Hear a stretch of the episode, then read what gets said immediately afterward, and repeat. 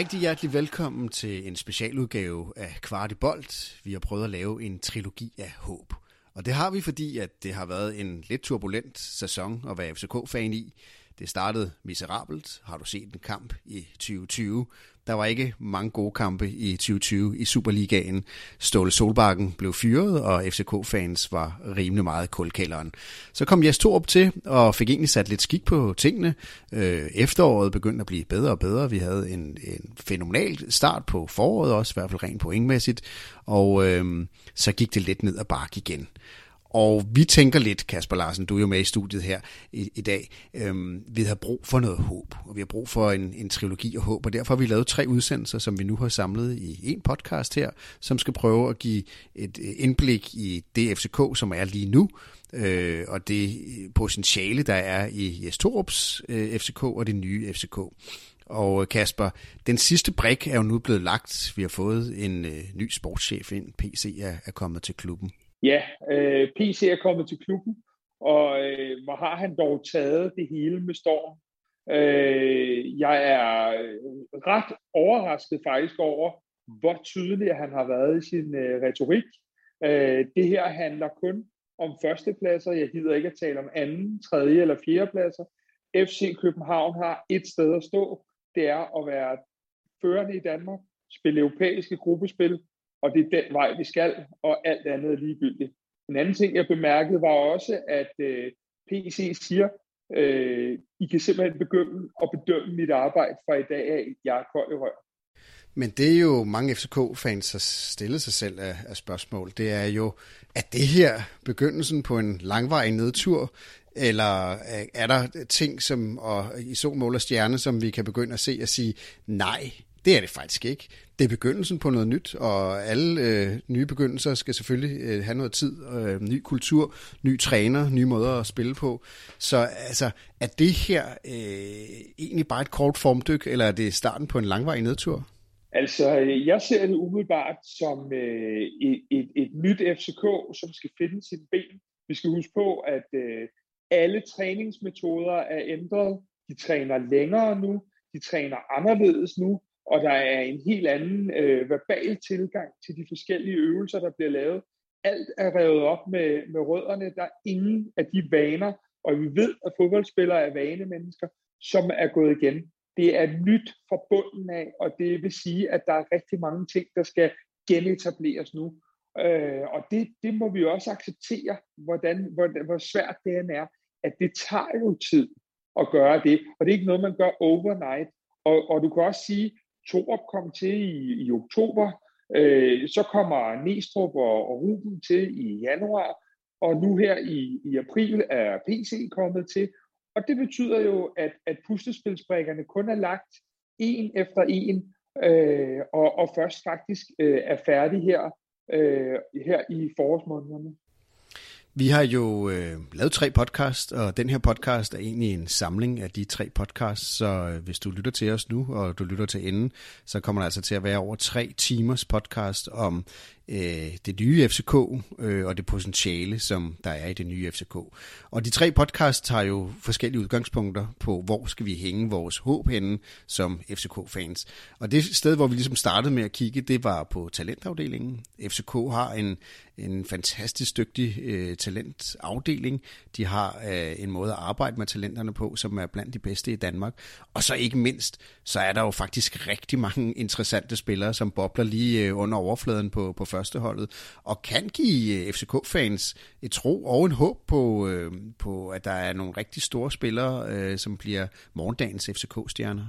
Ja, 100 procent. Og jeg, jeg elsker jo, når, når virkeligheden øh, ender med at overhale øh, sågar vores podcast, og at en Victor Christiansen, øh, kan man sige et halvt år før tid, brager igennem på Superliga-niveau og, og spiller øh, formidabelt. Øh, jeg hører, han bliver nævnt både af Yes, men også af PC, som øh, har været outstanding i forhold til at blive kastet ind på et hold, der ikke fungerer optimalt, på en position i en firkæde, der heller ikke har fungeret optimalt.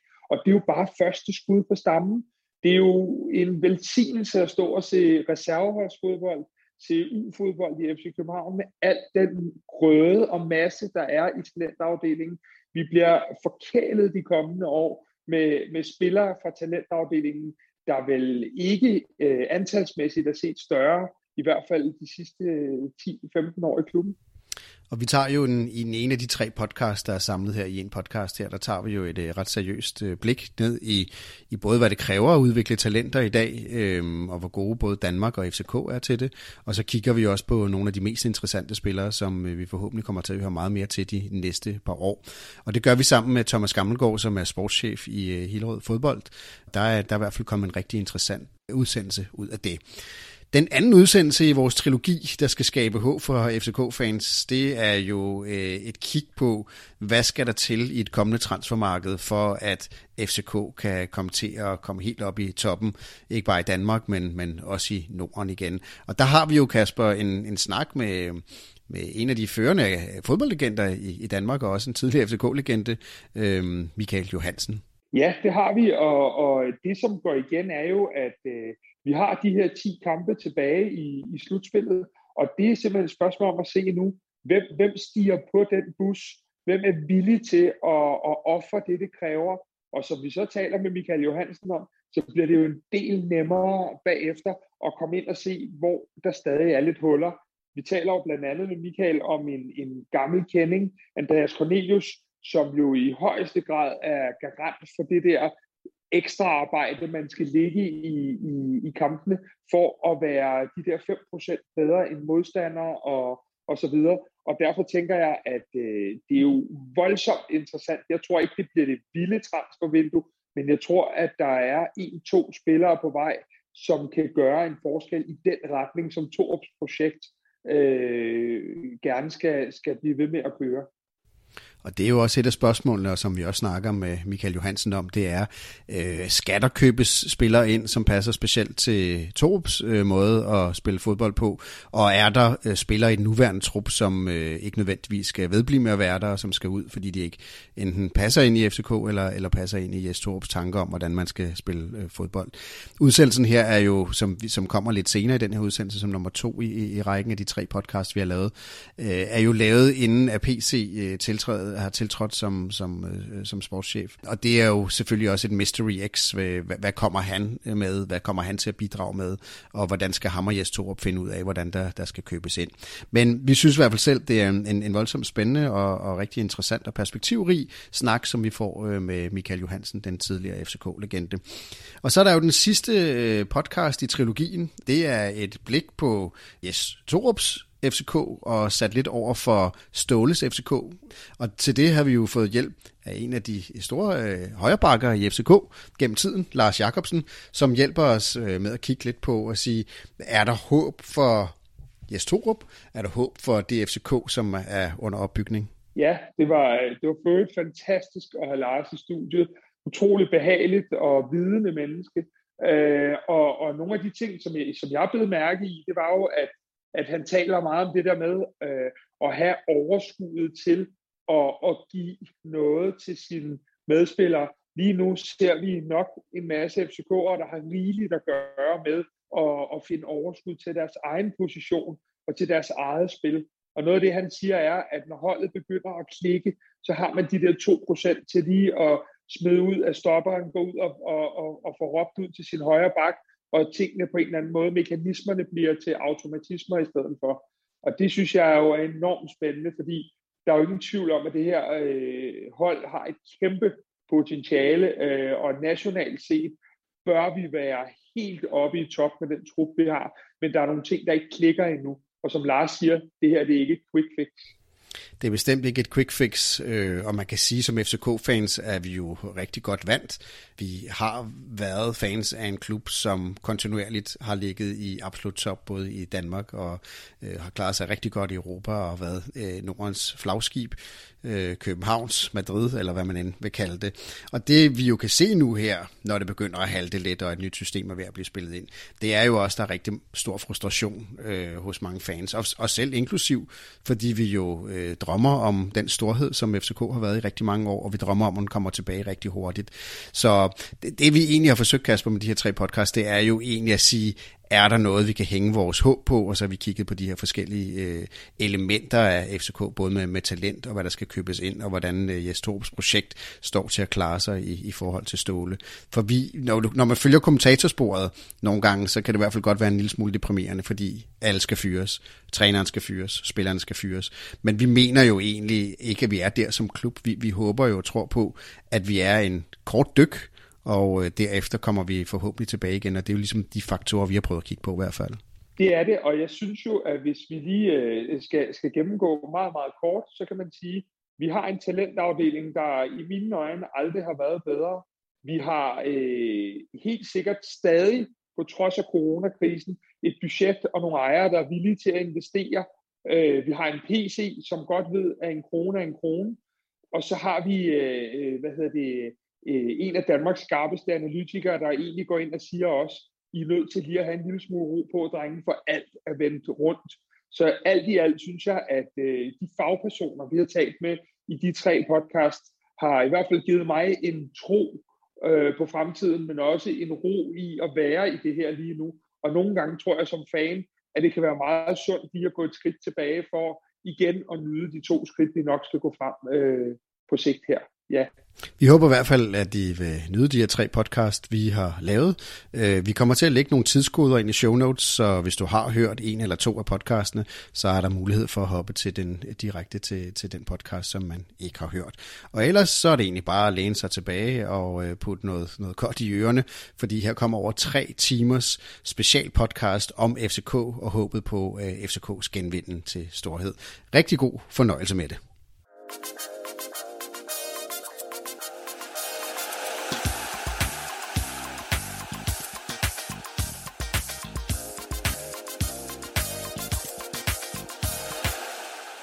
I dag laver vi en specialudgave af podcasten Kvart i Bold, hvor vi kigger på dem, der forhåbentlig bliver til morgendagens stjerner i FC København.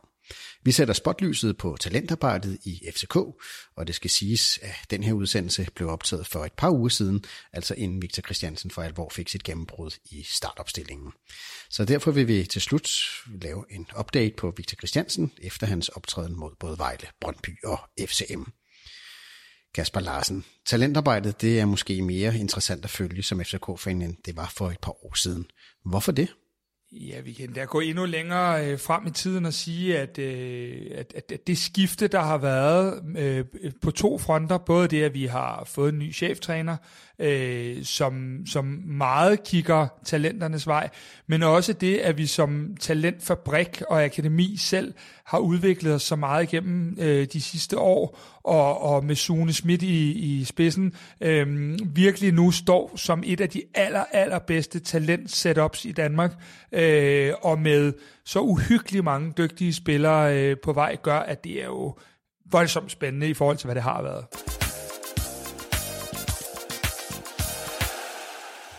Og dermed så kan vi byde velkommen til det, der forhåbentlig bliver en voldsom spændende podcast, hvor vi bliver klogere på talentarbejdet. I dagens program kommer vi til at snakke om nogle af talenterne ude øh, i FCK. Rasmus Højlund, Markus Damanic, Victor Christiansen og så selvfølgelig Wonderboyen Rooney. Og med til at gøre os klogere på talentarbejde, det, der har vi dagens gæst. Det er dig, Thomas Gammelgaard. Velkommen til. Øh, du er rutineret fodboldtræner. Du har været træner i en række klubber herunder Skovshoved, GVI og Fredensborg. Og i dag er du sportschef i 2. divisionsklubben Hillerød. Kan du egentlig fortælle lidt mere om altså en, en sportschefs øh, arbejde i en anden divisionsklub i, i forhold til talentarbejdet? Hvad, hvad er det, øh, du arbejder med? Jamen, det er, det, det er et godt spørgsmål, fordi det er en, en, en ret øh, stor og bred opgave, jeg har, jeg har haft. Der ligger mange ting i sportschef stilling i Hillerød fodbold. Øh, jeg har ansvaret fra U17 øh, og op efter til, til A-truppen, altså første senior, og øh, et specielt blik for transitionen fra, fra U19 og op til, til, til senior.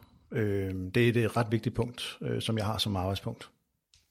Spændende. Vi kommer til at tale meget mere om, om den transitionsperiode øh, senere i programmet. Øh, nu har du en, en bred erfaring for, for dansk fodbold. Øh, noget af dit CV har vi fået læst op her. Hvis du skulle kigge sådan på øh, Danmarks evne til at udvikle fodboldtalenter, hvor ligger vi lige nu, og hvor ligger vi sammenlignet med, med lande, med, som vi normalt kan sammenligne os med? Er, er vi gode? Altså, altså, jeg synes, vi er, er på rigtig god vej. Øhm, også når man ser tilbage i, i tiden, så synes jeg faktisk, at, øh, at der dukker nogle rigtig spændende fodboldnavne op i, i Danmark. Øh, og vi kommer ind på nogle af dem øh, undervejs i dag. Øh, men, men der er altså, altså, jeg må selv sige, når jeg sidder og ser, ser fodbold i fjernsynet og siger, nå ja, for pokker. Altså, der er faktisk rigtig mange navne. For der var nogle, for nogle få år tilbage, så tænkte jeg, hvad skal der blive med Danmark? Er der nogen, der kan overtage det, det, det næste kul? Øh, men, men, men jeg synes bare, at vi er blevet dygtigere i Danmark til at, at, at arbejde med vores talentarbejde. Og Kasper, så må jeg spørge dig som FCK'er, hvis Danmark øh, egentlig klarer sig ret godt med talentarbejdet, hvor ligger FCK så henne på, på den skala? Jamen altså, øh, for også at, gå i, i, i Thomas' analogi, så kan man sige, for et par år siden, der var øh, FCK øh, øh, havde FCK ikke den samme fokus, som, øh, som øh, de har i dag. Jeg ved, at der blev startet nogle ting øh, op igen, da, da Ståle kom tilbage i anden omgang, men vi har jo øh, ikke rigtig set øh, frugten af det før, øh, ja faktisk øh, for, for, for kort tid siden, og, og den fremtid, vi ser ud, vi går i møde, er, er også på med talenter på et meget, meget højt niveau. Man laver jo ikke talenter fra den ene dag til den anden. Det er en langsomlig proces, hvor man får sat tingene i gang. Øh, og de ting, de går i gang langt før, altså nede øh, i, i de yngre rækker, og derfor går der nogle år, før du kan se resultaterne på U17 og 19. Men, men FCK har jo lige pt. Danmarks bedste U17-hold, og, og øh, i, i hvert fald også i top 5 i U19-regi, og rigtig mange talenter på vej der. Så vi ligger helt i top, øh, måske lige stadig en my efter FC Nordsjælland, men, men, men meget tæt på at være helt i top, ja. Og Thomas, hvad siger du? Du betragter udefra. Øh, hvor, hvor, hvor, hvordan ser det ud fra der, fra, fra, hvor du sidder? Altså, hvor, hvor gode er FCK til talentarbejdet i dag? Ja, det er rigtigt. Jeg ser det udefra. Øhm, jeg synes, jeg synes som, som Kasper siger, at, at det, det er den rigtige vej, øh, FCK er på. Altså man kan jo sige, at øh, sammenligner sig med, med Nordsjælland, som, som scorede topkarakter her i, i er det foråret med, med licenssystemet. Øh, og FCK ligger jo lige efter. Lige efter, ja. Og det, og det, er den, det er den fuldstændig rigtige vej. Jeg synes, FCK har fat, har fat i det helt rigtige, og det er jo igen et kæmpe gave til, også til licenssystemet i, i, i dansk fodbold, at, at der er krav om, at der skal, der skal kigges på det, på det næste kul, der skal komme. Men, men hjælper det, altså hvis man kigger på talentarbejde, hjælper det så, at vi nu også er i en situation, hvor der er lidt kortere til, også i FCK, man kan sige, FC Nordsjælland har der været meget, øh, været, været meget kort, kort vej til, til førsteholdet. Det har der ikke været i de, i de store klubber, men nu har vi jo set nogle cases med, med, med egenudviklede talenter. Gør det også talentarbejdet lettere? Jeg ved ikke, om det gør det lettere, men det giver i hvert fald et, øh, både et håb for dem, der, der arbejder med talenterne. Det viser, at de, de, de gør et godt stykke arbejde, når, når Højlund for eksempel øh, for, for, for debut. Det gør også, at, at, øh, at de, de unge talenter ser, at, at der, er, der, er, der er et håb for at få spilletid. Jeg tænker faktisk i forhold til det, Thomas siger, øh, at Thomas, der må også være et eller andet omkring rekrutteringen, fordi at hvis, hvis du ved, at der kommer øh, en spiller op hver fjerde år, jamen men så, har du, så er du i min bog lidt bagud i rekrutteringsprocessen allerede, hvorimod at hvis du kan se, at, at vejen op til at komme til, jamen så er det også nemmere at sælge den case til spilleren, og måske hans forældre eller agent, øh, tænker jeg. Enig. Men, men har det ikke, er det ikke også en af FC Nordsjællands, man skal sige, varemærker? Det må ulige være lettere at tiltrække talent, når man kan se, hvad de, hvor, hvor hurtigt man kan rykke op. Enig, altså, og Nordsjælland har også været dygtige til at, at, at producere den næste, altså har været god til at, at sende, sende talenter videre i systemet, øh, også til udlandet, hvor man også jeg har i hvert fald siddet og tænkt, hvad skal der nu blive af FC Nordsjælland? Men så kommer den næste bar, øh, som står klar i køen, og, og det er jo igen det her stykke arbejde, der bliver gjort med, med talenterne. Altså den her, de har, de har simpelthen fundet en, en fantastisk skabelon til at udvikle talenter, og det er ja. også der, vi er i FCK, tænker jeg, Kasper. Ja, men det, det er det, at, at, at, at det, det er mere som om, at, at man kan begynde at se, når man kigger lidt ned over overgangen, at de næste er på vej, og det betyder bare utrolig meget, at du, øh, i hvert fald i forhold til den teori, teori, jeg har om FCK, at vi selv kan, kan måske skabe på, på sigt, jeg er godt klar over, at det ikke er overnight, men at vi kan skabe måske at have otte af vores egne spillere i truppen, så der bliver flere penge til den næste Lukas Lea, den næste øh, Victor Fischer, den næste Robert Skov og hvad det måtte være, fordi vi simpelthen kan, kan bruge pengene smartere ved at vi har nogle egenudviklede spillere, som alt andet lige øh, både har en anden hyre, men også, øh, hvad hedder det, at vi ikke øh, betaler transfer for. Så på den måde kan man sige, hvis, hvis vi kan komme over i den model, så vi har nogle, der skal være dygtige nok selvfølgelig, som kan tage over og, og, og lære af de bedste, og at de bedste så kan blive endnu bedre, fordi at pengene kan genereres til færre spillere. Hvorimod at jeg har jo øh, her på min egen Twitter-konto for, for et par måneder siden øh, lavet 10 navne, som jeg dybest set godt mente, vi kunne øh, undvære i førsteholdstruppen. Og det er jo lidt, om det så er rigtigt, det skal jeg ikke kunne sige, men hvis vi leger, at nogle af dem i hvert fald er rigtige, hvis vi så kan erstatte dem med nogen, som måske har, man tror lige så meget på, og som har lige så meget niveau, så er vi nået et rigtig godt stykke af vejen. Nu skal vi øh, snakke med det, som øh, Thomas, du øh, berørte. Det er transitionsperioden, hvor er, hvor er faldgrupperne. Og, og lad os lige starte med en, med en, med en, en FCK-case, Kasper. Vi har jo Victor Christiansen, som formentlig er en kommende venstre, venstreback i FCK, og en man i hvert fald satser rigtig meget på. Øhm, hvad, hvad, hvad er det for en, en rolle, FCK har nu i forhold til at sikre ham spilletid, men også selvfølgelig også hele tiden skal stille med et hold, der kan vinde? Ja, og det, det, man kan sige, det er jo netop det spørgsmål, jeg tænker, jeg også vil lade gå lidt videre til Thomas, fordi vi har en Victor Christiansen, bliver betegnet som en af de dygtigste talenter på venstre bakpladsen, men hvad, hvad, hvad gør vi? Hvor, hvor finder man den balance, der hedder, at vi skal skabe resultater på den korte bane, vi skal samtidig have spillet Victor Christiansen nogenlunde tæt på en startopstilling, og, og, og, og, og hvordan, hvordan, hvordan gør vi det? Øh, hvordan, hvad forholder vi os til her? Og det er, et, øh, det er jo faktisk et ret stort spørgsmål, fordi ja. der, øh, for mig at se, så er i transition, så er der jo rigtig mange elementer i spil. Altså, der er som du, du spørger mig omkring, øh, hvordan får vi faktisk ham i spilletid. Øh, men der er også alt det her med, med den mentale plan, han kommer og gør det rigtig godt, men man skal også op og agere i en gruppe, som, som selvfølgelig er ældre, og det, det er en ny balance, han skal ind i, måske et nyt omklædningsrum. Altså, så der er så mange øh, vigtige elementer i den her transition, for at det her projekt det skal lykkes. Øh, øh, omkring ung. Vi har set mange unge talenter, som, som, som ikke har gået igennem nåleøjet. Øh, og det er der, hvor jeg også som i indledning øh, snakkede om, at jeg tænker, at, at, at, at FCK, øh, Nordsjælland, Midtjylland, øh, også for ikke, også at huske dem, altså at, at, at, at man er blevet så klog med tiden øh, og viden, at man skal bruge den omkring den unge spiller, øh, så der hele tiden er et, et sikkerhedsnet omkring den her unge spiller, så man ikke bare siger, men nu skal du, nu skal du spille førsteholdsfodbold, og vi satser på dig, og så, og så fejler det bare, og så, så, så ser man ikke en Victor for eksempel. Så, så man er blevet klogere med tiden. Øh, der er, som jeg sagde før, altså en kæmpe viden om, altså den alder, han går ind i, hvad, hvad, hvad følger med, øh, kender, altså er, er måske vant til at gøre det øh, rigtig godt, og lige pludselig så er der måske ikke det, i det samme hierarki, øh, når man kommer op i et seniorhold. Øh, og det skal man have for øje kan man sammenligne det lidt sådan øh, øh, uden for fodboldverdenen med det der med, at du kommer øh, fra en 9. klasse for eksempel, og er enormt dygtig og scorer topkarakter over hele linjen, og så kommer du over i gymnasiet, og så falder karaktererne, men du er jo ikke blevet dummere af den grund. Er det, er det lidt derhen, vi er ude i transitionsmæssigt det, det, er helt, det er et meget godt eksempel, altså nye læger, altså nye trænere, øh, nye, nye klassekammerater, nye, nye øh, medspillere. Altså, nyt hierarki. Præcis, ja. nyt hierarki, øh, nye krav også. Præcis. Øh, øh, som, som også har en indflydelse på det. Øh, og det er der, hvor jeg mener, at man heldigvis er blevet klogere med tiden, og også lært af erfaring øh, i forhold til det her med hele tiden at kunne, kunne samle op på, på en ung fodboldspiller.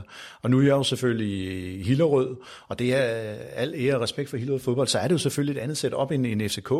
Øh, men, men, men, men, men vi er da også godt klar over, at når en, en, en ung spiller går fra u 19 og ind på vores A-trup, altså først seniorhold, jamen så skal der, så skal der stadig følges op. I gamle dage, der, der sagde man, han er bare hammerne god, ham her. Det er på 19, ham skal I bare tage, han kommer der til at starte inden.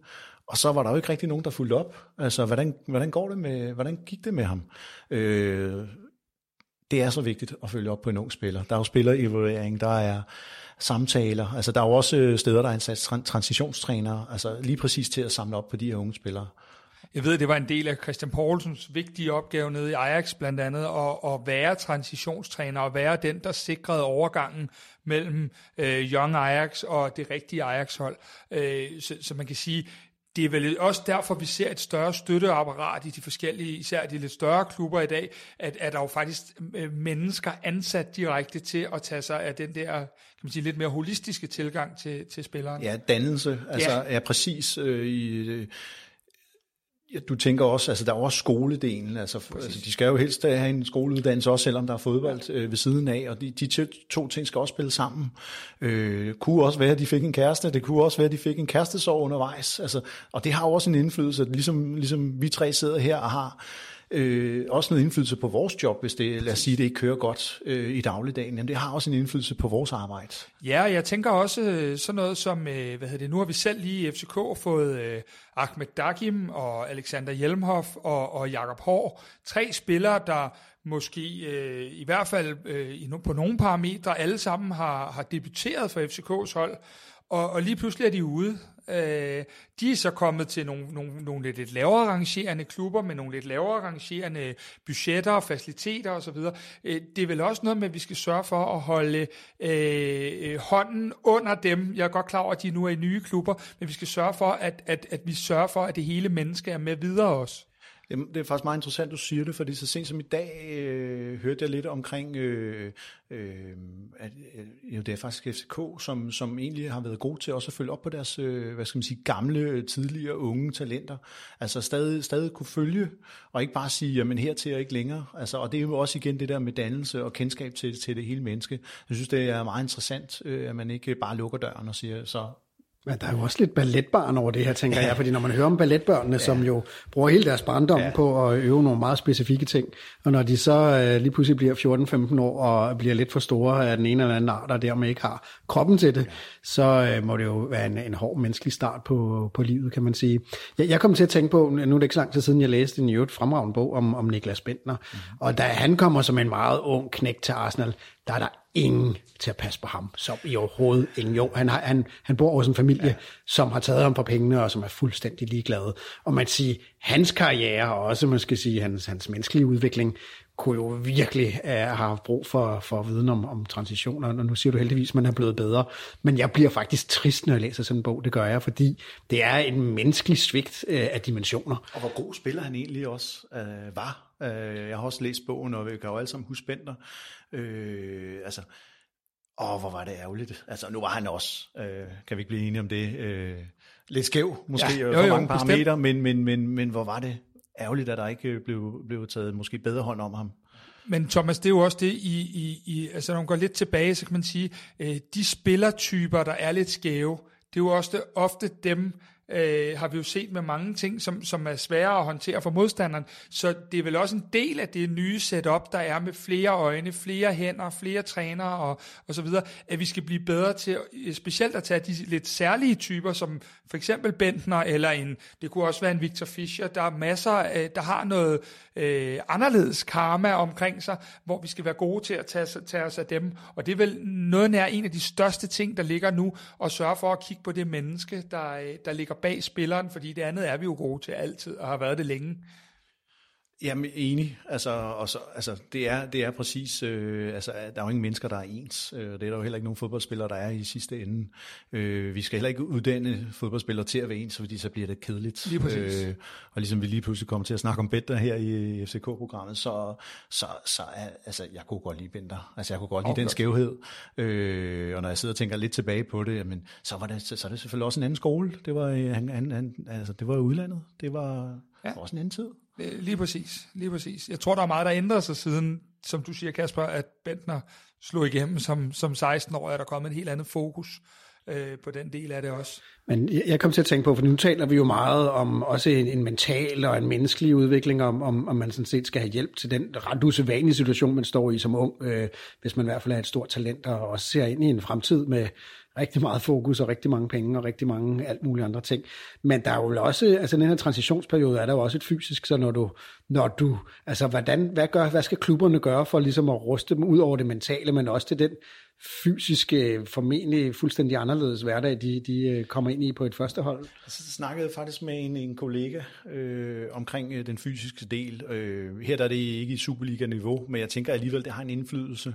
Øh, vi snakker en klub i første division, øh, og det var egentlig meget interessant at høre, høre ham, hvordan de arbejder med den fysiske del. Også nogle, nogle ting, som, som bare på det sted, for det er faktisk det næstbedste næste øh, trin i Danmark, øh, man skulle være klar på øh, og skulle forbedre i denne her klub. Øh, og det ligger øh, faktisk meget godt til i første division.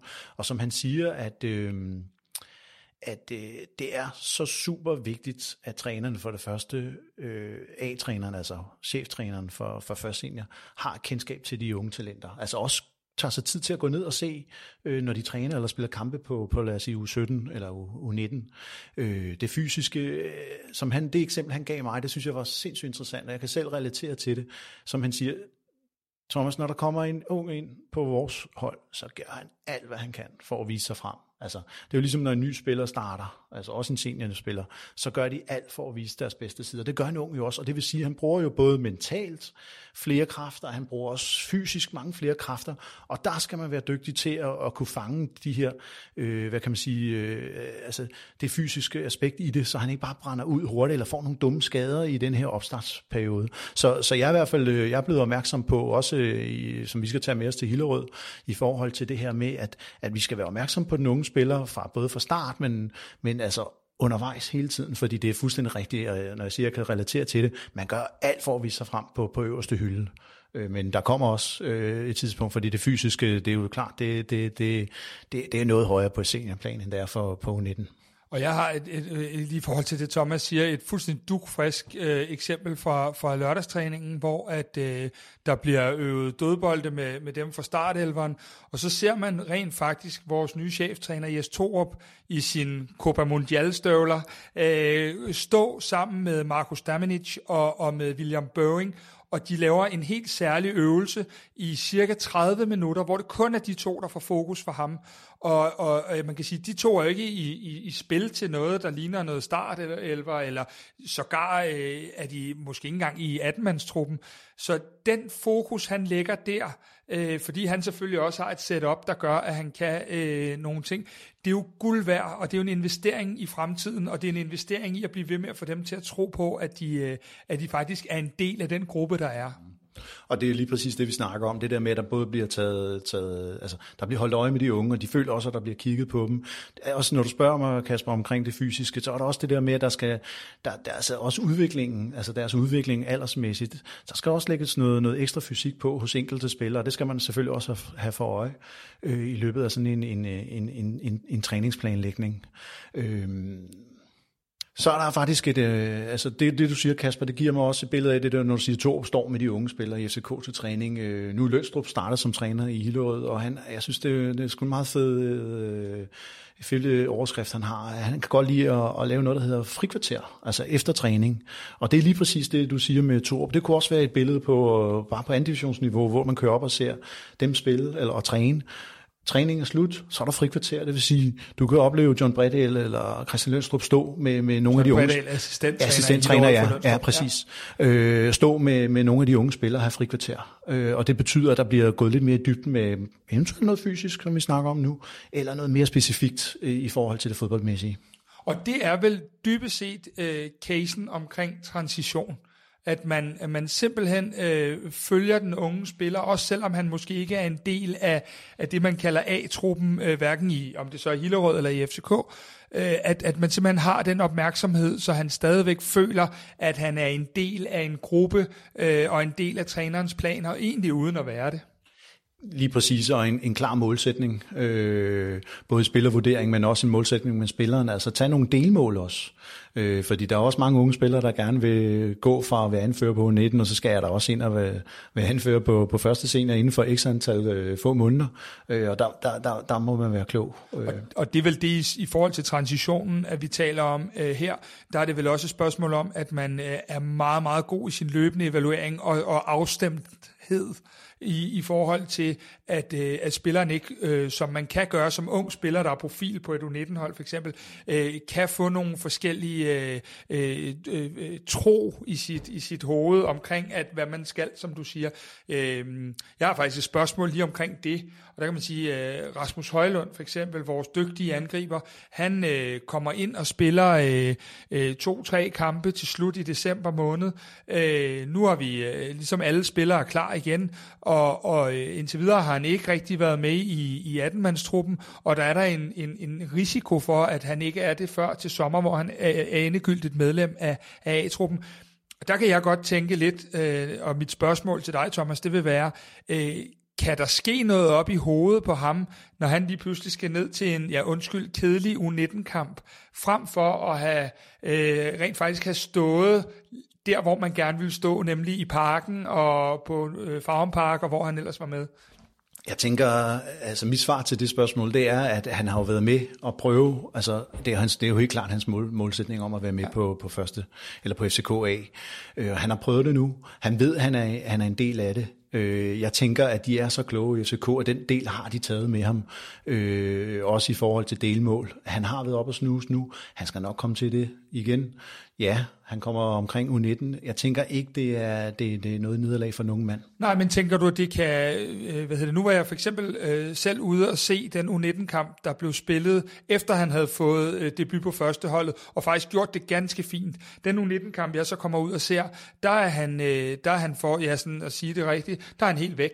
Han er simpelthen ikke til stede, og så videre. Og jeg, jeg, jeg kunne bare godt forstå det, fordi han har lige løbet, øh, nu er der ikke tilskuer i øjeblikket, men på de store stadions, og så rører han ud på bane 7 på KB eller noget, ikke? Og, der, der, der, og det er faktisk også interessant, du tager der, fordi det, selvfølgelig er der noget mentalt i det her, som der skal, der skal samles op på, og det er jo, det er jo et godt billede af, at, at det, det er jo en super vigtig øh, snak med, med, med den unge spiller, i forhold til at kunne takle de her situationer. Fordi der, det, det, jeg vil ikke sige, det, det, det er en degradering af ham. Altså det er det jo ikke. Han har været op og, og mærke det. Han skal nok komme op, som jeg sagde før. Men det der egentlig, det, det er når jeg siger det er interessant, så er det sgu også det her med, at, at er inde i parken, jeg ved godt, der er ingen tilskuer er, og det er den store scene, som, som du siger, øh, at spille på. Og så lige pludselig, undskyld mig, så skal du spille over på bane et eller andet bag, bag hallen. Ja. Og det er jo også den der, man, man, skal, man skal kunne sætte sig op til. Og det, det er sådan noget helt andet som jeg, aspekt, som jeg egentlig kigger lidt på. Det er det her med, med vores øh, hvad skal man sige, bedste U19-række i Danmark. Altså hvad, er, altså, hvad er kravene til, til at kunne være med der? Altså, hvad er spændingen i det?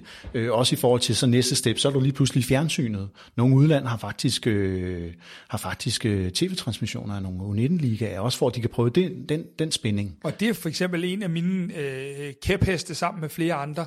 Øh, er, er, er det egentlig ikke ved at være på tide, at øh, når vi nu har alt det fodbold, vi har og så videre, er det ikke ved at være på tide, at vi transmitterer de bedste u 17 og u 19 kampe, for at spillerne også ligesom lærer at være en del af det setup, eller er det bare for tidligt? Jeg, jeg er fortaler for at, at gøre det, øh, og jeg ved også, at det bliver diskuteret rundt omkring, øh, men, men jeg, vil, jeg er fortaler for at gøre det, også som jeg sagde før, at, at, at der er noget det der med at skulle, skulle præstere på, på tv, så de prøvede det, og der er også noget mere hype om det, øh, omkring kampene. Øh, jeg synes, øh, det kunne være interessant forsøg. Nu taler vi jo øh, hvad hedder det, meget om, hvem der, hvem der, hvad der skal til for, at, at man lykkes med den her transition. Men er der noget altså statistik på, hvor, hvor mange spillere taber dansk fodbold egentlig i, i den her vigtige transitionsperiode til øh, alt muligt? Det kan være jo, at der er jo mange andre ting, øh, fodbold kan konkurrere med i en, en, en 19-årig, 18-19-årig mands liv. Forståeligt nok.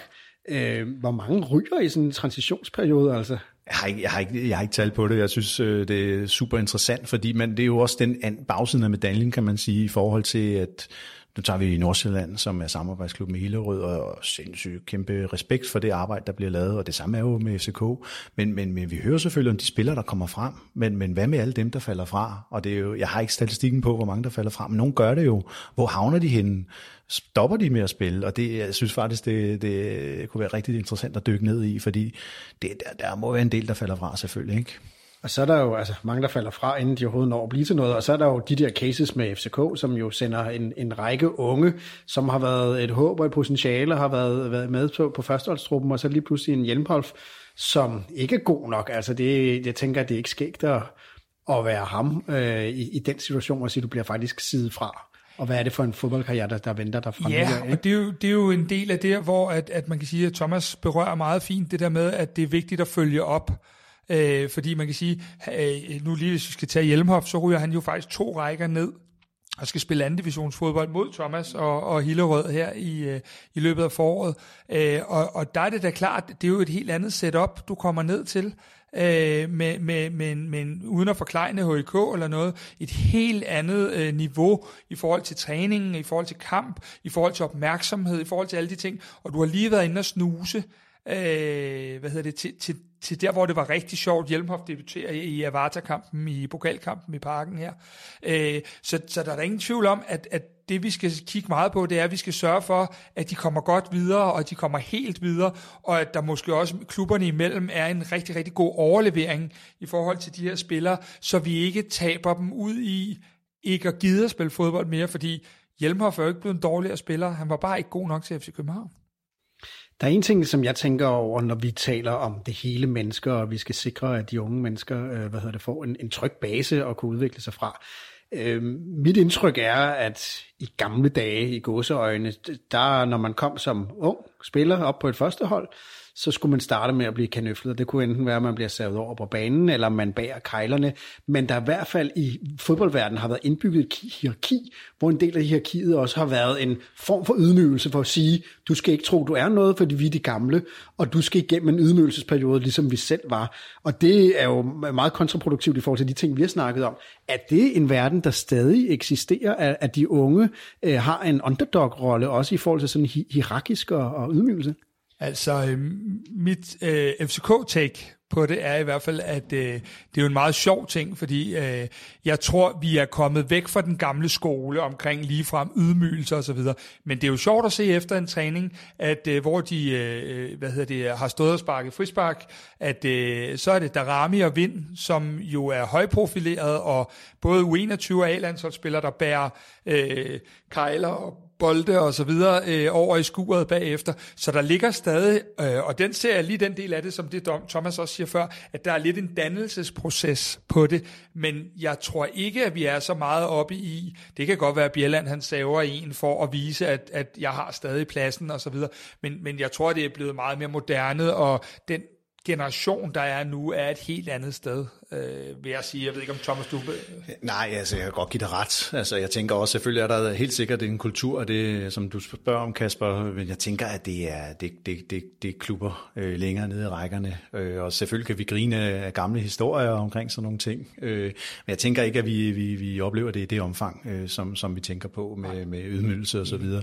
Altså, jeg sidder og tænker på et eksempel op i, øh, i Hillerød for eksempel, der er en, en, en U17-målmand, som er øh, så dygtig, så vi synes, han skal have lov til at træne med, med vores første hold, først senior, og, øh, og der bliver øh, fyldt op på, øh, på hans, hvad skal man sige, både præstation, men også det der mentale, og, og hvordan er det for dig at være med. Så der er faktisk en ugenlig samtale med, med målmandstræneren og ham, og den bliver øh, dokumenteret, den her samtale, så øh, U17-træneren ved, hvad der foregår, først træner ved, hvad der foregår, og det jeg lige byder mærke i, som, han, øh, som der egentlig kan blive spurgt om, det er det her med, at han, han føler sig faktisk øh, mødt af de to øh, øh, seniormålmænd, som er i truppen. Altså, de har faktisk taget godt imod ham, og det, det tænker jeg er jo sindssygt vigtigt at få at vide, at, øh, at, at det, er jo, det er jo to øh, hvad skal man sige, rollemodeller, øh, som, som, er, som, som egentlig viser interesse.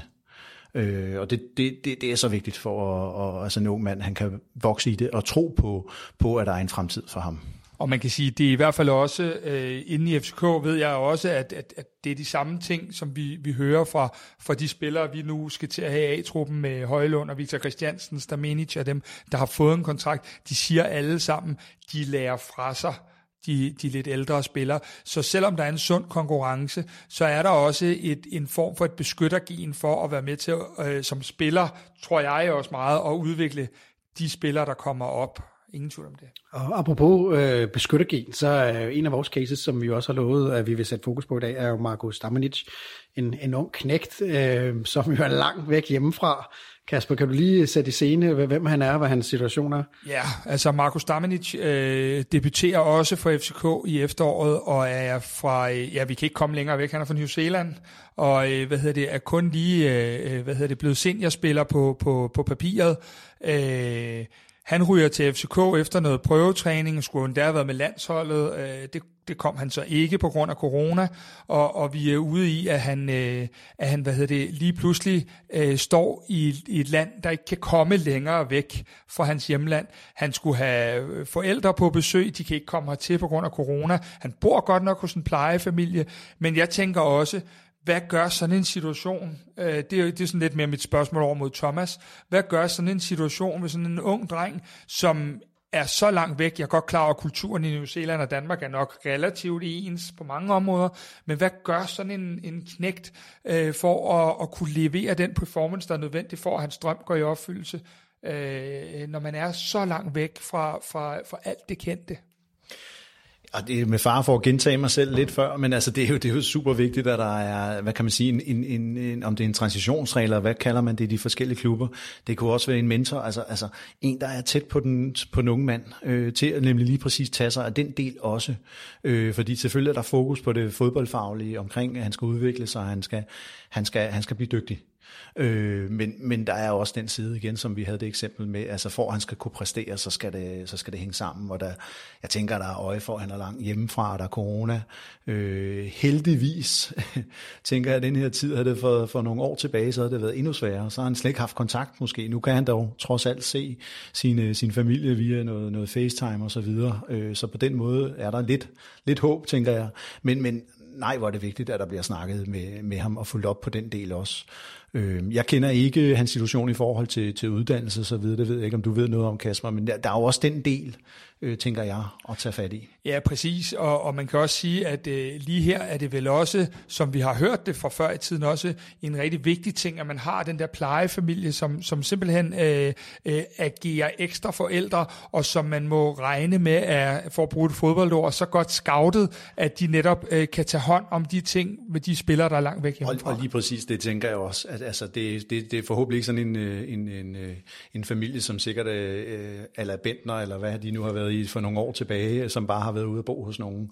Ja. Jeg tænker også, at de er godt scoutet, og der også er et, hvad skal man sige, en dialog med denne her familie og FCK i forhold til, hvordan, hvordan går det med en ung mand. En sjov anekdote for FCK's egen podcast øh, på Markus Daminic fødselsdag var jo også, at han sagde, at hans danske mom and dad øh, havde overrasket ham om morgenen med sang, og så sådan noget flag, som I gør her i Danmark, øh, når man har fødselsdag. Øh, og, og det viser måske meget godt et, et billede på, øh, at vi har med nogle mennesker at gøre her, der ved, hvad, hvad det her det egentlig drejer sig om. Og så er der selvfølgelig et helt usædvanligt corona-perspektiv, ja. fordi Øhm, det er sikkert ikke skægt at være ung mand i København, hvis du ikke kan møde nogen. Men omvendt, så du ved, hvis du kommer fra den anden side af jorden og kommer til smukke København, og hvad hedder det, øh, smukke kvinder, der går rundt i gadebilledet, og man kan have skæg og ballade, men i en coronasituation, hvor du så er fuldstændig isoleret. Det er jo en, en, en dobbelt tragedie, kan man sige, på et eller andet plan. Ja, vi andre brokker os jo. Ja, og vi præcis. har trods alt familien Familie og venner omkring os, trods alt. Ja. Rigtigt. Ja. Du kommer til den anden ende af verden, og du kender ingen, og det kan du faktisk ikke få lov til, fordi øh, it's against the law. Hvad hedder det? Øhm, vi har jo været igennem forskellige cases, og jeg, jeg, jeg tænker på et tidspunkt, måske skulle vi prøve at snakke om nogle af de her cases, om hvad potentialet er og sådan noget, men vi skal jo lige igennem den måske mest højt profilerede øh, Rooney, en, en svensker, lige fyldt 15, øh, blev øh, forleden dag i BT beskrevet som et salgsobjekt på allerede nu på 75 millioner til klubber som Barcelona.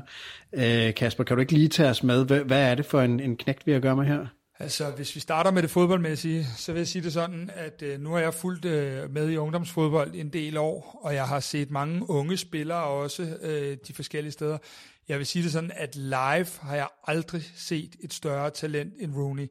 Øh, hans tekniske formåen er i, i en alder, nu sidst jeg så ham var han så 14, fordi at, øh, han er næsten lige blevet 15. Øh, en modenhed i spillet, i relationerne og det tekniske færdigheder er helt second to none, og han er på alle mulige måder et kæmpe talent med en lækker, lækker venstrefod, og, og øh, han kan bare så meget, at jeg håber, at vi når at se ham i den hvide trøje på A-holdet på et tidspunkt. Jeg tror ikke, der behøver at gå særlig længe. Reglerne i Danmark er, at man skal være 16 for at, at være med på førsteholdet. Øh, og det bliver han til november, og jeg vil ikke blive overrasket, hvis han, han kommer med. Han er jo faktisk kun U17-spiller lige nu, men spiller er rykket op og spiller for U19-holdet. Han har deltaget i øh, både øh, reservekampe og nogle træningskampe nu, og øh, man kan sige det sådan, det er selvfølgelig klart, at hans output på seniorniveau er ikke øh, helt deroppe endnu, når han er kun er 15 år, men han er stadigvæk en profil i U19-rækken, når han spiller der.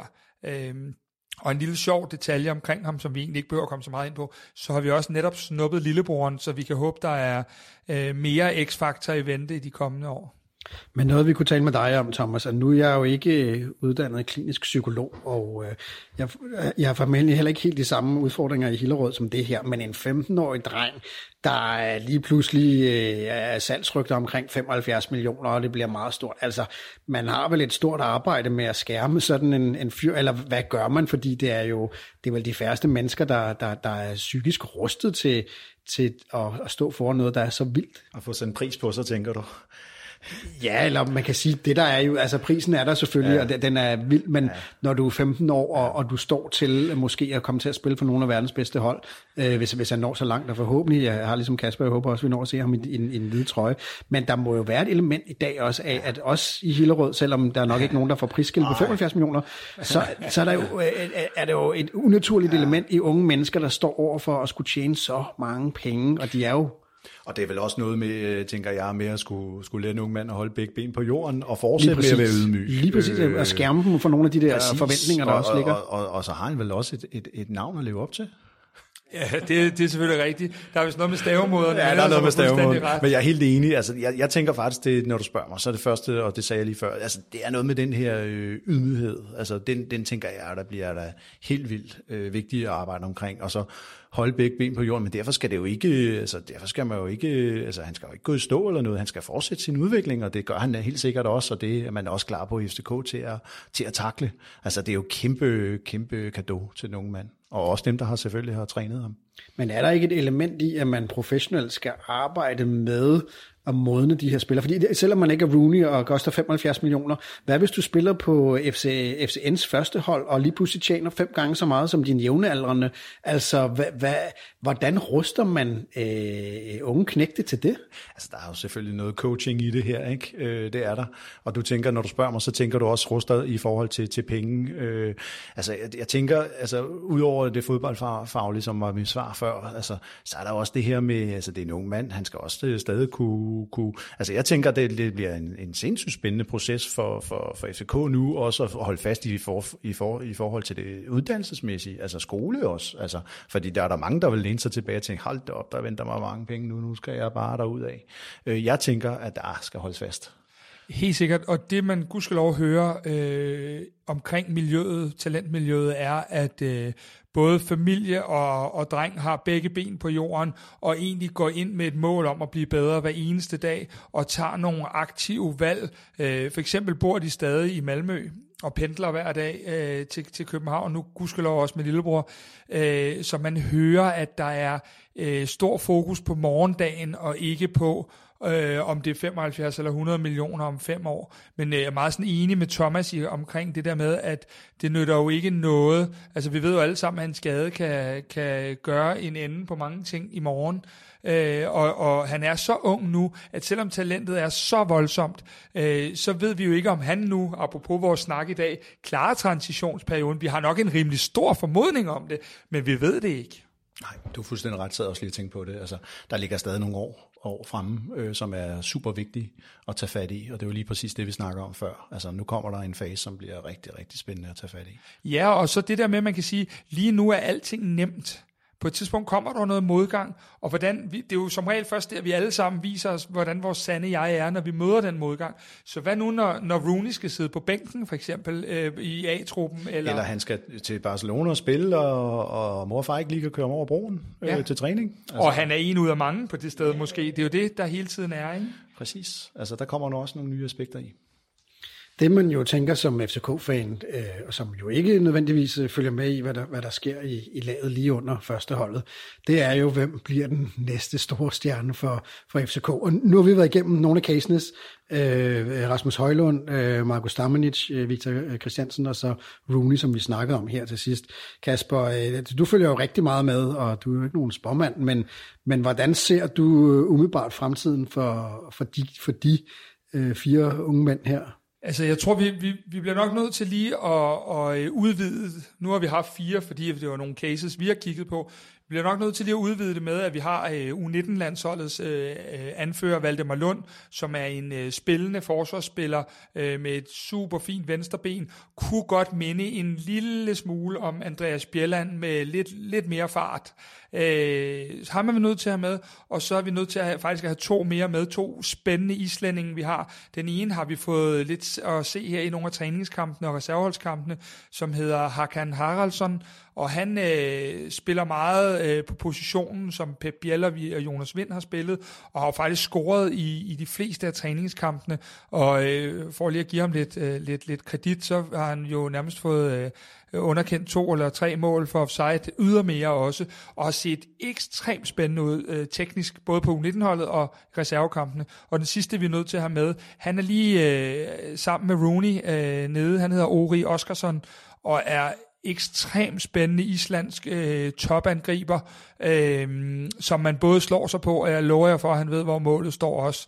Øh, jeg tror stadig, han er øh, topscorer i U17-rækken sammen med Rooney, selvom de har øh, spillet de sidste kampe op på vores øh, U19-hold.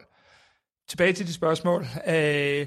Jeg tror lige nu, at den, der er længst fremme i kabalen, det er Victor Christiansen.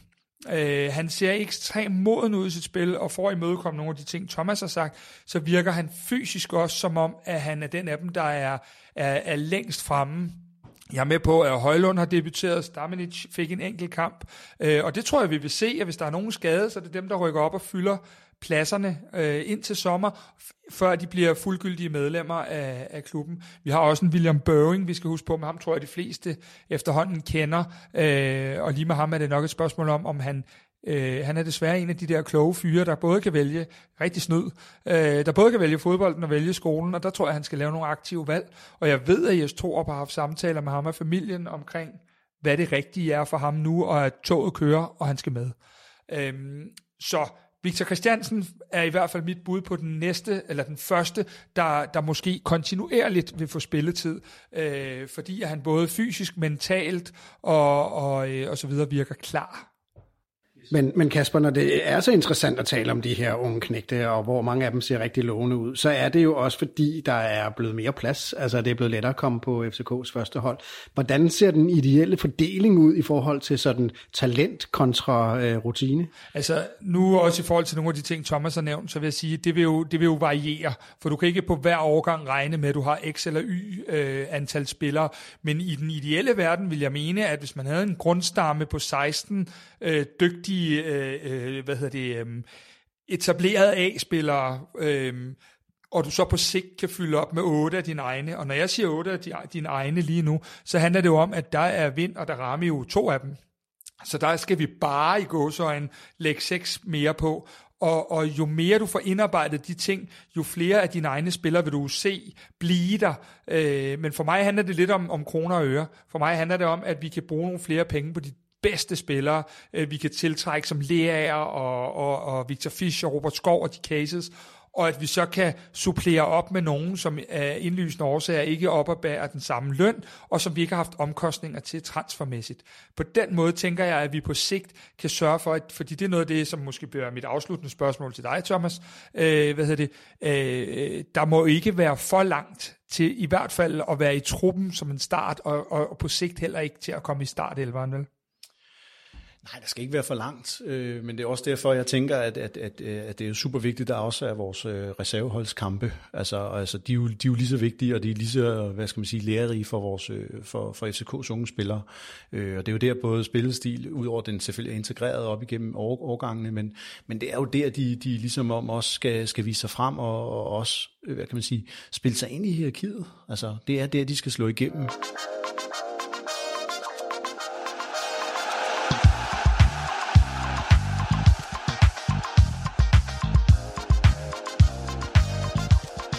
Så hopper vi lige for en stund ind i nutiden. Det program, du har siddet og hørt nu, øh, er blevet optaget for tre uger siden, og dengang tror jeg hverken dig eller mig, Kasper, kunne have forudset, at øh, Victor Christiansen ville have spillet så meget allerede nu, som man har gjort.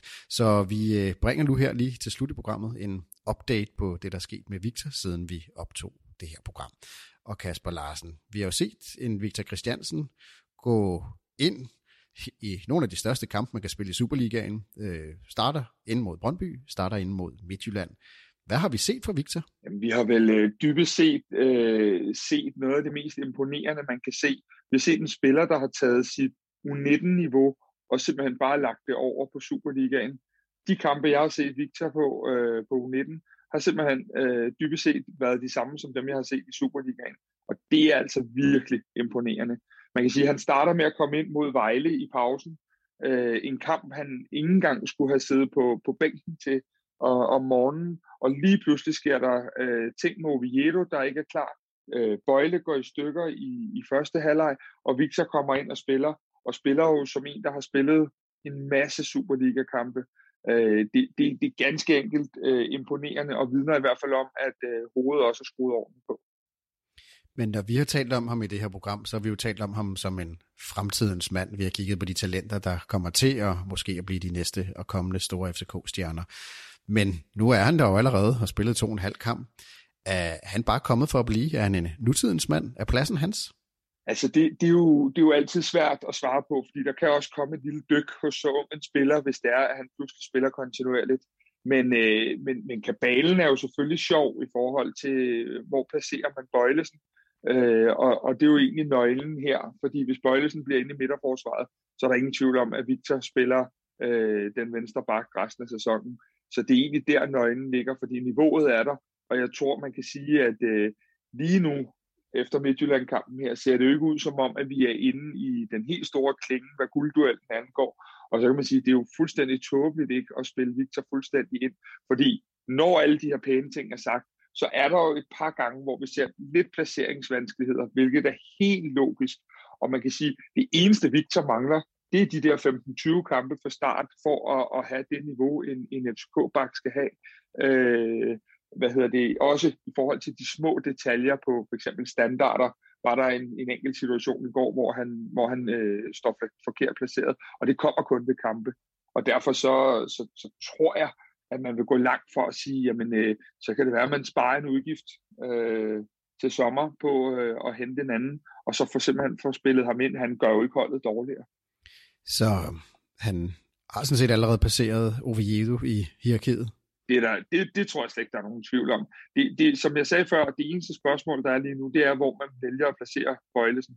Øh, og vælger man at placere ham inde i midten, jamen øh, så, så er der slet ikke noget der. Og det kunne også være, at man valgte ligesom at sige, jamen øh, øh, Victor spiller, og så kan der være et par enkelte kampe, hvor man spiller med Bøjle i stedet for derude, øh, netop for måske lige at give ham lidt luft, fordi på et eller andet tidspunkt, så går det også op for ham, at han begynder at være fast starter for FCK.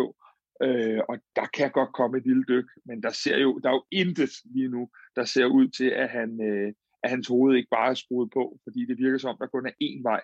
Og, og jeg ved ikke med andre, men jeg får i hvert fald en lille smule øh, Ludvig Augustinsson-vibes. Måske ikke helt som type, men generelt nok som øh, i forhold til bare at gå ind og tage det ansvar og, og løse opgaven. Øh, og det, det, det, er bare det er så fedt at se det der. Altså. Øh, man bliver helt høj. Han er jo ung og øh, er kommet, gået rimelig uimponeret til, til værks. Kasper, du snakker om nogle af de ting, han skulle lægge på, øh, blandt andet noget, noget placering og sådan nogle ting. Men hvad er det for et arbejde, der foregår altså, i, en, i en klub med, med, med så ung en spiller, som alligevel har fået et så stort gennembrud så hurtigt? Hvad er det, man, hvad er det, man skal... Altså, er det andet end bare rutine? Hvad er det, man skal arbejde med med Victor Christiansen? Altså dybest set, så, så handler det jo om, som med de andre spillere også for øvrigt, men det handler jo rigtig meget om at, at få ham indarbejdet i de relationer mellem, øh, hvad hedder det, øh, mellem den, der spiller foran ham, mellem hans, øh, hans øh, hvad hedder det, centerback-kollega, øh, som i det her tilfælde kunne være Bøjlesen. Og der er jo en sjov detalje for Vejlekampen, da Bøjle går ud, at øh, Bøjle agerer jo næsten øh, assistenttræner i hele anden halvleg for Victor, og, og fortæller ham hele tiden, hvor han skal løbe hen og hvad han skal gøre.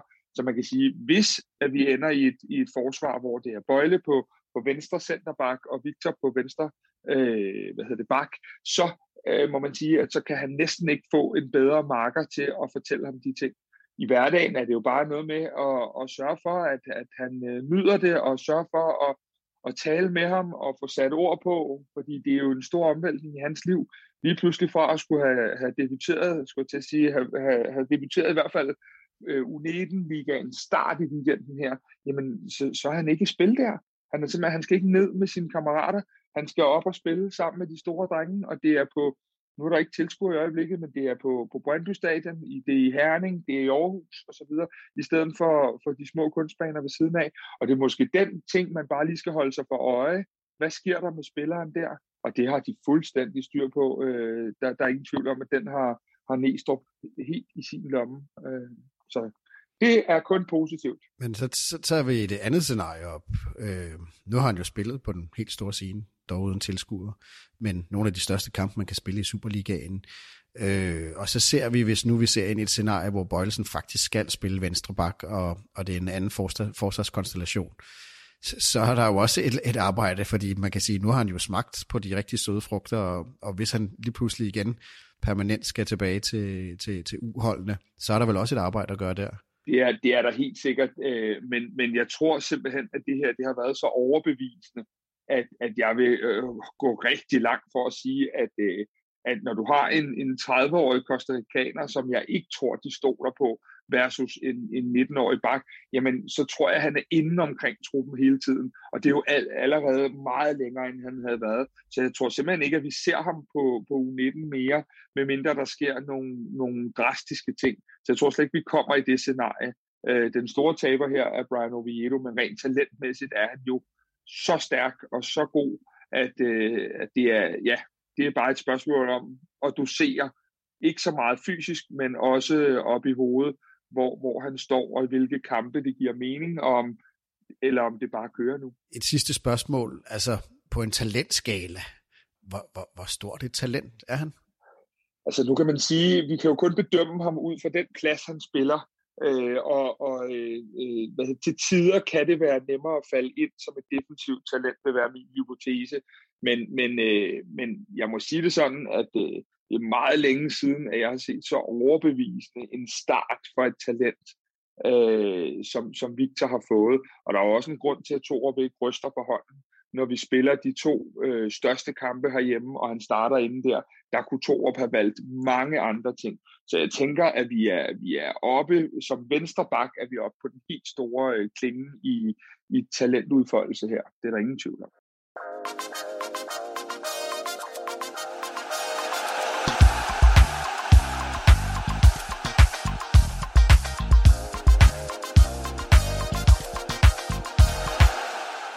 Velkommen til denne specialudgave af Kvart i Bold, hvor vi kommer til at fokusere på FCK og sommerens transfervindue. Hvilke spillere skal forstærke FCK? Hvilke spillere skal ud? Kræver Jes Torp spillestil nye typer af spillere? Og hvordan ser transfermarkedet egentlig ud efter både coronakrise og Brexit? Der er en god sandsynlighed for FCK-darlingen Andreas Cornelius vender hjem til sommer. Hør hvorfor senere, og hvorfor det nok desværre er lidt for tidligt at håbe på gensyn med Delaney. Vi bringer en top 10 over relevante spillere, der vil kunne gøre FCK bedre. Der er tidskoder i show notes, så du kan hoppe til den del af programmet, der interesserer dig allermest. Kvartibolt er mere end blot en podcast. Vi har også en Facebook-gruppe, hvor vi forsøger at skabe en god og kvalificeret debat om FCK. Og så har vi et nyhedsbrev, der en gang om ugen samler alt det bedste, vi har læst om FCK. På den måde kan du blive fuldt oplyst om, hvad der sker i Hjerteklubben, uden at bruge alt for meget tid på det. Der er et link til både debatgruppe og nyhedsbrev i show notes. Vi håber, du vil være med. Nu skal vi byde rigtig hjertelig velkommen til vores gæst i dag. Vi har personligt brugt mange timer på at se på at se dig øh, trylle rundt og drive gæk med, med modstandere. Og øh, vi skal lige prøve at høre, hvordan det lød, lød da du øh, sammen med din bror øh, sikrede et det øh, afgørende mål mod Brøndby, der faktisk sikrede FCK det første mesterskab. Og så er det der igen. Der er tre, der er fire FCK'ere mod to Brøndby-folk. Fart på, unge Johansen. Så er det Kaus, der er med. Nu bliver det for meget det gode. Der kommer lillebror, storebror. Og der er målet! Jamen, det er dog helt utroligt det her. 3-2 til FC København her, hvor kampen er ude i sit andet eller tredje minut til overtid. Brødrene Johansen, Michael og Martin i en kontrasituation, hvor der simpelthen så fuldstændig udsolgt ud hos Brøndby. Rigtig hjertelig velkommen til dig, Michael Johansen. Tusind tak. Øhm, du er jo i dag, fordi at du er agent, og vi skal tale transfer, vi skal tale FCK. Øhm, men du er jo en rigtig en af de store legender, øh, og vi husker dig jo også sammen med din bror, blandt andet for, for, for det her mål. Nu var det din bror, der scorede, men det var dig, der lagde op. Øhm, sådan var det tit. Sådan var det tit, ja. Han scorede lidt mere end dig, men, øh, men ja. du lavede lidt flere sidste, og du lå også længere tilbage på banen. Korrekt. Øh, når du ser det der, hvad, hvad tænker du, når du ser det klip der? Åh, oh, jeg ved ikke, hvad jeg tænker. Jeg tænker, det gik langsomt, ikke? Det må være det, jeg sådan lidt umiddelbart tænker. Men øh, det var da et rigtig fint mål og et vigtigt mål, kan man sige, for FCK start. Så, så et eller andet sted, så, øhm, ja, så var det ja, så var det fint at se igen, men nu må jeg sige, at jeg efterhånden har set det mange gange. Jeg er lidt imponeret over, men sådan, måske det kunne nok ikke helt kunne lade sig gøre i dag. Ja. Jeg tænker, at der var nok nogen, øh, der havde haft det bedre tilbageløb. Jeg ved ikke, hvad der skete, men altså, man kan sige, at Brøndby skulle jo vinde for at stadigvæk være med, ellers så kunne vi selv have afgjort det på hjemmebane mod OB, så, så på den måde, så, så satsede de lidt, og det, det straffede vi så på det tidspunkt. Men du var jo øh, sammen med en bror, så var I, var I, har jo været noget enestående i, i dansk fodbold med, med den måde, I spillede på, og de ting, I kunne. Og hvis vi har yngre lyttere, der ikke kan huske så lang tid tilbage, så kommer vi til i show notes lige at lægge nogle link ind til nogle YouTube-videoer, så man, så man kunne se nogle af de ting, I kunne. Du har spillet KB, du spillede B103, og så var du selvfølgelig med, da FCK blev, blev dannet. Hvordan husker du tilbage på den tid? Ja, som en rigtig, rigtig god tid. Altså, det var sådan lidt, at vi var ved at blive solgt til PSV Eindhoven, da vi var ja, da vi spillede i KB og havde været til noget over i Malmø, og, og, og var faktisk med min far. Dengang havde man jo ikke agenter.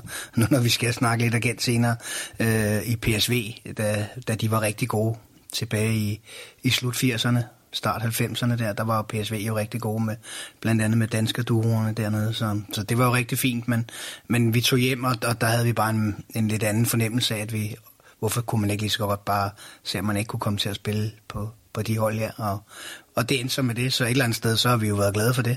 Og så var man jo glad for at være med til en start nu, at FCK er blevet kæmpestort. Det var det jo ikke dengang, der var jo både for og imod, da FCK startede jo, men, men det var jo både lidt med økonomi og det ene og det andet, men, men det var da egentlig sjovt at have været med i begge klubber, som så blev lagt sammen et ja. eller andet sted.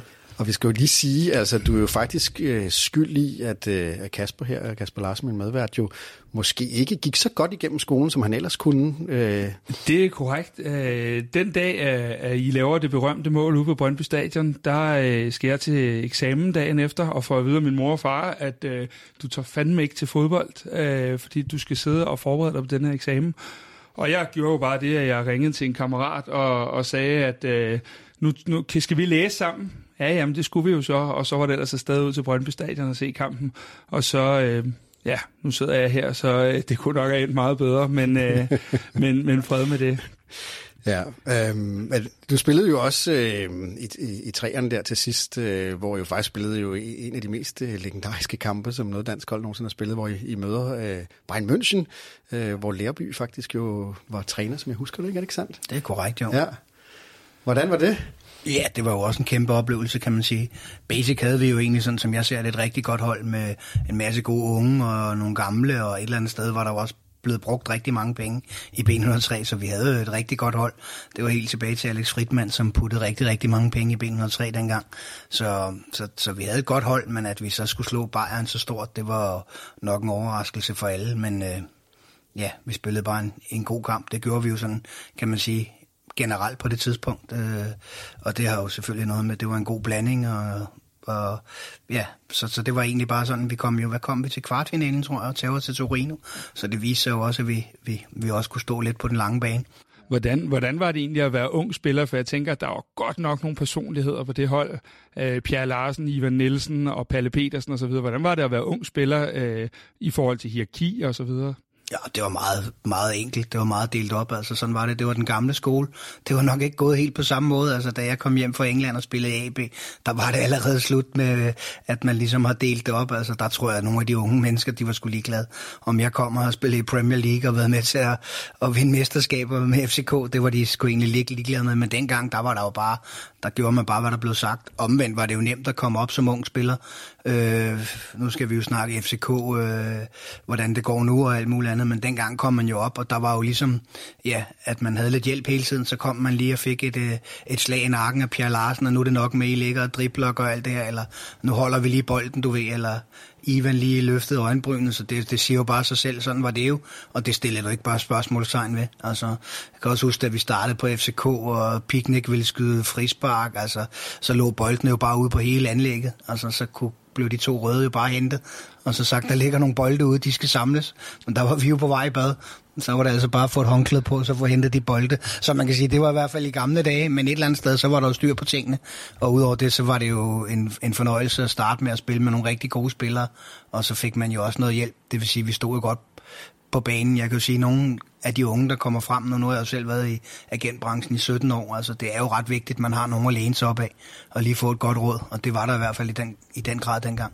Så det du siger, er, at det har ændret sig en del, den måde man kommer op på som ung i dag, kontra dengang. Jeg forestiller mig ikke, at du turde drible meget rundt om Torben Picnic i den, gang, øh, i den tid i hvert fald. Nej, på samme måde. Så det var helt nøjagtigt bare sådan, at øh, altså, så blev man jo bare sat på plads, eller fik en ret voldsom takling. Altså, det er ikke den måde, vi spiller på. Så altså, jeg ved jo ikke, det sker jo sikkert også, men i, i en helt anden grad. Altså, det, det, det kunne jeg bare mærke, da jeg kom hjem også fra England, at det havde bare ændret sig. Altså, det var næsten bare, du lukker bare røven. Jeg tror ikke, at de to røde skulle sige det til hverken Piknik eller, eller for den sags skyld. Og vi havde jo også en gammel legende, der lå op i angrebet med Michael Manike, som man må sige, vi lå lige bagved. Altså, vi fik jo virkelig også meget arbejde med.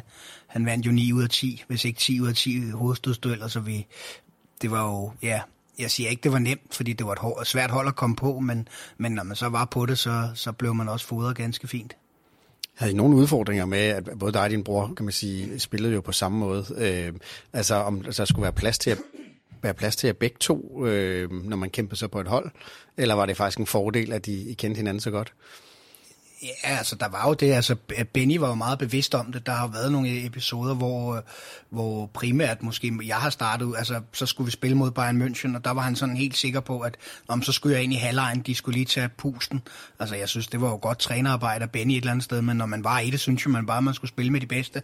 Men der har jo været lidt taktisk i det, eller sige, vi kan ikke lige spille med, med to små, eller vi får nok ikke bolden så meget. Altså mm vi havde måske regnet med, jeg kan, der var noget på, på Facebook her, hvor der var nogen, der lagde noget op, og der var det bare sådan lidt, der skrev jeg, så jeg kunne se den stå 1-1, da det var, at jeg kom ind i anden halvleg. Så skrev jeg bare, at det var jo en genistreg af Benny Johansen endnu en gang. Han ventede måske for længe, fordi den blev så 5-1 i anden halvleg, hvor man kan sige, at det var jo anden halvleg, der var bedst, så på et eller andet sted. Så, så var det jo sådan, men, men, men, men et eller andet sted var det jo taktisk klogt. Så jo, da vi var yngre, blev vi da sådan lidt ramt øh, på nogle af tingene, og omvendt så har vi vel også været heldige at have nogle trænere, der synes der var plads til to. Sådan, det, det tror jeg ikke, der har været i dag. Altså... Nej, det var nemlig mit næste spørgsmål. Vil der være plads til to typer af jer øh, på dagens, lad os sige, FCK-hold? Jamen, det, det, det tvivler jeg på. Det har i hvert fald ændret så meget. Det, det er noget, jeg tænker over en gang imellem, også nu med det her med, med landshold, der er kommet future-landshold. Og som ved, så har vi jo ikke altid været store, men, men et eller andet sted, så synes jeg jo, det skal være de bedste. Men nu gør de et eller andet med i, i, i DBU, med at man skal beskytte, og så nogen kommer på. Jeg tænker bare, med, og selv på ungdomslandsholdet må det vel bare være de bedste. Jeg ville da synes, det var retfærdigt, hvis jeg ikke skulle på 16-landsholdet. Når ja, jeg klart ja, var en af de bedste. Ikke var en af de højeste. Ja, ja altså sådan at sige, ja. det kan jeg ikke rigtig lige se, hvad man skulle beskytte Nej. der. Jeg synes jo, jeg er kommet meget godt igennem, men, men, men, men jeg kom tilbage til det spørgsmål, så var der der en gang imellem, at, at det ikke kunne lade sig gøre. Eller i nogle af kampene, så synes øh, Benny på daværende tidspunkt, at det var sådan. Jeg så et YouTube-klip øh, her, inden vi kom her, øh, i forbindelse med, jeg tror, I blev optaget i, i Legends Club, øh, hvor, hvor FCK lavede et portræt af jer. Og der, jeg kan ikke huske, om det er din bror, der siger, at egentlig var det jo meget rart at spille med sin bror, fordi hvis man havde haft en lidt dårlig kamp, og brormand havde lavet på, på kasser, så fik man jo altid super god anmeldelse i avisen næste dag. Ikke? Ja, det var, man jo godt have spillet sådan en semi-god kamp, og alligevel være på ugens fordi brormand lige lavede to op i den anden ende, eller man lige havde haft en fod med i et eller andet. Det gik jo, vi, vi, vi må jo nok erkende, at vi spillede også hinanden meget. Ja. Men altså, man kan sige, som, som tilskuer var, var den type fodbold, som I stod for, jo øh, fuldstændig enestående, og det der jo også gør fodbold magisk. Øh, øh, nu siger du selv, du ser klippet her, det ser meget langsomt ud. Altså, mm. tror du, øh, det vil være sværere, altså med jeres øh, måde at spille fodbold på, vil det have det svære kår i dag? Ja, tingene har udviklet sig, det går meget hurtigere jo. Altså det ser man, men det ser man jo også omvendt. Da vi så spillede i, i slut 80'erne, start 90'erne, så var det jo også, hvis vi så noget fra 60'erne, så var det jo også ligesom, uh, hvis vi skulle snakke om guldharl, altså det var jo også, det gik jo også bare langsomt. Ja. Så et eller andet sted, så er det jo bare sådan noget, der rykker sig hele tiden. Så ja, ja jeg tror, det ville have været. Men et eller andet sted, så tror jeg også, så har man jo bare bevæget sig i den retning. Altså, dengang løb vi jo bare rundt om Gentofte Sø, når vi skulle i form, eller Damhusøen. Mm. Nu har de jo otte fysiske trænere at finde ud af med pulsur og alt muligt andet. Dengang lavede vi bare alle sammen det samme, ja. på en eller anden måde, så jeg tror bare, man havde... Ja, ja, ja. Gået med tiden. Ja, det tror ja. jeg sådan lidt. Jeg tror, jeg, jeg tror på, at man ikke kan holde talent nede. Så, så derfor så tror jeg, man var kommet igennem på en eller anden måde, men, men, men, men, men tænker da også lidt det samme. Men det er der sikkert også mange, der har gjort, som, som vi siger med, ja. med, med, med Harald og den slags, der var på toppen på det tidspunkt. Mm. Hvor havde de været henne, når de sad og så? De synes sikkert også, det gik helt vildt stærkt, når vi spillede i slut øh, 80'erne og 90'erne der. Så. Ja, det er klart. Øhm, du ryger jo så til England senere øh, hen, er det, hvad er det 96, øh, 97 sagt, øh, 96 der.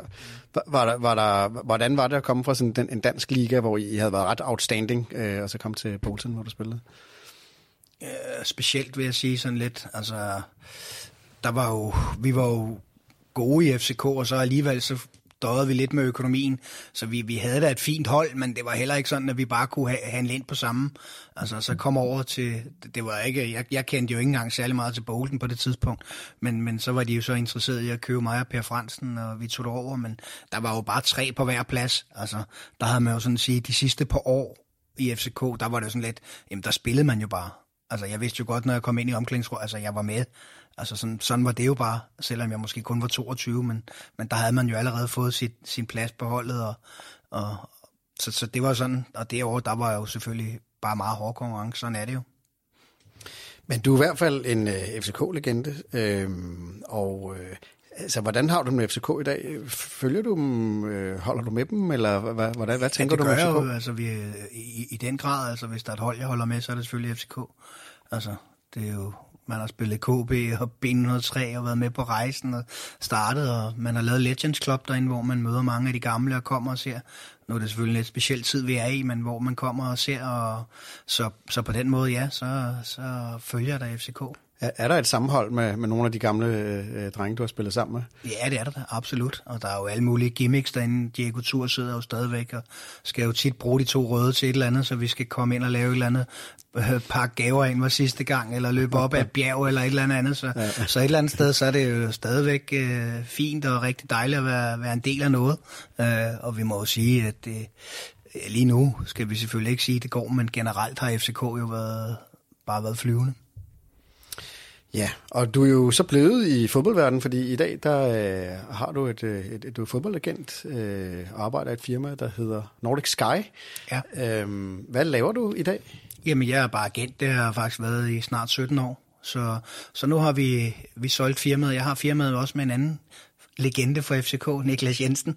Så, så vi har den danske afdeling nu. Og vi havde firmaet før, der havde vi Pro 11, men for ja, snart to år siden, der solgte vi øh, halvdelen af virksomheden til en svensk virksomhed, der hedder Nordic Sky.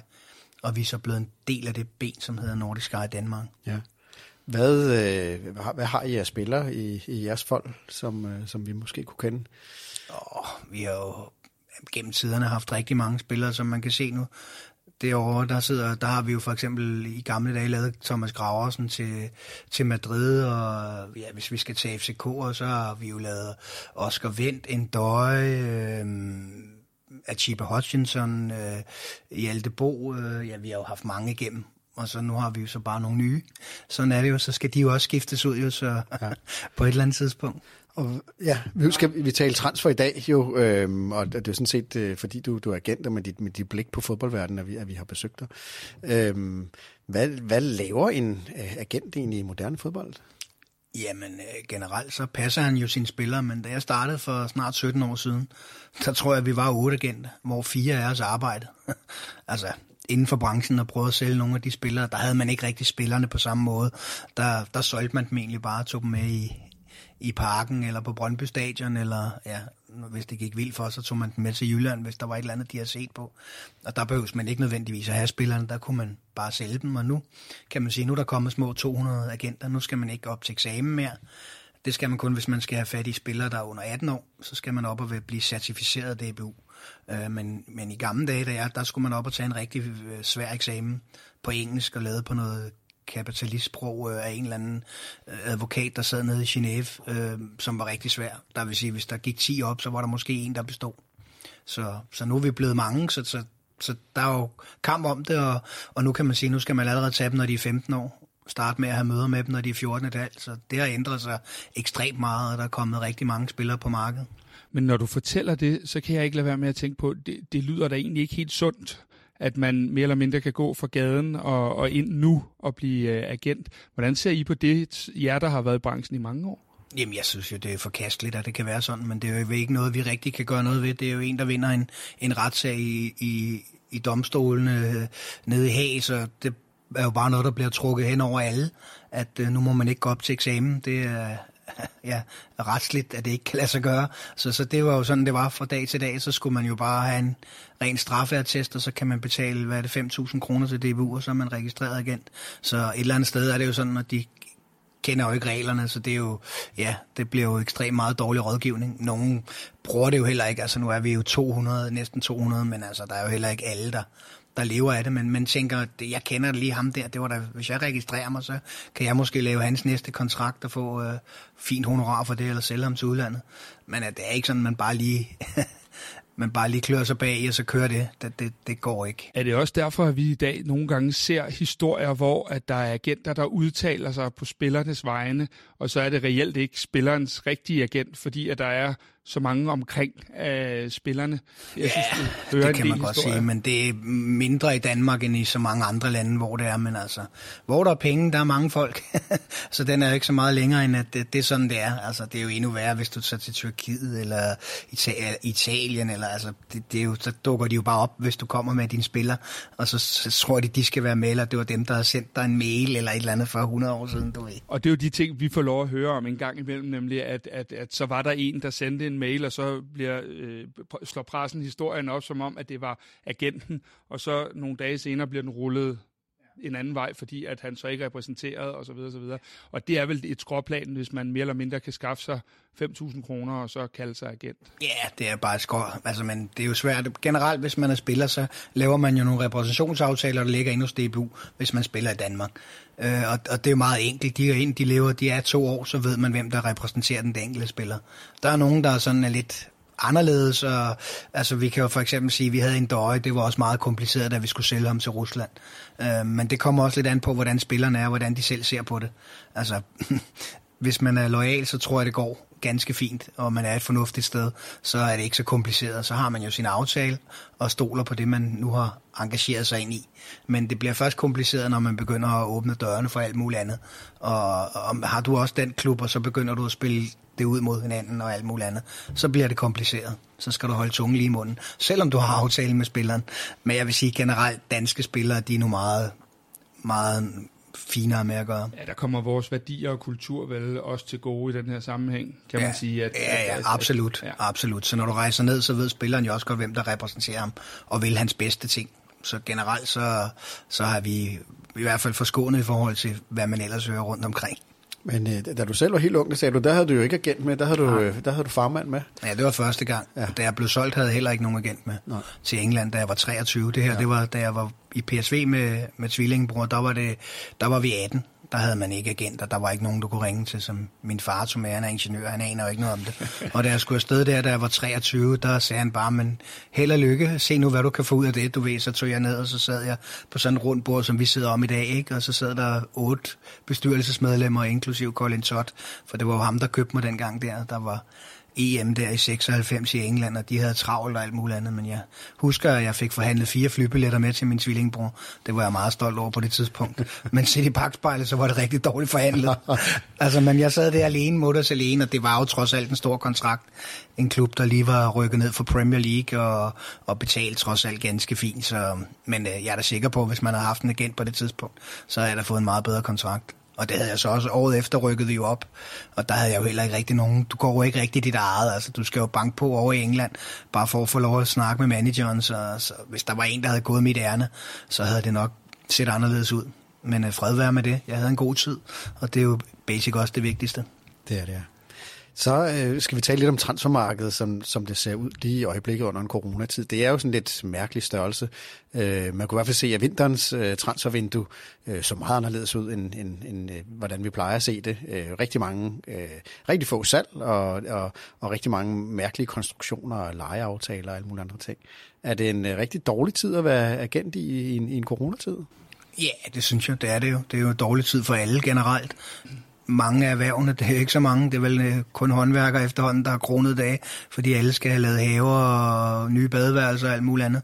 Men altså, klubberne har det jo også skidt, øhm, så, så det er jo ikke sådan, de laver så mange transfer, og vi er lidt afhængige af, at der sker noget, så på den måde, så er vi jo en branche, der, der, der er ret voldsom. Jeg læste noget for, for FIFA, en af de svenske ejere sendte ud, at det var sommervinduet var røget ned med 80 procent i sommer, og nu var det 90 procent, det var røget ned med. Så jeg har også sådan lidt, jeg tror, vi skal have gang i nogle af de store handler, før det bobler lidt ned på vores niveau, trods alt. Vi, vi har jo hverken Ronaldo eller Messi eller nogen, men, men vi kommer lidt længere ned i, og ringene har ikke rigtig bredt sig til os, så vi vil da sige, ja, det har der været sådan lidt, øh, jeg vil næsten sige tre vinduer. Altså det kom jo, folk vidste jo ikke, hvad det var for en størrelse, da det kom der i, i, i december måned i Kina, så kom det sådan stille og roligt. Vintervinduet er altid stille og roligt, så jeg vil jo næsten sige, at vi har haft tre rolige vinduer nu. Og hvordan, når det er, fordi jeg tænker, nu, nu begynder vi at rulle nogle vacciner ud, vi begynder så småt at se ind i forhåbentlig nogle coronapas og nogle indtægter igen øh, for fodboldklubberne, der ser ud til, at der kommer øh, tilskuere på stadion igen her inden i en overskuelig tid. Begynder klubberne næste sommer, eller denne her sommer nu, at handle, tror du, eller er vi i endnu et legevindue?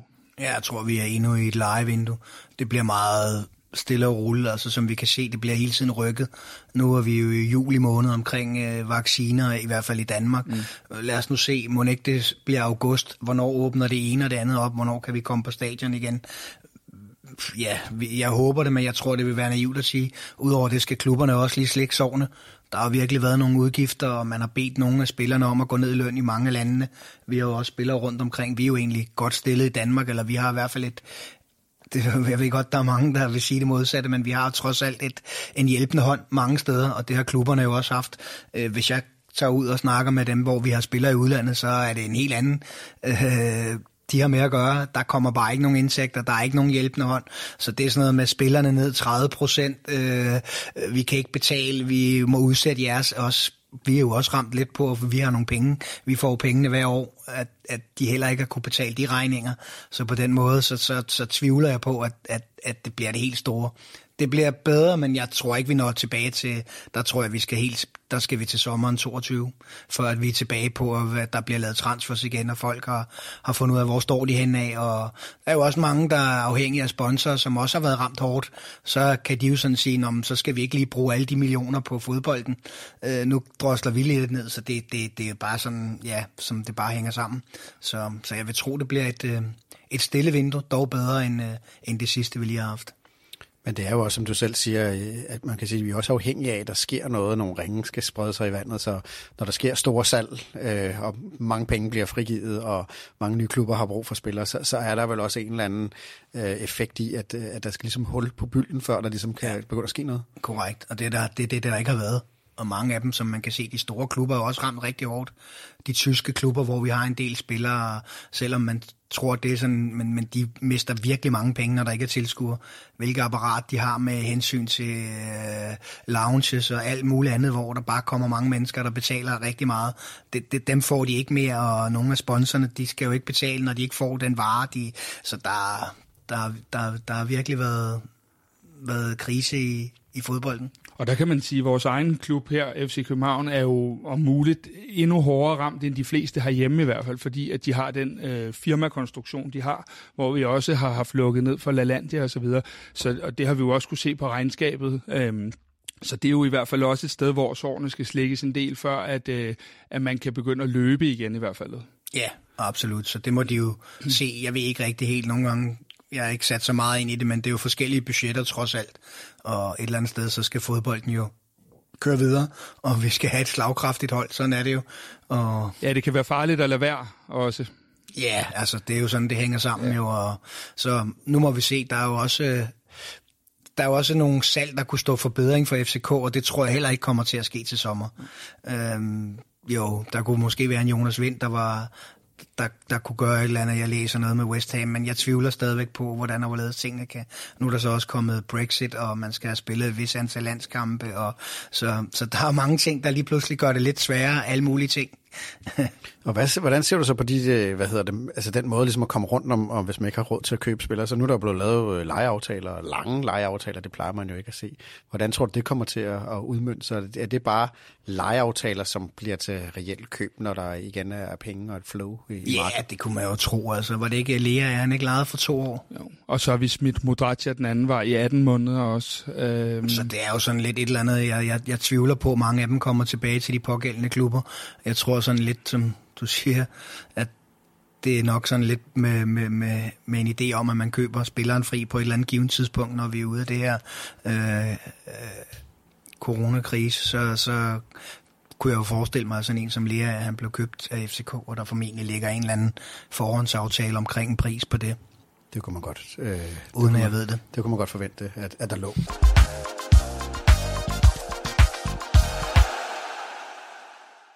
Vi skal jo øh, kigge øh, på FCK, og vi skal snakke øh, transfer. Øhm, nu er der jo FCK i en situation, hvor de har lavet systemet om. De har fået en ny træner, øh, og den nye træner arver jo selvfølgelig spillermateriale fra, fra den tidligere træner øh, og et andet system. Han har selv fået Lea ind som, som, øh, og, og øh, på lejeaftaler. Øh, men ellers har man vel, altså sådan som Jes Torup har vel brug for at kunne sætte sit eget hold. Ja, det, øh, det, det, det har han da. Selvfølgelig har han det, men han er jo nødt til i første omgang at spille med de spillere, der nu er der. Så der er jo ikke så meget andet at gøre. Altså, da Klopp kom til Liverpool, og alle de sagde, du ved, så skal du vel bruge øh, millioner og milliarder på at købe nye spillere. Og så sagde han, som udgangspunkt sagde han, nej, jeg har de spillere, og dem, de er kvikke mennesker, så dem skal jeg nok lære at spille i mit system.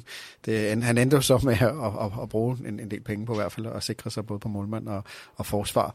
Men der er jo, Kasper, hvordan ser du på, altså Torup har jo et system, øh, og spiller på en måde, som er noget anderledes end Ståles, og har, er der noget, uden, inden vi begynder at tale navne og sådan nogle ting, er der nogen, han mangler? Altså er der typer, han mangler for at, at kunne få sit system til at fungere? Altså, ud fra mit, kan man sige, faglige synspunkt, så, øh, så, så synes jeg jo, at vi mangler nogle mål i holdet. Jeg er med på, at vi øh, er et af de mere scorende hold, men, øh, men, men der mangler jo nok spilleren, øh, der, der laver de plus 20 mål lige i øjeblikket. Og problemet er, at det er jo så også de dyreste. Øh, men det er for mig at se i hvert fald et af de største mangelvarer, hvis vi sådan skal tale overordnet set, at der mangler nogle, nogle, nogle mål. Og så har vi jo nogle cases, vi ikke rigtig ved, fordi vi selv har lejet spillere, blandt andet Sanka, som vi kommer tilbage til.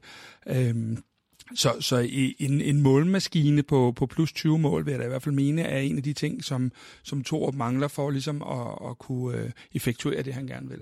Men han har jo Vilcek øh, siddende på bænken. Jeg må sige, jeg synes, det var genialt træk at få Vilcek hjem. Altså, han har jo vist, hvad han kunne. Jeg ved godt, han havde et dårligt ophold i Tyrkiet, men han er ikke den første i historien, der har været Tyrkiet at vinde, hvor det er lidt specielle forhold at komme ind. Og jeg må sige, han sådan lidt, han spiller ikke specielt godt, men man ved bare, at han er derinde. Så når vi sætter os på spillet, så får han lige hovedet, eller øh, møvler sig frem og får scoret. Og, og de mål er jo rigtig vigtige. Dem har vi så ikke fået, og, og jeg vil give helt ret, at vi mangler en eller anden bok, boksspiller derinde, der kan gøre noget. Og rigtigt, de er rigtig gode, de er rigtig dyre, men, men jeg synes egentlig set udefra, at det var meget fornuftigt at tage, tage Vilcek, fordi han har jo vist, at han kunne gøre det sæson efter sæson, på trods af, at han måske ikke engang spillede på et rigtig godt Brøndbyhold.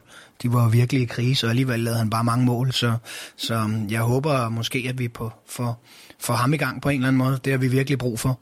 Og så kan Vind måske lige komme takken lige bagved, så at han ikke skal ligge og tage alle de der slåskampe ind i, ind i feltet. Jeg synes, han er, han er måske lige bedre på anden bølgen at komme og få finde de rigtige positioner. Så, så det håber jeg, men nu kunne jeg forstå, at han var skadet, og jeg, jeg, jeg læser jo kun, jeg har ikke derinde, så jeg, jeg ved jo ikke rigtig helt, hvordan han var ledes. Men Nej, han, er, han er knæskadet og blevet scannet i sidste uge og fået tappet noget væske for knæet og ser ikke ud til at blive klar til weekenden, men har, de har en forhåbning om, at han er klar øh, til mesterskabsspillet. Ja, og det må vi jo så håbe, at vi kan få, få det op at køre, fordi jeg synes virkelig også, som Kasper siger, at vi har, vi har, vi har virkelig manglet nogle, nogle mål på, på, den der, på den front. Vi snakkede jo i sidste uge, øh, vi snakkede med din gamle holdkammerat øh, Christian Lønstrup i sidste uge, og han sagde, og han er jo træner op i Hillerød nu, og han sagde, altså, hvis det var ham, der var træner for FCK, så, så havde Vildtjek en plads øh, inden, øh, for ligesom at skabe noget dominans i feltet, og han have en mulighed for at få kunne score nogle mål derinde. Ikke? Jo, og lidt som Michael også siger, at frigøre vind til det, han faktisk er bedst til, øh, nemlig at ligge i det der rum lige bag i til anden bølgen, helt sikkert. Vi øh, har tænkt os at lave en, en lille navneleg, og vi ved godt, øh, du har jo ikke specifik viden øh, øh om, om nogle af de her ting, øh, eller hvad hedder, nogle af de her spillere, øh, øh, så, øh, så vi håber, du vil være med på, på navnelejen, men vi har ligesom prøvet at sige, hvis vi kigger på det FCK-hold, der er i dag, øh, hvem skal ud, og hvad er der af potentielle øh, hvad hedder det, emner, som man som kunne styrke det her FCK-hold. Og øh, det er jo rent spekulation, så det er bare en, en navnelej, og så kan vi jo øh, tale om, om hvor sandsynligt det er, og hvor usandsynligt det er, øh, Kasper. Men du har jo sådan set lavet en liste med, med, med, med spillere, du synes, der burde komme til FCK, og, og, og spillere, der burde forlade FCK i det her øh, transfervindue, som vi ser ind til her til sommer. Ikke? Altså nu er jeg jo øh, med på lejen, forstået på den måde, at som Michael siger, så er der et af, hvad man nogle gange godt kunne tænke tænke sig, og et andet er, hvordan verden ser ud. Og, og øh, nu, nu har vi jo den her lille navneleg, men vi er også udmærket godt klar over, at det ikke er realistisk. Det er mere sådan for at give lytterne et billede af, hvad der kunne være realistisk.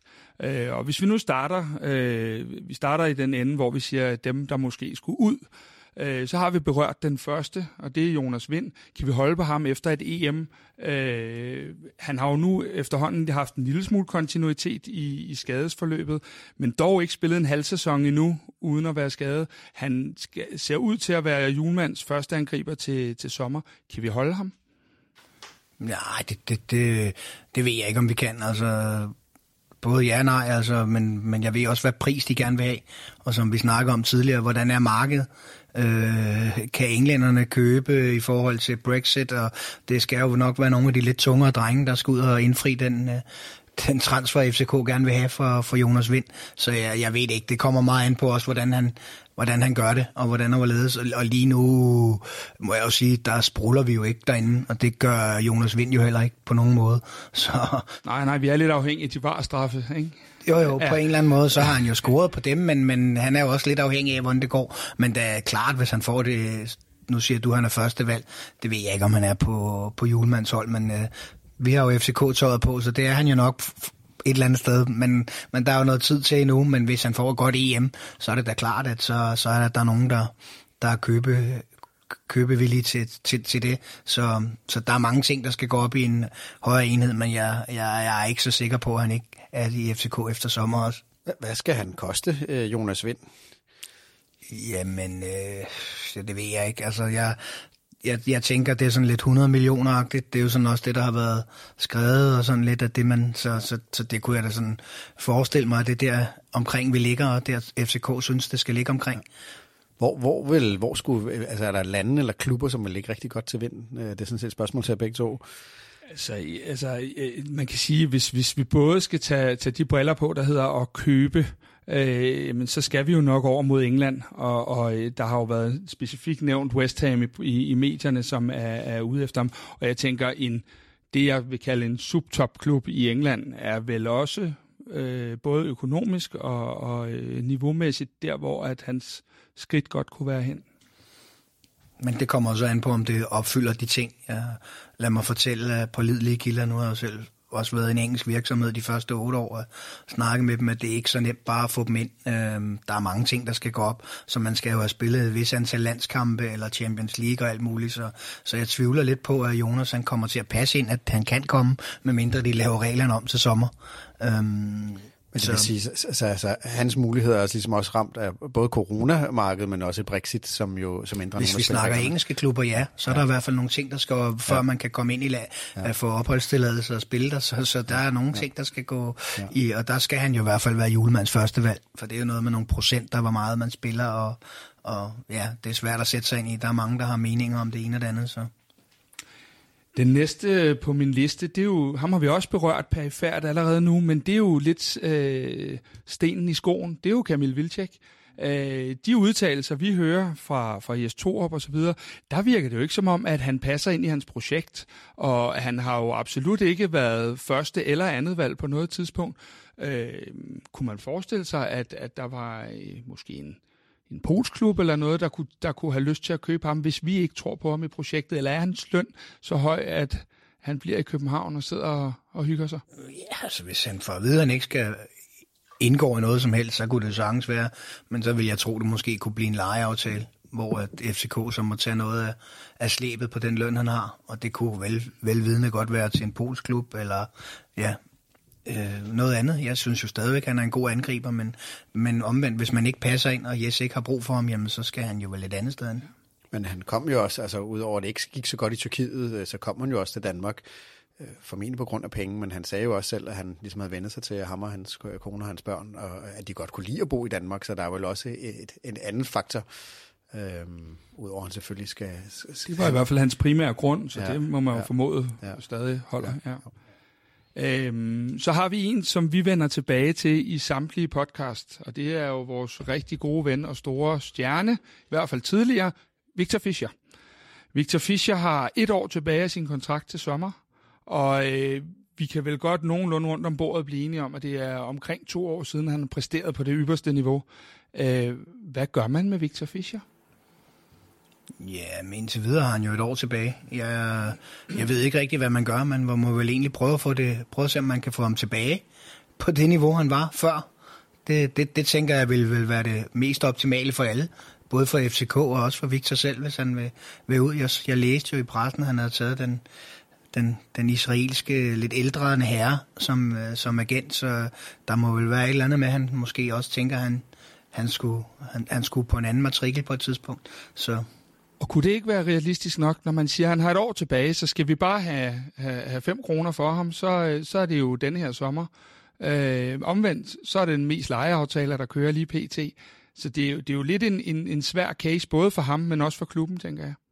Ja, yeah, et eller andet sted, men altså, jeg, jeg tvivler på, sådan som det går lige nu, at øh, det kan selvfølgelig ændre sig, men at, at det er bare nemt at finde en ny matrikel, og udover det, så kan han jo godt bidrage med, med nogle ting en gang imellem øh, for FCK, og han har da også været med i, mens det, det gik godt øh, herefter, efter, efter Jes kom, i nogle kampe, hvor han har været lidt mm, kampafgørende, om der så har været straffe eller ikke straffe, eller han har lige været haft den sidste fod med på et eller andet, så har han jo alligevel gjort et eller andet. Øh, men jeg er da enig i, at han har da ikke nået de samme, som han havde, da han kom hjem øhm, til FCK, men, men øh, lad os da håbe, han, han, han kan ramme det niveau igen på et eller andet tidspunkt, og så er der da mulighed for, at han kan komme ud. Øh, men, men jeg tænker ikke, vi skal tro på noget kæmpe salg til sommer.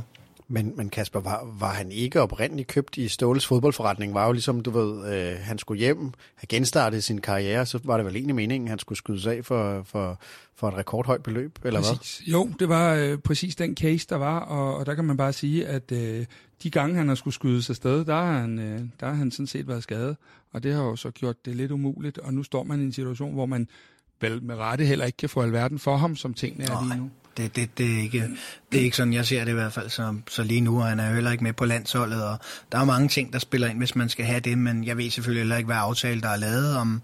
Så, så det er jo sådan lidt, hvordan man ser på det, når man når til sommeren. Og hvis han ikke indgår, eller man får noget, man synes, der er fornuftigt, eller de har lavet en aftale om, ligesom Kaspers rigtigt siger, at, der må, at det var meningen, at han skulle hjem og så ud igen, jamen så er der et år tilbage. Så hvis man skal have lidt så, så kan det godt være, at der kommer en udskiftning, og, og Jes måske har sin idé om, hvem han, han så vil have ind. Men altså, Victor Fischer er jo ikke så gammel nu, og vi har jo set hans topniveau. Øh, så man altså, hvis han kan komme tilbage til det topniveau, så, så, så burde han jo øh, altså være et oplagt salgsobjekt.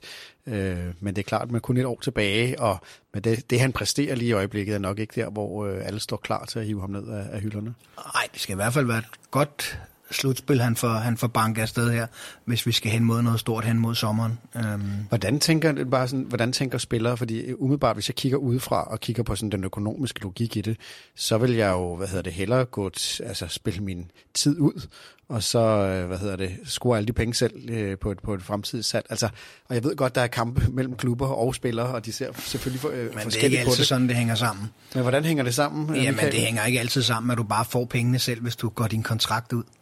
Altså, du får den, den løn, de nu synes, så kan der være nogen, hvor du så løber den ud. Du har jo også den mulighed, jamen så skal vi bygge et nyt hold op.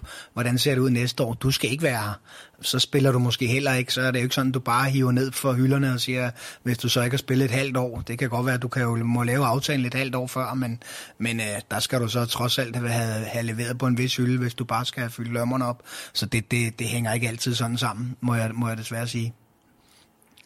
Den øh, sidste sådan på min øh, udliste, det er jo øh, Victor Nelson.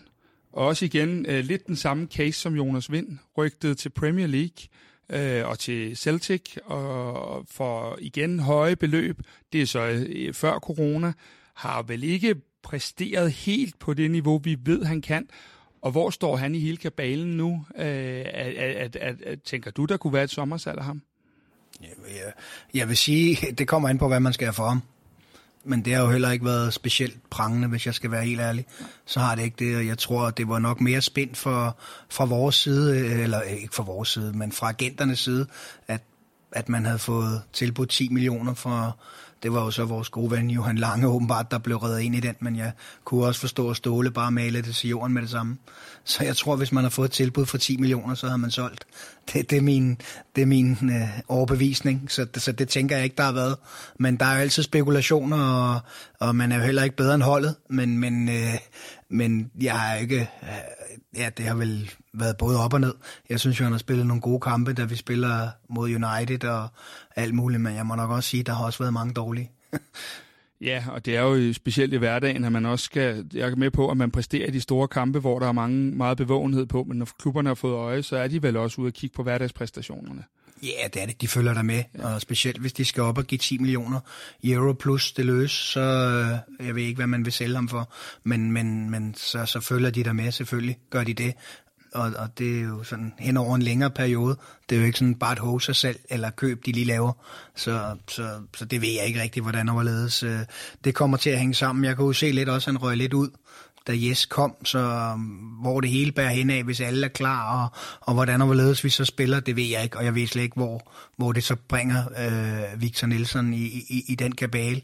Øhm, det kunne også være, at det var Sanka og Bøjle, eller ja, jeg ved ikke, hvem der, hvem der skal spille, men, men det kommer jo også meget ind på det, hvis man skal sige, om der er et salg af Victor Nielsen, så, så skal det jo gå op i en...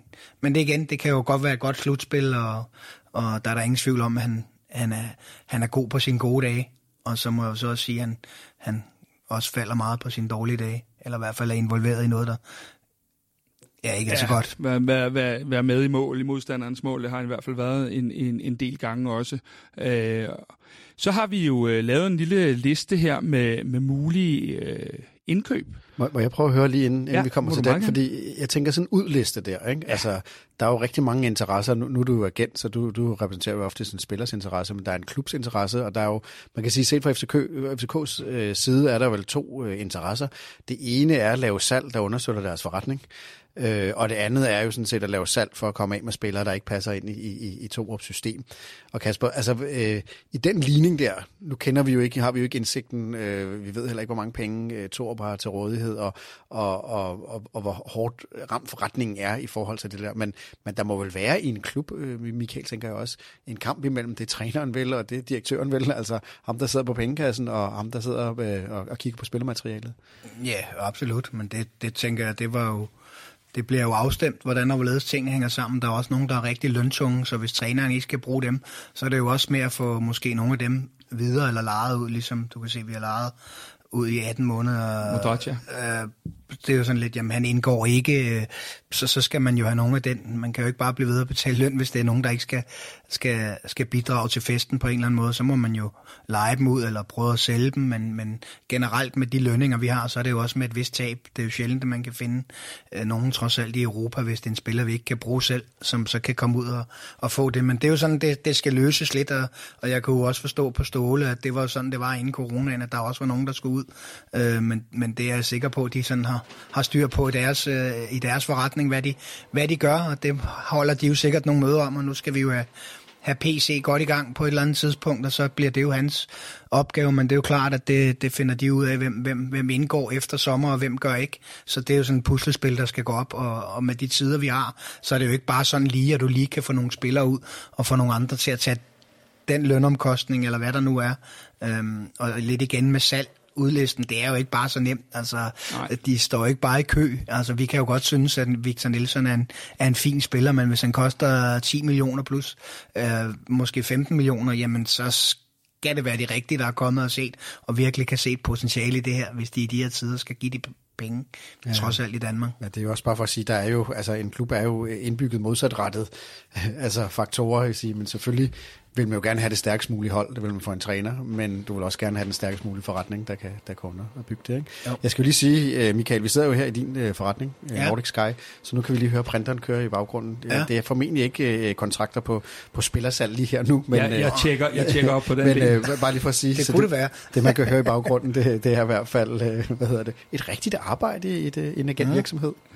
Ja. Nå, Kasper, jeg, jeg forstyrrer dig jo øh, med mine spørgsmål, så, men nu skal vi jo til det, som formentlig kan øh, bringe håb for, for rigtig mange FCK-fans. Øh, så der er jo det der med, når FCK måske ikke lige ligger der, hvor øh, mesterskabet er det mest naturlige, så kan man jo gå to veje som fan. Man kan lægge sig ned i første stilling og græde og råbe og skrige, eller man kan gå den anden vej og sige, jamen, øh, er der, hvad er håbet egentlig for FCK? Og øh, altså, vi har jo lavet en talentspecial, øh, hvor vi kigger på nogle af de talenter, som måske bliver morgendagens FCK-stjerner, øh, og den ligger øh, der, hvor du lytter til din podcast med, med kvart i bold. Men der er jo også en anden ting, man kan jo også købe sig til, til succes øh, og få de rigtige spillere ind, Kasper. Du har jo lavet en en ønskeliste, øh, som vi skal snakke en, en lille smule om. Og det er jo en ønskeliste, som er lavet ud for den præmis, som du selv siger, at det er navne, som har været relateret til FCK på en eller anden mulig måde, enten tidligere eller, eller kvæg, de har været der. Ikke? Så vi har jo ikke kigget ud øh, over alt i verden og, og hævet ned. Nej, det har vi ikke, og jeg, jeg har sådan set fundet øh, 10 navne, og så tænker oh. jeg, hvis vi nu øh, laver lidt øh, ja og nej, ja. og så øh, kan vi jo måske uddybe nogle af dem bagefter. Den første, jeg har på listen, det er, og jeg har selvfølgelig en begrundelse for det, det er øh, Hausner fra AGF. Han har en øh, Peter Christiansen connection, og i og med, at vi ikke rigtig ved, om Sanka bliver, så, øh, så tænker jeg, det var måske et oplagt bud. God case, ung spiller, videresalg. Hvad tænker du der? Nej. Nej. Super. Øh, den næste, det er en af vores øh, udlejede spillere, øh, Guillermo Varela. Øh, kunne han muligvis være øh, en mand for Torps øh, projekt? Nej. Øh, den tredje, det er Mikkel Duelund. Han vil, som vi hørte, i hvert fald gerne hjem. Har tjent fint og skal spille. Kender Torp. Kunne det være en mulighed? Ja. Sanka, hans lejeaftale slutter, øh, og med, med alt der, der strander det på noget økonomi. Han har en fed kontrakt i Tyrkiet, uden at betale det store i skat. Bliver Sanka i FC København efter sommerferien? Ja. Vi øh, står i en situation, hvor øh, Grydebust øh, to gange har vundet øh, det gyldne bur, og nu har siddet på, øh, på bænken i, øh, i ret lang tid, og man godt kunne forestille sig, at han kom videre. Og så tænker jeg, at øh, nede i Tyskland, der har vi jo et fyreår, men en gammel Brøndby-målmand, der hedder Frederik Rønnow. Kunne han være øh, i spil til en FC København-kontrakt? Ja. Øh, vores chefscout og din gamle ven, Lars Højer, har jo en øh, ganske fornuftig søn, der spiller over i AGF. Øh, og hvis man begynder at bruge Bøjle centralt, så har du en Victor Christiansen, upcoming man ude på venstre bak, men han skal jo ikke spille alle kampene. Kunne du, Kasper Højer, være en idé for FC København til sommer? Ja, det synes jeg da. Absolut. En rigtig god idé. Øh, så har vi i januarens transfervindue flyttet kraftigt med Jakob Brun Larsen, øh, som nu er røget til Anderlægt og mildest talt ikke præsterer dernede. Kunne Jakob Brun Larsen vende snuden hjem til sin øh, favoritklub i Superligaen, FC København? Nej. den, den skal vi lige huske bagefter, den der, ja. Øh, så er det jo sådan, at vi mangler, vi mangler mål, og vi mangler specielt mål for de yderangriber, der ligger lige pt. ved siden af Jonas Vind. Øh, vores gode gamle ven Benjamin Verbic er røget ud i kulden i Dynamo Kiev, har en tæt relation til byen og klubben. Øh, kunne han være en mulighed? Ja, det kunne han vel egentlig godt. Så har vi to tilbage, og det er jo, øh, det er jo to af de ting, som, øh, hvor jeg ved, at vores lyttere kommer til at spidse ører nu. I januar måned var, øh, var der i givet fald kontrakt, eller kontakt mellem øh, FCK's bagland, skyde på det William Kvist, og Andreas Cornelius, som ikke synes det var utopisk at vende hjem til sin øh, danske klub. Kunne Andreas Cornelius være en mulig øh, signing for FCK til sommer? Ja. Og så kommer den sidste, og, og nu erkender jeg, at jeg smider alt fagligt over bord og tager min øh, fan-kasket på, øh, binder halsterklædet og spørger her. Vi har en spiller, der lige er blevet far, har tjent gode penge, kunne ønske at komme hjem, mens han stadig kunne bidrage. Jeg ved ikke, om du ved, hvem jeg tænker på allerede. Men, jeg, har, øh, har en idé. Ja, øh, mange af os kalder ham kongen af København. Er det, er det et år for tidligt med Thomas Delaney, eller er det noget corona og faderskab og så videre, vi måske kunne have et håb omkring? Jeg tror, det er et år for tidligt. Hans kontrakt måske udløber, to. Ja, måske to. Ja, hans kontrakt udløber næste sommer med, med Dortmund, øh, men man må også bare sige, at han har relativt god succes dernede. Og er ja. på en høj, øh, høj hylde. Ja. Spiller det rigtigt, så det, det tror jeg er lidt for tidligt at, at tænke på et FCK-comeback. Det øh, har vi faktisk også tænkt, men øh, den skulle selvfølgelig med. En af de ting, der øh, jeg stussede over, var, øh, at du øh, var afvisende over, omkring Jakob Brun Larsen. Og det var ligesom fordi, at øh, den lå ret meget til højrebenet i januar, og blev lejet ud til en belgisk klub, og de gider ikke rigtig bruge ham i Hoffenheim, og i Anderlecht blev han, han blevet flået ud flere gange. Hvad er grunden til, at du sådan øh, siger nej der? Jamen, det er jo lidt med, med spilletid at øh, nu har han så i andre lægter, sådan som jeg kan se det, jamen så er det lidt en halvleg og så ud, og så starter man ude, og så kommer man ind, når der er spillet. Jeg går ud fra, at hans agenter trods alt har arbejdet på, at det var vigtigt, at han kom ud og spille fodbold, for det har han ikke gjort i Hoffenheim, siden han blev købt, øh, velvidende for et stort beløb. Så jeg har sådan lidt, hvis man skal tage nogen, så skal man jo, må, det er jo ikke for at sige, at jeg synes, han er en rigtig fin spiller, det skal jeg lige sige, Jakob Brun, men jeg tror også, vi måske skal vælge nogen, der ikke har alt for mange splinter, som måske kan bidrage lidt til, til festen, og jeg, jeg tvivler lidt på, at det er ved at være lang tid siden, han har spillet. Øh, de gør, hvad de kan, men som du siger, han har ikke spillet Hoffenheim, nu har han lejet ud, med mindre der er noget, der ændrer sig helt radikalt i forhold til det, så virker det som om, der er en træner dernede, der har sagt, jamen det gik ikke, øhm, og han er jo en rigtig, øh, rigtig, rigtig fin spiller at se på hans, på hans gode dage, men til sydenlandet, så, så er det jo nu jeg tænker også, at han, man blev købt for det beløb i Hoffenheim. Man har fået de chancer, man skulle have. Han har måske været ramt lidt af skader, og jeg skal ikke komme, så, så godt kender jeg ikke casen. Men, ja, det, men det var derfor, jeg sådan skråsikkert kan sige, med mindre der sker noget, noget med, at han kommer til at spille for andre så, så, så, så tror jeg ikke, det er interesse for FCK. Man kan også sige, at øh, lige nu har vi jo en case, der hedder Victor Fischer, som vi lige har siddet og debatteret. Man kunne jo godt, i hvert fald for mit vedkommende, få nogle vibes, der hed, om det var Victor Fischer 2, vi så fik hjem, der skulle hentes op af, af, af, af soveposen og, og til at præstere igen. Og det har vi jo som klub ikke råd til, fordi efter sommerferien er der jo ikke nogen, der er ikke flere undskyldninger. Det er, der er kun en, der tæller. Det der. Ja, og det er derfor, jeg tror også, at det bliver, bliver nok et nej. Altså, jeg tror, det var lidt op at vende. Jeg ved ikke, hvor tæt på det har været, hvordan, hvem man, man fik hjem, og hvordan og hvorledes. Jeg ved, at de, de gør det deres alt, hvad de kan ind i, for at få, få nogle, nogle gode spillere. Og, og lidt igen, du spurgte også om Duelund, så siger jeg ja. Men jeg må også sige, når jeg ser, det er jo virkelig begrænset, hvad han har spillet, hvis man tager et kæmpe talent, der kommer ud. Øhm, han har vel egentlig bare, ja, jeg ved ikke, altså det har virkelig været begrænset, jeg kender det ikke, men, men det er ikke mange kampe, han har spillet. Er det ikke efterhånden ved at være tre år, han jo, har været væk det er nemlig det. I, i Rusland, og det er jo sådan lidt, jamen han har da sikkert tjent gode penge, men han har ved Gud ikke spillet meget. Men hvor han hen af, hvor det hen af, er det noget, vi har, vi skal tage en chance på? Øh, det ved jeg ikke, det, det, det, det er meget svært for mig at sige, om, om, om det var noget, men det var derfor, jeg var skråsikker på at sige nej. Altså vi har jo ikke sådan, kom hjem, nu skal man lige ind i rytmen, vi må trods alt også sige, at FCK det er en vis størrelse, så, så det er også sådan lidt, der er også kamp om pladserne, og så sige, at han meget bedre end det, vi har. Det ved jeg ikke. Det var han måske, inden han tog afsted, men nu har han snart været afsted lang tid, og jeg ser ham kun, jeg ser ham ikke engang komme ind, så jeg ved slet ikke, hvad han får spillet. Altså, Ingenting. Øh, ja, altså, ja. Så, så det var sådan lidt spørgsmål på det. Ja. Øh, Ronno lidt det samme. Du spørger, øh, hvordan og hvorledes. Han har en fin kontrakt, men har jo heller ikke rigtig spillet. Han er jo, nu spiller han, men mangler, altså jeg ved ikke, nu har ham Færman vel skadet, men han har jo ikke vist sig at komme på noget som helst. Altså han stod i starten, og så køber de trap hjem i, i, i Frankfurt, og han har været god. Nu er der også bare gået mange år. Altså jeg ved godt, de bliver udtaget til landsholdet, men de spiller jo ikke i deres klubber. Altså, nu har han spillet nogle, nogle kampe, men så kom den anden tilbage, og så stod han heller ikke der. Og hvad skal der ske efter? Øh, kommer han hjem? Men der er der ingen tvivl om, at det er et, et, et, et, et talent på målmandspost, men, men det er jo også sådan lidt, men er det bedre at er Grydebust ude, eller nu har Kalle stået et par, hvad gør man der? Nu kan man jo se, i Midtjylland var der lige pludselig en rokade. Ja, man altså man kan jo sige, jeg, jeg har ikke fulgt øh, Grydebust, jeg ved, at Kalle har gjort det rigtig godt, og det efter min overbevisning fuldt fortjent, han står. Nu har der også været sådan lidt, man er jo ikke bedre end, han har jo også vist lidt svaghedstegn, så det kan da også godt være, at det lige pludselig bliver en, en rokade der, så jeg ved jo slet ikke, om vi mangler noget på, på målmandsposten. Jeg tror ikke, det har været nemmere at skulle sælge Grydebust. Nu har vi haft efterhånden, hvad er det, tre vinduer, tror jeg. Ja, han er ikke røget endnu, nej. Han er der jo stadigvæk, ja. så et eller andet sted, så A, så har han en rigtig god løn, og B, har der ikke rigtig været nogen velvidende. Han fik jo det gyldne bur to gange i OB, og har da vist, hvad han kunne, men det har så ikke lige været... Han har jo ikke rigtig fået slået igennem i FCK.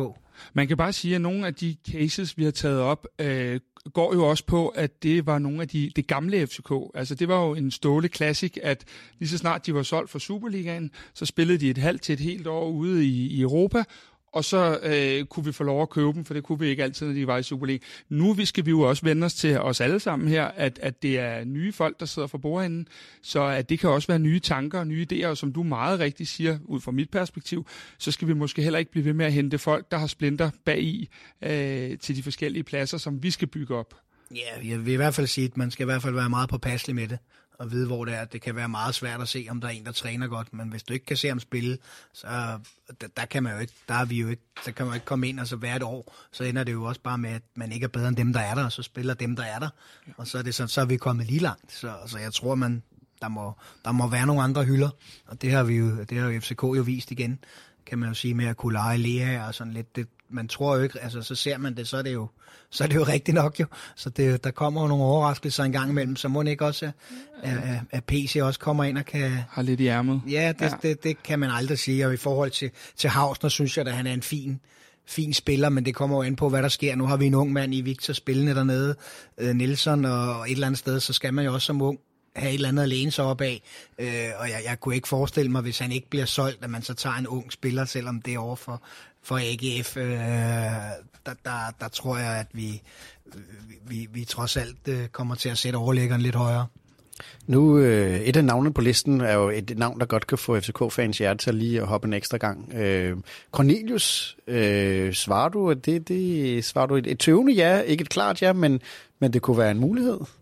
Hvorfor? Ja, altså, han er jo FCK og, og vokset op, og det er jo sådan lidt, han har jo gjort det fint, men jeg kender jo ikke helt, nu har han jo efterhånden været ude nogle, nogle år, på godt og ondt, øh, men spiller så lidt mere i Parma, og har jo også haft hans, hans skadeshistorik, den er jo også sådan lidt, at han er lidt ude, så scorer han lige to vilde mål, man ser i sporten, og så er han ikke med næste gang, og heller ikke næste gang igen, så er der lige kommet en, en lille forstrækning, eller så kommer han tilbage, og så sidder han lidt på bænken, og så, så lidt der måske, jeg ved ikke hvor, men jeg, jeg tænker, han har haft nogle gode kontrakter, og, og og tjene ja, den, godt, så den det var havde derfor. Han vel allerede ja. lavet i, den havde han vel allerede lavet i Cardiff dengang, livsopsparingen, kan man sige, ikke? Jo, jo, ja, så. nu var det jo så heller ikke så lang tid, han var der, Nej. men generelt så har han jo måske fået nogen med, jeg, jeg kender ikke helt, hvordan var ledes, men jeg, jeg siger sådan, jeg ved bare, det er jo en FCK-dreng, som, som var sådan, og så siger men hvornår man, man mættet på at, og har været ude, eller hvis muligheden opstår, og kan det økonomisk lade sig gøre, og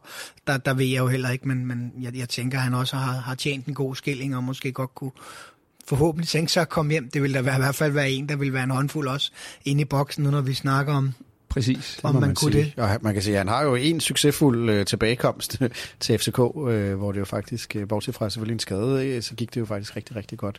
Kasper, hvorfor tror du, at corner kunne være øh, et, real, altså et realistisk scenarie? Jamen, det er lidt egentlig de samme parametre, som Michael siger, at, øh, at, øh, at tiden ved at være der, øh, har man været ude og opleve de ting, man skal.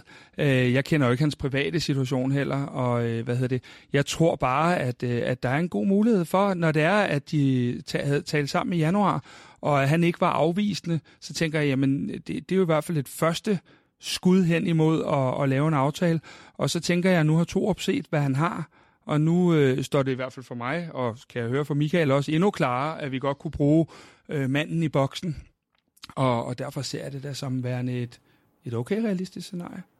Men er der en kabale, der skal gå op i forhold til, nu er der selvfølgelig det økonomiske aspekt, og alle mulige andre ting, som er jo svært at spekulere i, om, om FCK har råd, og det kommer også an på, hvor han er henne, men er der en kabale i, i noget Vilcek skal skydes af først, eller er det kigger man ikke sådan som klub, man bare, vi, vi skal have det. Oh, jeg tror da, man kan jo ligge. Vi har også Kaufmann, og må og vi Kaufmann, jo ikke glemme, ja, han ja. kommer også tilbage. Ja, han har jo ja. også spillet hans kampe, ja, og, ja. Øh, og så, så et eller andet sted, så er der jo en kabale.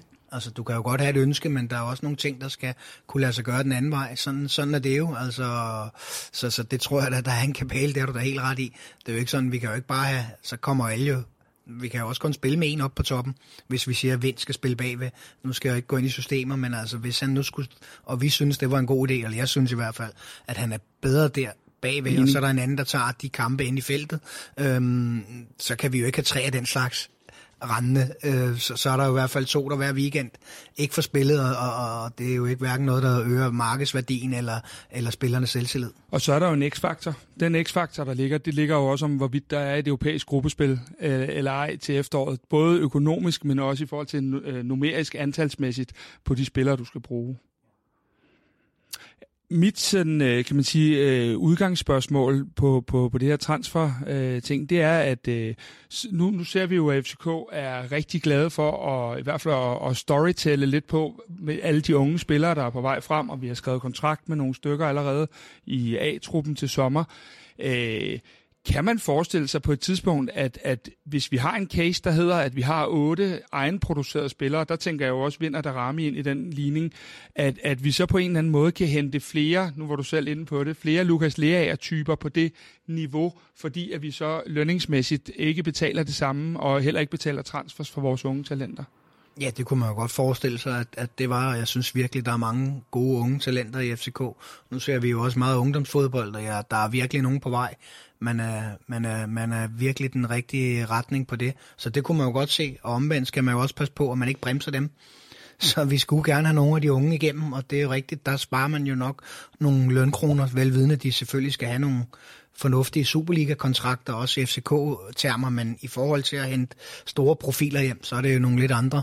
Så er der jo nok et nul, der kommer til at, at mangle på den, på den konto i hvert fald, så det kunne man godt se. Så, så et eller andet sted, så skal der jo være en fornuftig balance i det, og jeg håber da også lidt, at der kommer nogen igennem nåleøjet, altså både for dansk fodbold, men også for FCK, og, og der er virkelig nogen på vej, vil jeg sige, når man ser ungdomsfodbold inde på inde Ja, det må man sige. Der er nogle fantastiske talenter, men også hele det scenarie med, at du så kan, kan man sige, du behøver ikke at skrue ned for budgettet, men du kan måske bruge dine penge lidt smartere ved at, at sige, at vi har øh, en, en gruppe af det, vi to kunne kalde stjernespillere, øh, som du kan give x antal kroner i løn, og så har du nogen, der ikke opfylder de samme ting lønningsmæssigt. Og det gør vel, at, at man har nogle muligheder i hvert fald for at, at kunne bevæge sig op på det, som vi kan kalde lærerhylden. Ja, absolut, men vi skal jo have nogle af de typer ind, før vi kan implantere de unge, for de kommer op, ligesom vi snakker om i, øh, i starten af den her podcast. Hvordan kom vi op? Jamen, der havde man nogen at læne sig op af, og det tror jeg er et vigtigt fundament, at man får sat den base. Altså sådan, jeg, jeg synes jo lidt, sikker er lidt det samme det må virkelig også være en, altså, der bare arbejder stenhårdt og har styr på tingene derinde. Altså, det er jo sådan nogle, hvor man kan sige, jamen så er det lidt nemmere at få de unge igennem. Han dirigerer fint, øh, sådan minder mig lidt om, om en, en Pierre Larsen, som mm. jeg spillede med, som sådan lige havde styr på hele butikken, men samtidig bare var over det hele og havde overblikket. Så, så, så det er sådan, vi, sådan nogle typer, og kunne også se, lærer, jeg har været mm, altså, igennem meget og været udlandet, man kunne komme med hans erfaring, som man kunne læne sig op af. Så ser jeg en, en stor fremtid for de unge til at komme komme igennem. Men det er selvfølgelig vigtigt, at man har, har styr på butikken, og har jo set for eksempel Sanka udtalt på et tidspunkt, da målene sådan gik lidt ind, at nu skulle han lige koncentrere sig. Det er jo fair, at, at nu skulle han lige sådan lidt, men, men der var lige ikke overskud til det, og det synes jeg jo er helt fair, at, at nu var der gået, og så efterfølgende spillede han jo også en rigtig fin kamp. Så det er jo ikke sådan, men, men man skal jo lige have overskud, og det får han selvfølgelig på sigt, og jeg synes jo, at han stadigvæk godt kunne bidrage med det Sanka, men det er jo sådan lidt der, hvor man skal læne sig lidt op af tingene, og, og omvendt, når han så spiller dernede med Victor Nielsen, så er det jo også vigtigt, at, at han har noget at læne sig op af. Ældre er han jo trods alt ikke, øh, Victor Nielsen, så, så han har jo også, det er jo vigtigt, at ham ved siden af også kan bidrage, eller spille og sådan lidt, så, så det, det kan, hænger sådan lidt sammen, og det må vi da håbe, at vi får, vi får styr på. Og der skal vi vel også huske, trods alt, at øh, det, det er der måske mange, der glemmer i hverdagen, men at FCK er altså også en vis størrelse.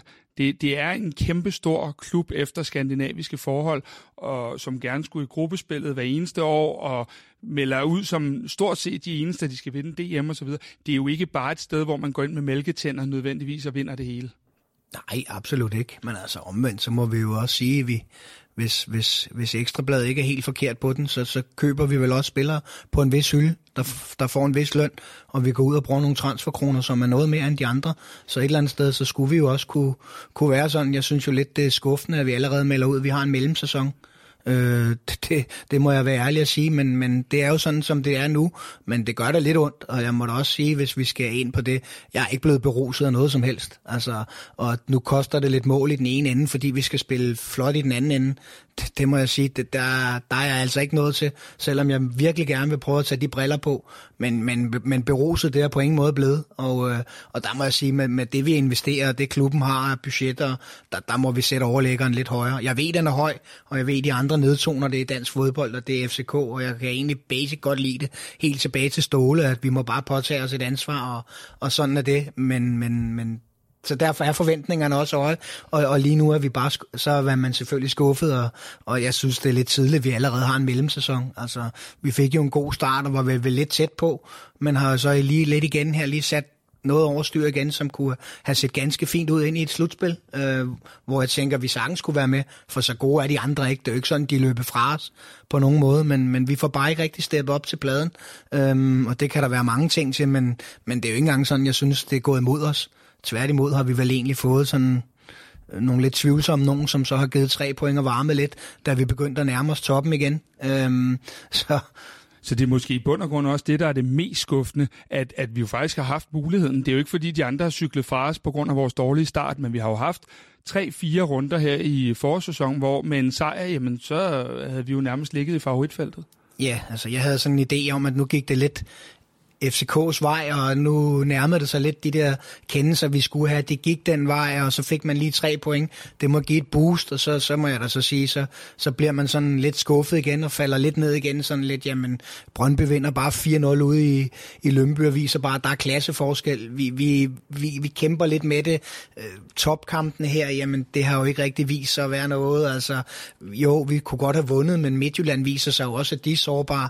De, de slår jo heller ikke bare øh, hold stort nu, så jeg synes, det sådan har ligget lidt. Altså, hvis vi... Så i bund og grund lidt uforløst, ikke? Jo, et eller andet sted, ja. så er det jo sådan lidt, og så synes jeg sådan lidt, jamen, er det ikke lidt tidligt at sige, at vi har en mellemsæson, og trods alt et, et, et slutspil, hvor vi møder alle de andre.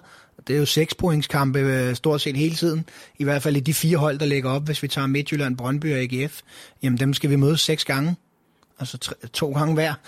Der må, jeg sige, der må der være masser af point at spille om der. Øh, og så ved jeg så ikke lige, hvem de, hvem de to sidste bliver, men det bliver jo også spændende at se. Men, men, men ja, det er lidt skuffende, må vi da nok erkende, men der har jo også været sket meget, og vi har skiftet træner og sport. Det, der, det er jo... Og skal man så acceptere det?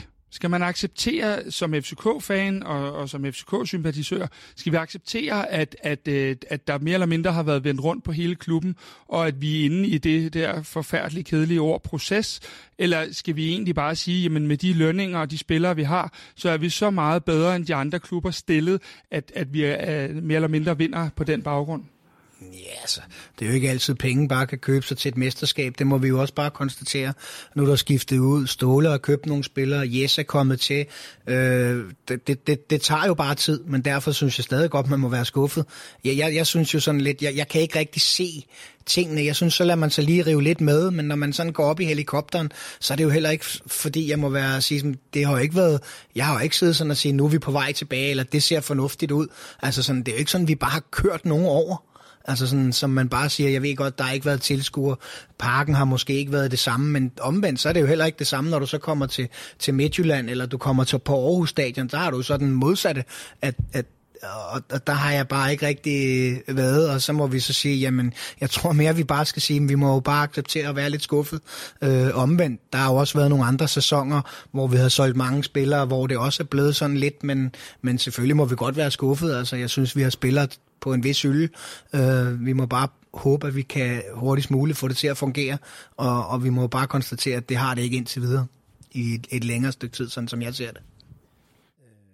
Vi, vi fyrede jo Ståle, eller FCK fyrede jo Ståle, øhm, og det, det har jo gjort, at vi, nu sidder her og, og taler om helt nye systemer, og hvad skal man købe til det, og Jes Torup, og du er tydeligvis ikke beruset, øh, hvad hedder det, det fodbold, du har set endnu for Jes Torup. Var det en fejl at, at styre, fyre Ståle? Jeg ved eller? ikke, om det er Jes Torup, det er vel basic det hele. Det er jo ja. også spillerne, han kan jo godt have sine idéer, men hvis det ikke bliver fuldført derinde, eller vi ikke sætter os, eller kører det pres, så de andre ved, når de kommer i parken, så bliver de bare overfaldet, så de næsten har lagt sig på ryggen. Altså, det er jo ikke sådan, så det var ikke, det er jo ikke sådan bare at sige yes, det er jo ikke sådan, man bare lige gør det fra dag til dag. Han kommer jo også ind og må tage de spillere, der er.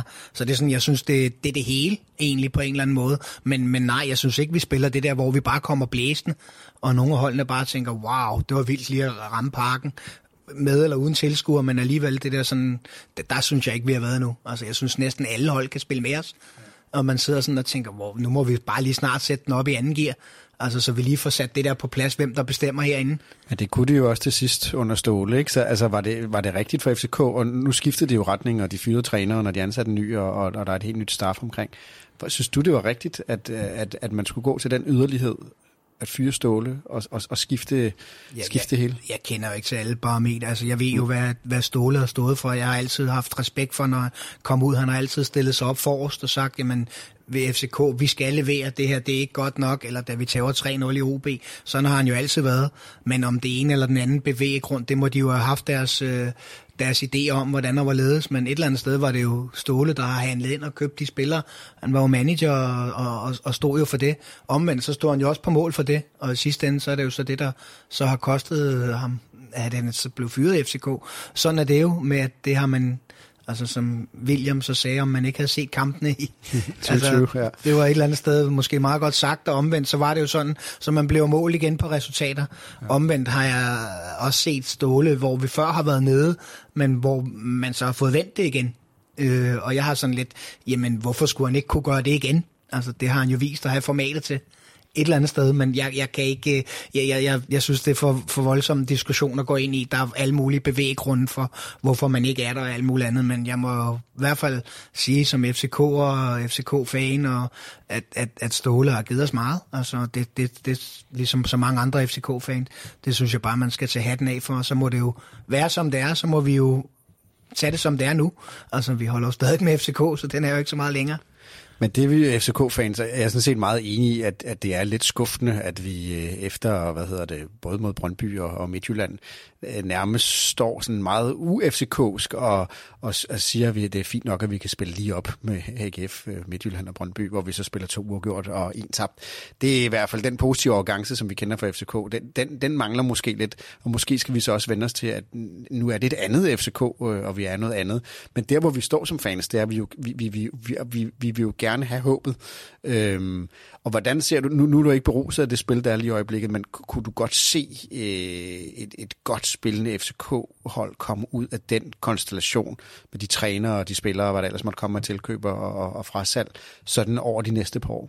Ja, yeah, absolut. Altså, det er jo som vi sagde, det er en proces. Jeg håber bare ikke, den bliver for lang tid, den proces. Det er jo det, der, der, der, der hænger lidt sammen der, og, og så er det jo bare sådan at sige, jamen der, der går noget tid, men jeg må også sige, jeg ved ikke, om vi prøver nogle gange at bilde os lidt selv noget ind, hvordan der ledes, men jeg synes ikke, vi har ramt det niveau, jeg synes, vi har spillet til, og, og kom blæsende og alt det her, som vi, som vi er som FCK er lidt kendt for, og vi, vi trods alt har nogle rigtig fine spillere, men vi må prøve at se, om vi kan få sat det sammen, og så er der jo altid mange ting. Jamen, så bliver Bøjle lidt skadet, og du ved, så kommer han tilbage. Der er jo ingen tvivl om, at, at, at man også har været ramt på nogle nøgle positioner, men, men det er alle hold jo et eller andet sted. Og der synes jeg jo så måske, så dem, der står i anden række, jamen har det så været, ja, det er jo bare sådan, som det så er. Så, så det er lidt svært at sige, men, men jeg håber virkelig ikke, at processen er for lang. Men, men jeg er klar over, at det tager tid, og man ikke bare lige kommer ind og, og vender det fra dag til dag. Øh, men omvendt så, vil jeg, så havde jeg da håbet lidt mere. Øh, jeg synes da godt, vi kunne have fået flere point i de sidste par kampe, og set med FCK-briller var vi nok også lidt bedre. Men det er jo ikke sådan, at du sådan siger, at det var helt altså, uretfærdigt, og jeg ved godt, de redder en på stregen, og, men, men det var ikke sådan, at, at, at det var kæmpe uretfærdigt. Men marginalerne kommer jo også ofte, når man spiller godt og opsøger dem. Det er jo, det er jo sådan well known, at, at så begynder de der stolpe ind også at komme i stedet for nogle af de andre ting. Så det, det er jo noget, man skal spille sig til. Absolut. Men det var så det, jeg tænkte lidt, det får vi så. Vi er bagud, er det ikke 2-0 mod AGF? og kommer rigtig fint tilbage. Vi får lige en afretning af Bartol, der skyder, og mm. du ved, øh, og, og så kommer vi tilbage og får måske, ja, et straffe til sidst, men det bliver tre point. Jeg tænkte jo lidt, det måtte være sådan en, hvor vi virkelig får, får boost, og, og så synes jeg egentlig, at, at, at ballonen punkterede lidt med alle mulige forklaringer på hvorfor og hvordan og hvorledes, men, men, men når du snakker om marginalerne, så er det jo ikke fordi, det er sådan specielt at gå imod os. Nej, nej, nej, enig. Og det er sådan lidt, der, der havde man håbet, det havde givet et boost i stedet for.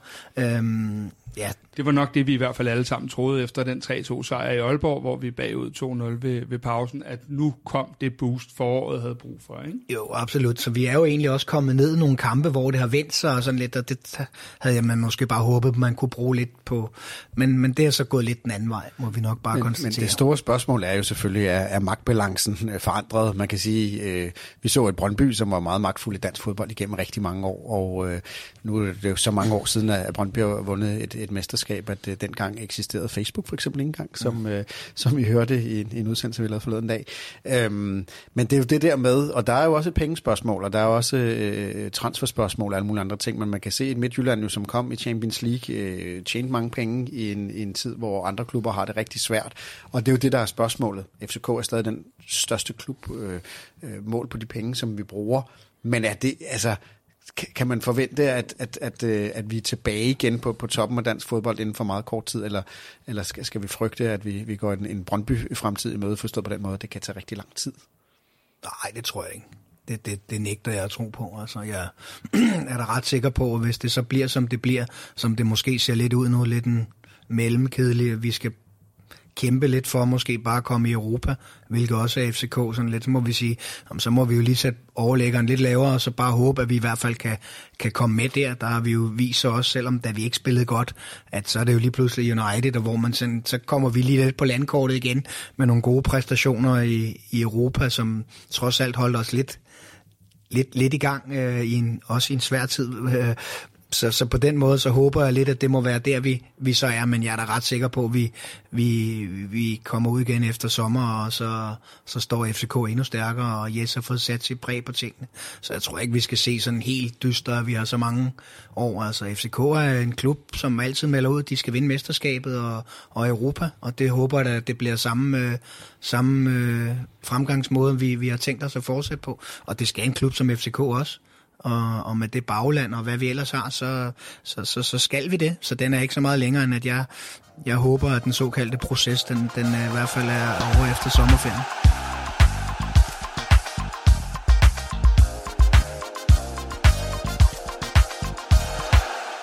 Efter en sløj start på sæsonen og en trænerfyring er FCK ved at blive bygget op på ny. Et nyt FCK er undervejs med ny træner, masser af nye hoveder i trænerstaben, et nyt system. Men med det nye FCK følger der også for FCK-fans en ny og lidt uvant position, hvor vi skal vende os til ikke at ligge i toppen af Superligaen. Der følger en ny type defensiv med, hvor målene piver ind bag Kalle, og der følger dueller med de andre tophold med i ligaen, hvor FCK ikke længere er den naturlige sejrherre. Så det spørgsmål, som de fleste FCK-fans stiller sig selv lige nu, er nedturen midlertidig, og rejser vi os snart til storhed igen, eller skal vi vende os til ikke at være dominerende i dansk fodbold i en rumtid? Er Jes Torups projekt dømt til middelmodighed, eller er vi på rejsen mod noget større? Hvis man spørger fodboldtræner Christian Mørk, der er assistent på det kvindelige landshold og scout for Kasper Julmans på A-landsholdet, så er der virkelig gode ting i vente for FCK-fans. Sådan her sagde han i Mediano i sidste uge. Jeg synes, de har tegnet en retning for, hvor de gerne vil hen af spilmæssigt, og de har fået et markant mere offensivt udtryk, øh, selvom det så er deres defensiv, der nok er det bedste i kampen i går, øh, som gør, at, at man sådan... Øh, man, man tænker en FCK-kamp nu som en med mange mål. Altså, nu ender den så 0-0, den her, ikke? Ja. Det er jo et fuldstændig voldsomt spillermateriale, de har. Og det er også i den sammenhæng, jeg, altså, ved jeg godt, hvad, hvad man siger i et flash-interview, det er jo så også begrænset til 5 sekunder eller sådan noget. Øh, men jeg, jeg håber, at Jes Torup vil dele mere ud af den del, der ikke kun taler om anden bolde og dueller og intensitet og sådan ting. Fordi der er meget mere i det, og det ved jeg, der også er i hans arbejde. Det er et voldsomt spillermateriale, det er et voldsomt træner-setup, de kører.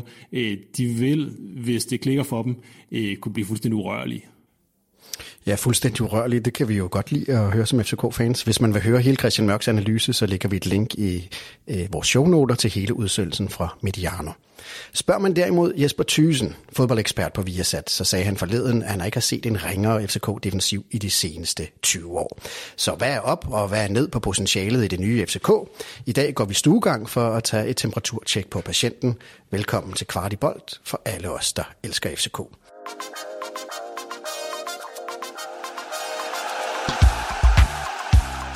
Og husk, hvis du vil være med i debatten om FCK og hvor det er på vej hen, så meld dig ind i vores FCK-debatgruppe på Facebook.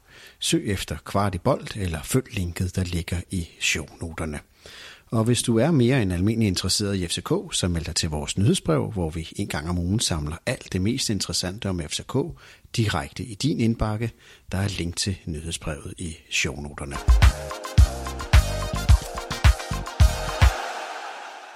I studiet i dag, der har vi Kasper Havgård og Kasper Larsen, og til at hjælpe os med at desikere det nye FCK, der har vi den tidligere fantastiske højre bak, nuværende fodboldekspert og professionel podcaster, Lars Jakobsen. Rigtig hjertelig velkommen til. Tak skal du have. Uh, inden du skulle komme, så tænkte vi jo lidt, du ved, nu får vi dig i studiet, vi vil jo gerne gøre det godt for dig, så uh, vores første tanke var selvfølgelig, at vi ville servere en brunsviger for dig. Ja. Men uh, vores research team har fået stoppet os i ordentlig tid og sagde, det må I for guds skyld ikke gøre. Altså med mindre... Mindre I kører til Fyn. I kører direkte til Fyn og mm. henter det. Så vil han blive altså måske rasende, hvis I serverer en københavnsproduceret brunsviger det er ikke noget, man kan, kan lave på de her kanter her. Altså, jeg har ikke, jeg har ikke fundet en, en brunsviger i, uh, ja, på Sjælland endnu faktisk, der, der er ved at skrive hjem om. Så det er fuldstændig korrekt. Så, og så er det bedre at lade være, medmindre man tager den lange vej til, til Fyn. Og i de, her, i de her miljøvenlige eller rigtige tider, der er det ikke lige, uh, der er det ikke lige sagen at køre 300 km for at hente en brunsviger, vel? Ja, vi kunne komme galt afsted, men heldigvis uh, blev vi stoppet i tide. Til gengæld vil jeg lade os fortælle, at du ikke er så bange for faxekondi. De skal være kolde, og de skal være for dåse, og det har vi selvfølgelig klar til dig, hvis du skulle ja, hvis ikke det kan være for glasflaske, så er dåse rigtig, rigtig fin, og du ja. er fuldstændig ret i, de skal være ispisken, ikke? Men, og der er noget med de der glasflasker, fordi hvorfor smager det bedre, men det gør det bare. ja, det ved jeg ikke, om det, det, der er nok også en mental del i det, ikke? Så. Ja. Nå, men i hvert fald rigtig hjertelig velkommen til, tak. og Lars og Kasper, for at få jer varmet lidt op, så begynder vi med en lynrunde. Jeg stiller syv indledende spørgsmål, og fordi det er en lynrunde, lynrunde så skal det være sådan forholdsvis korte svar. Vi starter med dig, Lars. Hvem er den bedste højreback i FCK's historie? Jørgen Ulbjerg, selvom han spillede venstre det meste af tiden. Hvad siger du, Kasper?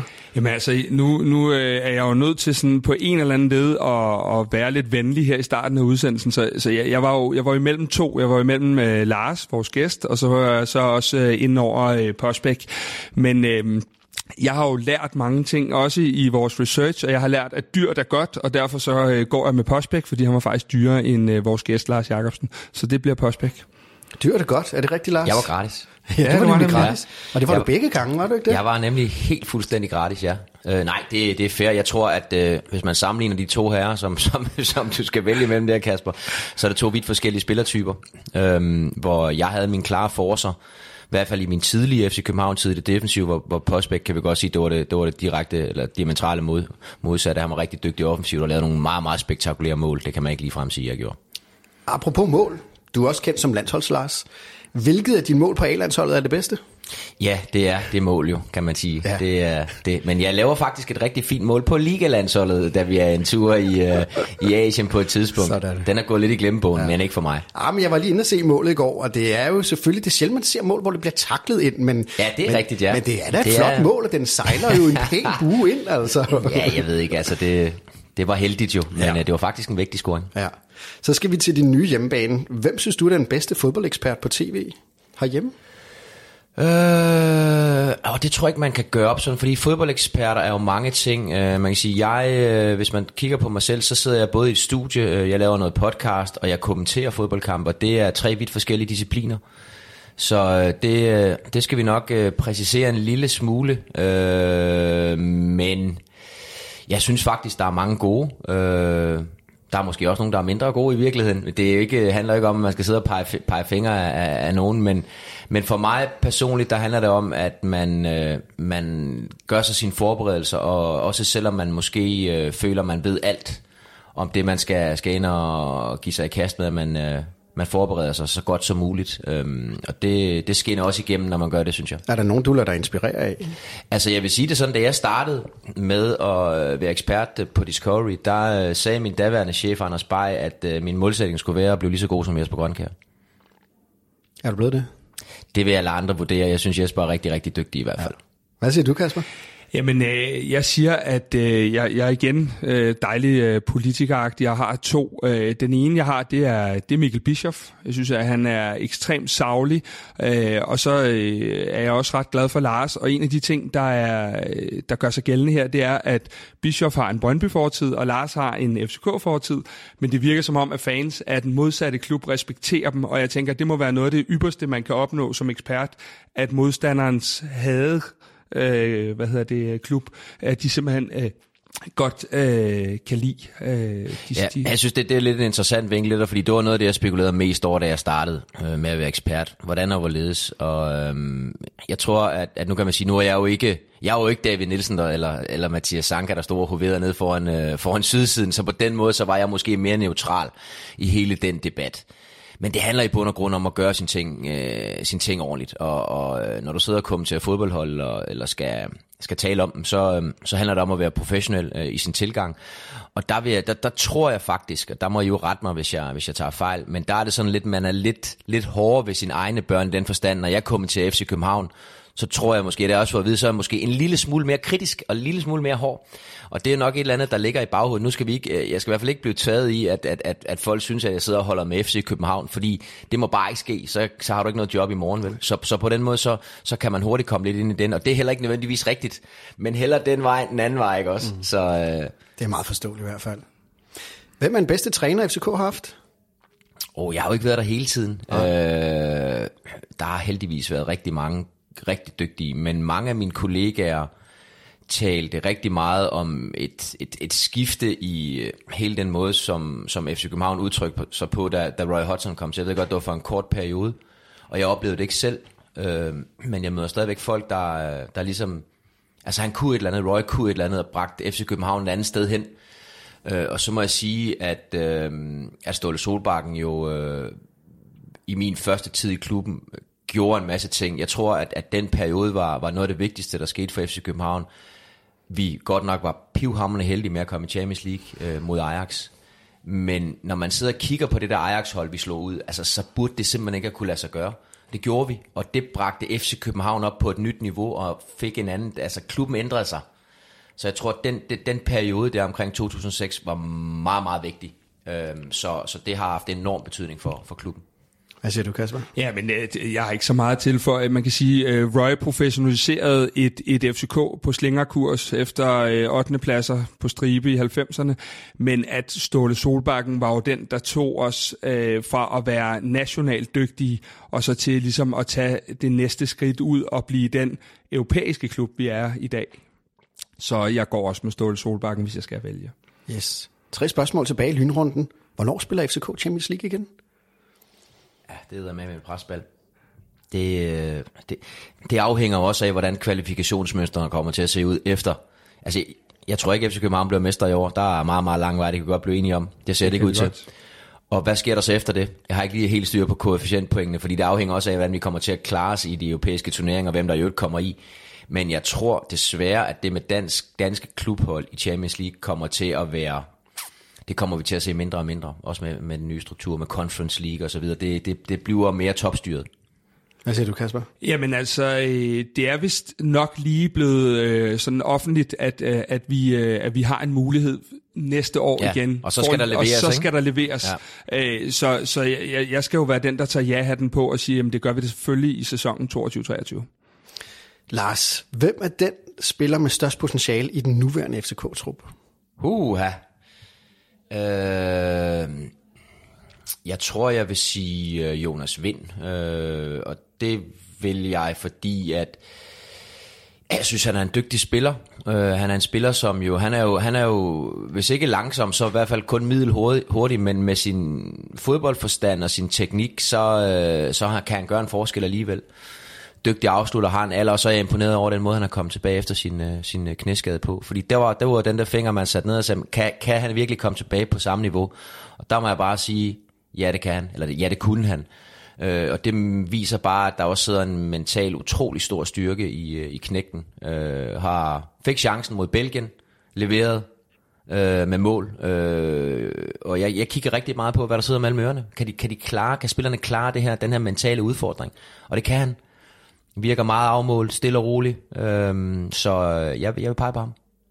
Hvem peger du på, Kasper? Jamen, nu skal det hele jo ikke blive kedeligt, så jeg peger selvfølgelig på hinanden. Øh, jeg synes, nu ser jeg jo en del træninger også, øh, og, og hvad hedder det, han har måske ikke fået det forløst endnu, men en spiller som Mohamed Darami er jeg svært begejstret for, og det er jo fordi, at jeg også synes, at topfart er sindssygt vigtigt i det moderne fodbold, og jeg synes, han har lige en x-faktor, Øh, både ja, til træning og i glimt i kamp. Nu skal vi så også bare til at se det lidt mere kontinuerligt, fordi jeg synes ikke, han kan blive ved med at være et talent, når han har spillet de, de, den slags kampe, han har, trods alt, eller antalsmæssigt i hvert fald.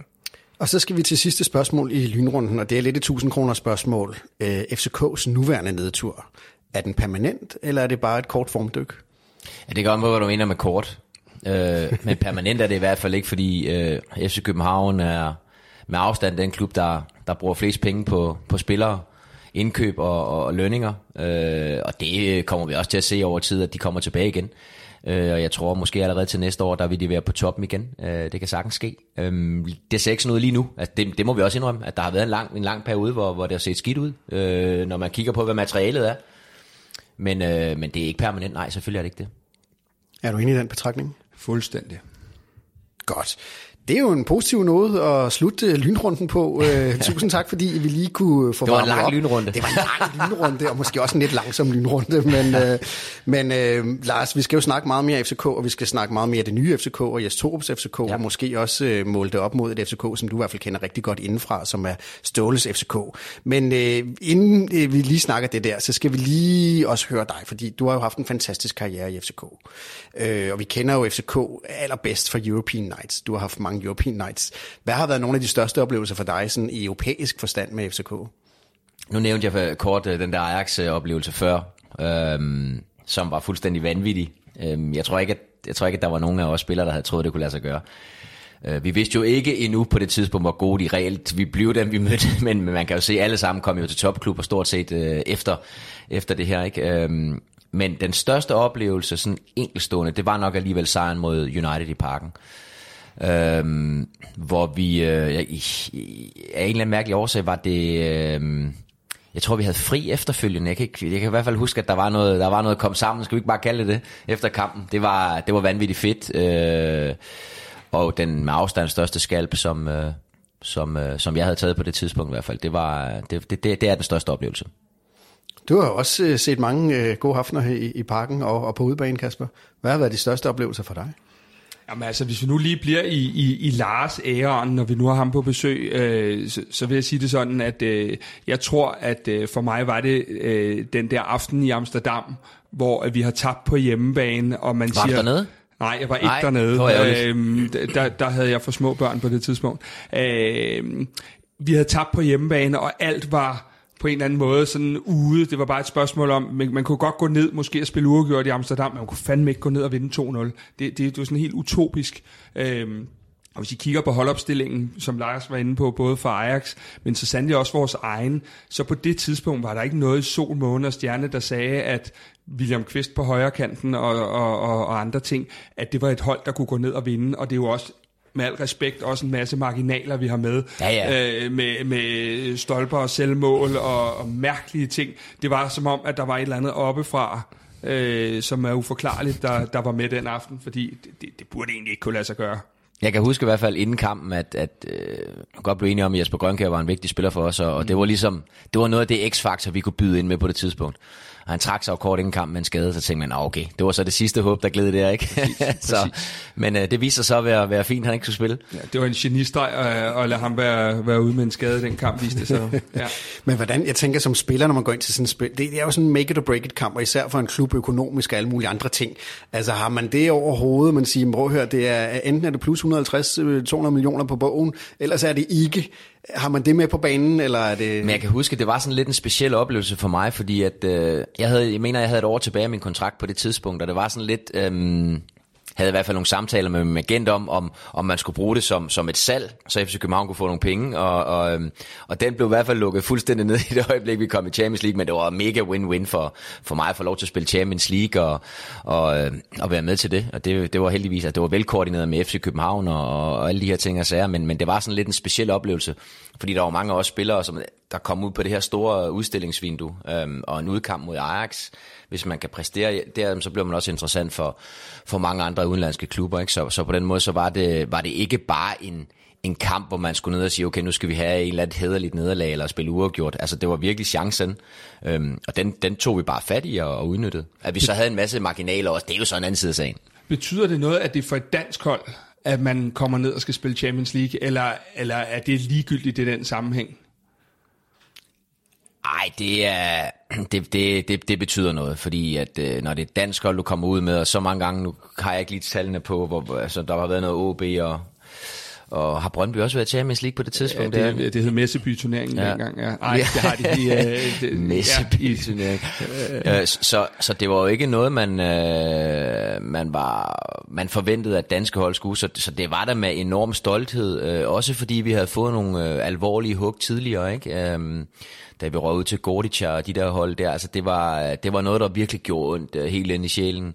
Så at få lov til at få vasket den der plet der væk sådan helt endegyldigt, og få lov til at spille Champions League med, med dansk hold og den hype, der var omkring det, var enorm. Og det havde ikke været det samme, hvis man havde spillet i en eller anden uh, udenlandsklub. Det Nej, hvor det måske mere er per automatik. Ja, det kan man, man sige, ja. ja. Og så er det også et brud med den der, man, det, hver gang at danske hold rører ud, om det er også typisk dansk, og vi er ikke professionelle nok, og vi kan ikke, ja, når præcis. det endelig gælder, så kan vi ikke, altså ja. vi får meget en hyggenation. Fordi det, og det er, nemlig, det er en vigtig pointe, det der var meget atypisk dansk, at vi, vi, vi gik ned, og altså, jeg skal ikke sige, at vi er enige om, at, at OB's resultat med 2-0 sammen på Banabeo var isoleret set større og flottere, men, men, men det var fuldstændig ulogisk, at vi skulle gå til, til Ajax og vinde 2-0. Lars, du har jo været i FCK af to ombæringer. Øhm, kan du huske første gang, du skrev øh, kontrakt med FCK? Altså, hvad var det, du faldt for, eller hvad var det, du købte ind til? Jamen, det kan jeg sagtens. Altså, jeg sad jo nede i Hamburg og, øhm, og havde en, en, en træner, øh, der hed Claus Topmøller, han var kommet til, og han... Øh, Ja, jeg spillede faktisk fast, så kom han, og så startede jeg lidt ude og havde et par indhop, og jeg synes selv, jeg leverede nogle okay kampe, men han så et eller andet i mig, som han ikke kunne lide. Altså, øh, Øh, han mente ikke, at jeg havde noget hjerte, og du ved, jeg øh, havde talentet, men ikke viljen, og alle de der ting, og så nogle ting, som jeg ikke rigtig kunne genkende. Øh, så for mig, der var det egentlig øh, et spørgsmål om at komme væk så hurtigt som muligt, fordi nu havde jeg endelig tilkæmpet, tilkæmpet mig en fast plads i Hamburg efter et års tid. Øh, og jeg skulle ikke bruge mere, jeg var 23-24 år, og jeg skulle spille fodbold. Øh, så jeg var egentlig øh, fuldstændig klar på, at jeg skulle finde noget nyt. Øh, og FC København havde været interesseret i mig, inden jeg, øh, inden jeg tog til Hamburg, og øh, jeg kan huske min, min daværende agent, Carsten Åbrink, øh, tog fat i mig og sagde, at han havde han talt med Niels Christian, øh, og, og, og de var rigtig glade for, at det gik dårligt for mig nede i Hamburg, fordi nu, så, kunne jeg, så kunne jeg passe det komme til FC København nu. Det var sådan typisk Niels Christian kommentar, ikke? Øh, og så gik der ikke uh, særlig længe ind, at så, uh, så hoppede jeg i en bil og kørte, kørte til, til København, og sad der, det gik lynhammerne hurtigt hvor, hvor, hvor, hvor jeg efterfølgende, du ved, der, der var nogen nede fra Hamburg, der sådan, hvorfor vil du ikke være blevet i Tyskland? Vi kunne sagtens have fundet noget andet til dig i Tyskland og så videre, men, øh, men, men for mig var, var det det rigtige at tage til, tage til København. Øhm, Hvad var for, det, du faldt for der? Fordi ja, altså Bundesligaen kontra Superligaen og alle mulige andre ting. Jeg vil spille fodbold, ja. øh, og jeg, jeg vil være med til at vinde noget. Jeg havde lige inden jeg tog afsted til Tyskland, der vandt jeg pokalturneringen med, med OB mod FC København. Og den der smag af medaljer, og den kan, den kan sgu et eller andet. Altså, jeg vidste jo godt, at hvis jeg skulle blive i Bundesligaen, jamen, så ville det blive et midterhold. Øhm, og det, øh, det var ikke lige det, der tiltalte mig. Det var det ikke. Øhm, og så må jeg sige, at både, både Flemming og, og, Niels Christian var, var rigtig øh, dygtige til at overtale sådan en gut som, som mig til at tage til FC København. Øhm, Hvad sagde det, de? Ja, jeg tror ikke engang, de behøver at sige så meget. Ja. Når man sad der, man kommer ind i parken i Nationalarenaen. Det var jo det, jeg gerne ville. Jeg vil jo gerne på landsholdet også. Så kommer du derind, ikke? Øh, og, og ser hele setup'et. Øh, jamen, så kan man ikke rigtig sige nej, vel? Altså det kunne jeg i hvert fald ikke. Jeg var slet ikke i tvivl om, at det var det rigtige, og det viste sig også at være, være, være det rigtige for mig. Øhm, Ja. Er, det, er det lidt øh, den der storhed, der ligger omkring, at man spiller i parken, og, og det, det er ligesom, kan man sige, det nationalstadiet, og det er hovedstaden og alle de der ting. Er det, er det noget af det, der også tæller, når man sidder der og som øh, ja, for vedkommende ung knægt og skal finde ud af, hvad man skal. Absolut. Øh, slet ingen tvivl om, at det betyder noget. Nu kan man sige, da jeg kom fra Hamburg, der spillede jeg på et stadion, der var endnu større, og der var jo altid fyldt, der var altid 56.000. Men parken, og det at være dansker, det er jo noget specielt. Øh, så at få det som hjemmebane, det var da en drøm, ja. Så, så, så alt det der, det, det, øh, det fyldte utrolig meget. Øh, man skal stadigvæk huske på, at dengang, der var FC København ikke, hvor de er nu. Øh, vi... Øh, ja, omklædningsrummet, det var på den anden side af, det var ikke over i 10'eren, som der, der flyttede vi over efter et års tid eller sådan noget. Men det var ydmyge forhold ude på KB, men for mig var det, var det, var det fuldstændig genialt, fordi når man kom ind der i den gamle indgang, eller ja, over på, på KB's, på den rigtige side, kan man kalde, ikke? hvor du kommer ind, øh, og så står der et eller andet... Øh, øh, hvad fanden er der står et eller andet med, med vi, vi gør drenge til drenge mænd, til mænd og, og mænd til drenge, drenge ikke ja. også? Og det der, det har jeg jo vokset op med, fordi jeg som ungdomsspiller i OB, der var jo altid til KB Cup, og det var det der, du kom ind der, man gik og kiggede, og man gik og kiggede på de der gamle navne af landsholdsspillere, ikke? Øh, satte sig over i pejsesalen, over og fik sin morgenmad og alt det der. Så, så, så jeg har jo haft KB ind under huden i så mange år, øh, så for mig, der var det, det var ligesom, det, det, det måske lyder måske sådan lidt, lidt, lidt tal, øh, fortalt at sige, det, at man, man kom hjem på en eller anden måde, men det var jo genkendeligt for mig det hele. Og det var på en eller anden måde, så var der en tryghed i det. Øh, og noget historie og noget, noget charme, som, som var, var fantastisk. Kasper, du har jo været FCK-fan siden 92, så har været med på hele rejsen også. Øhm, nu, nu taler vi lidt om, hvad man kan falde for som spiller, når man, når man, når man kommer, men hvad, hvad er du faldet for? Altså, hvad er det for det FC København, du er faldet for? Man kan sige, nu kom jeg jo med øh, fra, fra træerne over i, i uh, øh, FC København, men, men noget af det, som, som i hvert fald kan man sige voksede på mig, det er jo det der med, at øh, at man spiller i hvidt, man er i hovedstaden, og jeg kunne godt lide noget af det der med, at man er en, øh, ikke i, i, i livet generelt, men, men fodboldmæssigt, at man er en lille smule bedre end de andre, og har en lille snært af at, at, at, at være en lille, øh, på kanten til arrogant. Øh, og noget af det, Niels Christian øh, og Flemming kunne stå for, det var i hvert fald nogle af de ting. Øh, og en af de ting, som, som jeg tænker, når jeg kigger på det nu, det er, at jeg synes, det er nogle rigtig flinke fyre, der er inde i FC København, og hele vejen rundt tegner butikken men jeg, jeg synes måske lidt af den storhed, der var dengang, og lidt af det der med, at selvom vi lå nummer 8, så havde vi egentlig lidt den samme arrogance over for tingene. Der synes jeg egentlig, det er en lille smule poleret og en lille smule pænt lige nu, og jeg savner lidt, at der er en, der tager klubben på skuldrene og siger, vi er de bedste. Vi er Nordens Real Madrid, tror jeg var Jesper Jansson, vores tidligere scout, der sagde, jeg glæder mig over at komme til Nordens Real Madrid. Og det er lidt sådan, jeg faldt for FCK, og hvor man kan sige, det, det, det, det ser jeg bare ikke lige i dag, og det er der, jeg synes, vi mangler lidt identitet, når vi ikke ligger nummer et i hvert fald. Vi vender tilbage til identiteten, men jeg tror, vi starter med spillet på banen, fordi øh, lige nu ligger vi PT nummer 4 i Superligaen. Det er der ikke så meget Nordens Madrid over. Og Lars, du har jo været en del af, af Ståles FCK, og nu sidder du ligesom udenfor og betragter Jes Torups FCK. Hvad synes du er, ligesom, er sådan åbenlyst de største forskelle imellem det, det gamle øh, FCK fra FCK fra Storheden, hvor du, hvor, du, hvor du blandt andet selv var der, og det FCK, der er ved at blive bygget op nu? Jeg tror, at øh, hvis man starter fra starten af, øh, så var FC København øh, 4-4-2 øh, med en stærk defensiv. Øh, det hold, som vi spillede Champions League med, var der måske ikke så meget... Der var ikke så meget, øh, nu, nu kan vi jo bringe alle mulige fodboldtekniske floskler i spil, men helrum og halvrum og tomrum og bagagerum og hvad fanden vi snakker om, ikke også? Altså, øh, der var det 4-4-2, og vi kunne med med forsvar, det kunne vi. Altså, øh, vi kunne sagtens tage til, til Randers en, en, en regnfuld onsdags aften, og så kom vi foran 1-0 øh, efter et kvarter ved Markus Albæk typisk, og så holdt vi dem stangen. Det kunne vi, og det kunne vi rigtig, rigtig godt, det der. Så havde vi nogle spillere, Albæk nævnte jeg, så var der en Achiba, som, som, som på sine dage, så var der en Grønkær, som gav os det der stjernedrys øh, en gang imellem. Men vi kunne sætte ned med forsvar, og, det, og, vi, og vi satte nære i det. Så det var, øh, det var arbejdsfolk øh, i den forstand, at øh, når der blev sparket en bold i feltet, så vidste jeg godt, at jeg skulle ikke koncentrere mig om at hætte den væk, fordi for det første, hvis der kom afslutning, så havde vi Danmarks bedste målmand, Jesper Christiansen stående derinde, som reddede alt. Og så havde vi Michael Gravgaard og Brede Hangland, der kunne hætte en kor og kirketårn, hvis de ville. Så, så, så, så, så den, den var fuldstændig hjemme. Øh, så havde vi hårdt arbejdende typer over det hele. Og vi havde en sindssyg harmonisk gruppe, som lavede en masse ting socialt. Jeg er godt klar over, at, at nu til dags, hvis du går ind i omklædningsrum, så sidder folk med, med snotten begravet i deres telefon. Ikke? Altså det, og det er jo sådan, vi lever vores liv på. Øh, sådan var det jo ikke dengang. Vi kom hinanden ved, vi vidste noget om hinanden, vi kendte hinanden, vi, vi, vi kendte hinandens kærester og hustruer. Ikke på den dumme måde, men på den gode måde. øh, vi havde kort aften, og vi, du ved, det var et andet liv. Øh, ellers skulle den her podcast have taget en helt anden drejning præcis, nu. Altså. Ja, lige præcis. Lige præcis, det havde været noget dumt noget, ikke? Øhm, så er der også en, øh, så ændrer Ståle, han ændrer sig også den måde, den, den måde som FC København spiller på. Det er man simpelthen nødt til, fordi fodbold ændrer sig. Øh, og begynder også at spille anderledes. Selvfølgelig stadigvæk med, med, med zoneforsvar og, og et fokus på en stærk defensiv. Men nogle andre typer. Øh, det kan være kanter, der, der, der spiller med, med, med, med, det modsatte, med den modsatte fod, det vil sige så en venstre fod i højre side, og der går indad og alle de her ting og sager. Hvor det i gamle dage var lidt mere klassisk.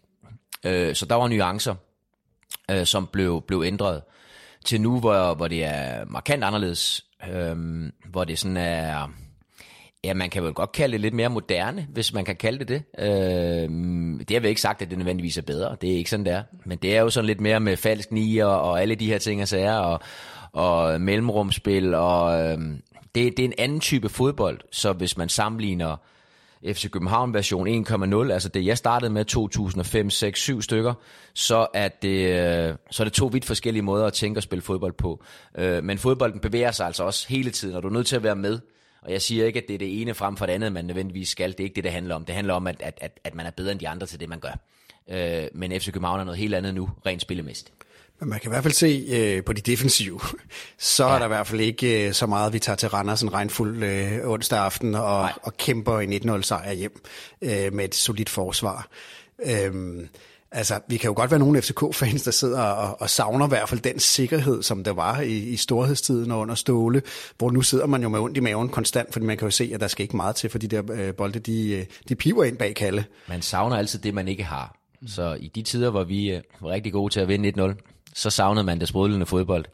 Og omvendt. Men selvfølgelig så skal man jo finde en balance, og FC København forsvarer ikke ret godt i øjeblikket. De lukker i hvert fald alt for mange mål ind og har gjort det lang tid. Så det skal man jo have fundet en løsning på. Uden tvivl. Men man skal også bare lige huske det der med, at man, man vil altid have det modsatte, ikke? Øh, det er altid naboens hus, der er federe på en eller anden måde. Øhm, så så, så der, der, der er nuancer i det. Men, men helt grundlæggende, så, øhm, så bliver der lukket alt, alt for mange mål ind, og det har det gjort i, i alt for lang tid.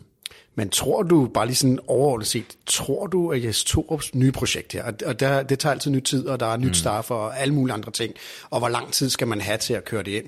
Tror du bare sådan her, hvor vi sidder nu, det vi kender, nu sidder vi her mellem øh, grundspillet og, og mesterskabsspillet, øhm, tror du på, at der er en chance for, at det kan blive et stort og succesfuldt FCK, og måske lige så stort, som vi har set nogle af de tidligere FCK-hold? Jeg kunne ikke se, hvorfor det ikke skulle blive det. Og det, det siger jeg ikke, øh, altså det siger jeg udelukkende, fordi de muligheder, der er i FC København, det setup, der er, den økonomi, der er, jeg er godt klar over, at vi snakker rigtig meget økonomi og, og de problemer, der også er i FC København, men jeg kan ikke forestille mig, at FC København de næste 3, 5, 10 år kommer til at køre med et lavere budget, end, end de andre gør. Det alene gør, at det vil være ulogisk, hvis de ikke kommer tilbage til, til tidligere tiders storhed. Det kan godt være, at de perioder ikke bliver lige så lange, fordi der er nogle af de andre, der er blevet rigtig dygtige også. Øh, hvor vi sad jo alvorligt på flæsket øh, med Brøndby som, som halsen efter. I, i, i mine perioder i FC København i hvert fald, ikke? Det var vi mange, der var glade for, ja. at de halsede efter ja, i hvert fald. Det, det, det, det, det, det, det, ved jeg jo, det ved jeg jo godt. Nu er der så nogle andre, der er begyndt at byde ind, ikke? og er blevet rigtig, rigtig dygtige, specielt vores øh, venner over fra, fra det midtjyske derovre, som har fået en butik op at køre også, og begyndt at sælge nogle spillere i et, i et, i et prisniveau, der gør, at, at de leger altså med. Øh, også, og, så vi jo senest med Pione sidste, ikke? Altså, det sted gik ind og, og stjal en handel, og det var fuldstændig utænkeligt for, for 10 år siden, at det gik den vej. Der fik FC København dem, de ville have hele tiden, fordi de havde så meget mere at skyde med øh, rent økonomisk. Men, øh, men jeg er ret sikker på, når vi, øh, hvis vi fremskriver den her tidslinje 10 år, så vil det undre mig, om FC København ikke er blevet mestre. Fem af gangene i hvert fald. Det, det er en aftale, vi, vi vil holde dig op på. Men vil, vil I købe den? Vil I købe, vil I købe det, det, gange? det, det vil jeg egentlig spørge dig om, Kasper. det- Vil du købe det- den? det- Hvis jeg lige skal svare på den Ja. først, så vil jeg sige, nej, det vil jeg ikke købe. Nej. Øh, fordi, Det er jeg egentlig glad for, at du siger. Jeg synes, at, øh, jeg synes jo, at det er noget af det, øh, hvor vi øh, i lange perioder af nullerne var ret sikre på, om ikke andet, så blev vi i hvert fald danske mestre. Jeg havde en søn, der på et tidspunkt siger, far, hvornår skal vi ind til den der mesterskabsfest? Ja. Og hvor jeg er nødt til at sige til ham, det er altså ikke bare noget, man kommer, det er noget, man skal spille sig til. Men det var simpelthen blevet en, en fast bestanddel, at det skulle vi som regel i maj måned, og fik nogle guldmedaljer, og, og der var noget god musik og sådan nogle forskellige ting. Og det er jo en ting, hvor jeg har det lidt med nu, at 5 ud af 10 mesterskaber, hvis vi bibeholder det budget, vi har, osv., det er ikke ambitiøst nok. Øh, jeg er oppe i, at vi skal vinde øh, 7-8 titler med, det, med, det, med det, øh, hvad hedder det, den maskine, vi er, og den maskine, vi har bag os. Øh, nu er jeg med på, som Lars siger, at der er noget økonomi, der ikke spiller helt inde i FCK lige nu. Men jeg er jo samtidig også bekendt med, at når vi nu alle sammen har fået øh, et stik i armen, så er vi også nogle af dem, der kan komme til at, at løbe hurtigst i gang, fordi vi har den der store muskel, der hedder LaLandia og kontortårn osv. Men Kasper, må jeg så ikke spørge dig? Fordi det, spørgsmålet er jo lidt her. Øh, selvfølgelig kommer vi tilbage til storhed, storhed, og hvor mange mesterskaber skal man over 10 år. Men, men lige nu er der jo rent konkret et helt nyt projekt, der er Jes Torup, og hvis man følger kommentatorsporet ude på de sociale medier, så øh, hvad hedder, der er der jo ikke mange tilbage i den klub efter hver eneste kamp, hvor der ikke lige kommer tre point på kontoen. Det er jo træner, der skal ud, det er spillere, der skal ud. Det var for fejl at fyre Ståle, øh, det var rigtigt at fyre Ståle, men det var for fejl at, at ansætte Jes, etc. Tror du på det, Jes Torup er ved at bygge op nu, med det, som du har set indtil videre, tror du det, at det er hans projekt, der skal bære FCK ind i den næste storhedstid? Nu, kan man sige, nu nævnte Lars lige uh, Niels Christian Holmstrøm, og han sagde jo engang det der med, at kirkegården er, er fuld af uundværlige mennesker. Og det er jo en, en mekanisme, der er i 2021 her, at uh, når, når ting med det samme ting ikke går. Jeg giver et godt eksempel. Folk skreg på de sociale medier, at Ståle, uh, hvad hedder det nu, hvor vi kan høre alt, hvad der sker uh, på stadions, at Ståle råbte skreg Darami ind i hovedet i, i 90 minutter. Så kommer Jes til, Darami spiller et par gode kampe. Vi siger, hvor er det fantastisk med Jes' mandskabspleje nu vinder vi ikke så meget, så nu siger vi, at yes, øh, Torup er en spejderdreng, og så videre. Den mekanisme, den lever fodbolden både med og af. Øh, Jeg bider faktisk mærke i noget andet, Lars siger. Det er noget af det med typerne. Øh, Du fortæller lidt, nu er det forsvaret, du, du øh, nævnte lidt, men Lars nævner noget af det der med, at vi ville bare vinde, og vi ville sætte en ære i, at vi, vi spillede til 0 i Randers og sådan nogle ting. Jeg tænker lidt på, om man de senere år, øh, i hvert fald nogle gange, har castet forkert inde i FCK.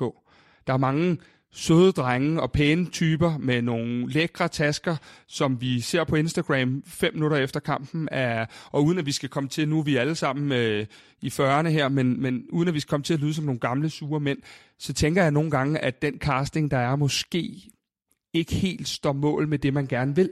Jeg tror, jeg tror, at hverdagen for fodboldspillere er også blevet anderledes, fordi at, at nu snakker vi om sociale medier. Øh, I min første tid, der fandtes de, der fandtes de ikke. Øh, når vi lever livet på en anden måde, det der med at promovere os selv og, og, og skal vise, hvor godt vi har det alle sammen, og, og hvor mange penge og hvor fantastisk det hele det går.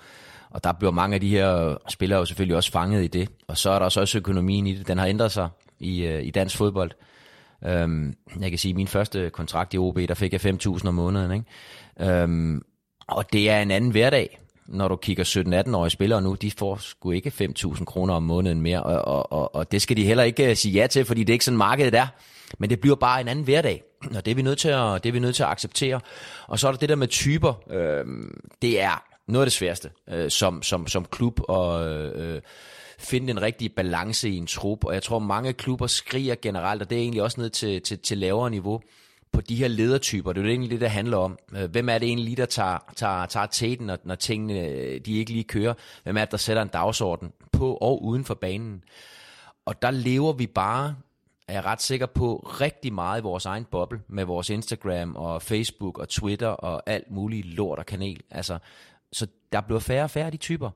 Øh, hvor, hvor i gamle dage, da alting var bedre og nemmere, jamen der talte vi jo med hinanden, ikke?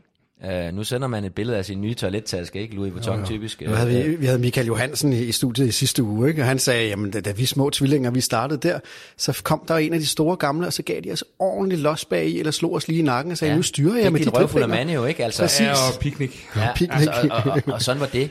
Men vi er selvfølgelig også nødt til at sige, sådan er det ikke mere. Altså, sådan er det ikke mere. Og der er heller ikke det der øh, voldsomme topstyret hierarki, som der var i gamle dage, da jeg var ung spiller i, i, i OB. Jamen, øh, det var ikke mange farleafleveringer, man skulle lave til træning. Så kom med Michael Hemmingsen og Lars Høgh og Carsten Detlevsen og Michael Schønberg og Brian Sten og Carsten Hemmingsen og bum, bum, bum. Så fik man simpelthen en røvfuld, ikke? Sådan er det jo ikke mere. Øh, det, det, det må man jo ikke i gåsøjne, vel? Men, men apropos ledertyper, vi, vi har her i vores podcast faktisk snakket rigtig meget om ledertyper, og vi synes, vi har savnet nogen på banen i øjeblikket, der tager ansvar. Men der er jo mange naturlige ledertyper, synes vi, hvis vi kigger på FCK's hold. Ja. Er der mange, der burde tage den? Men Hvem er der, det?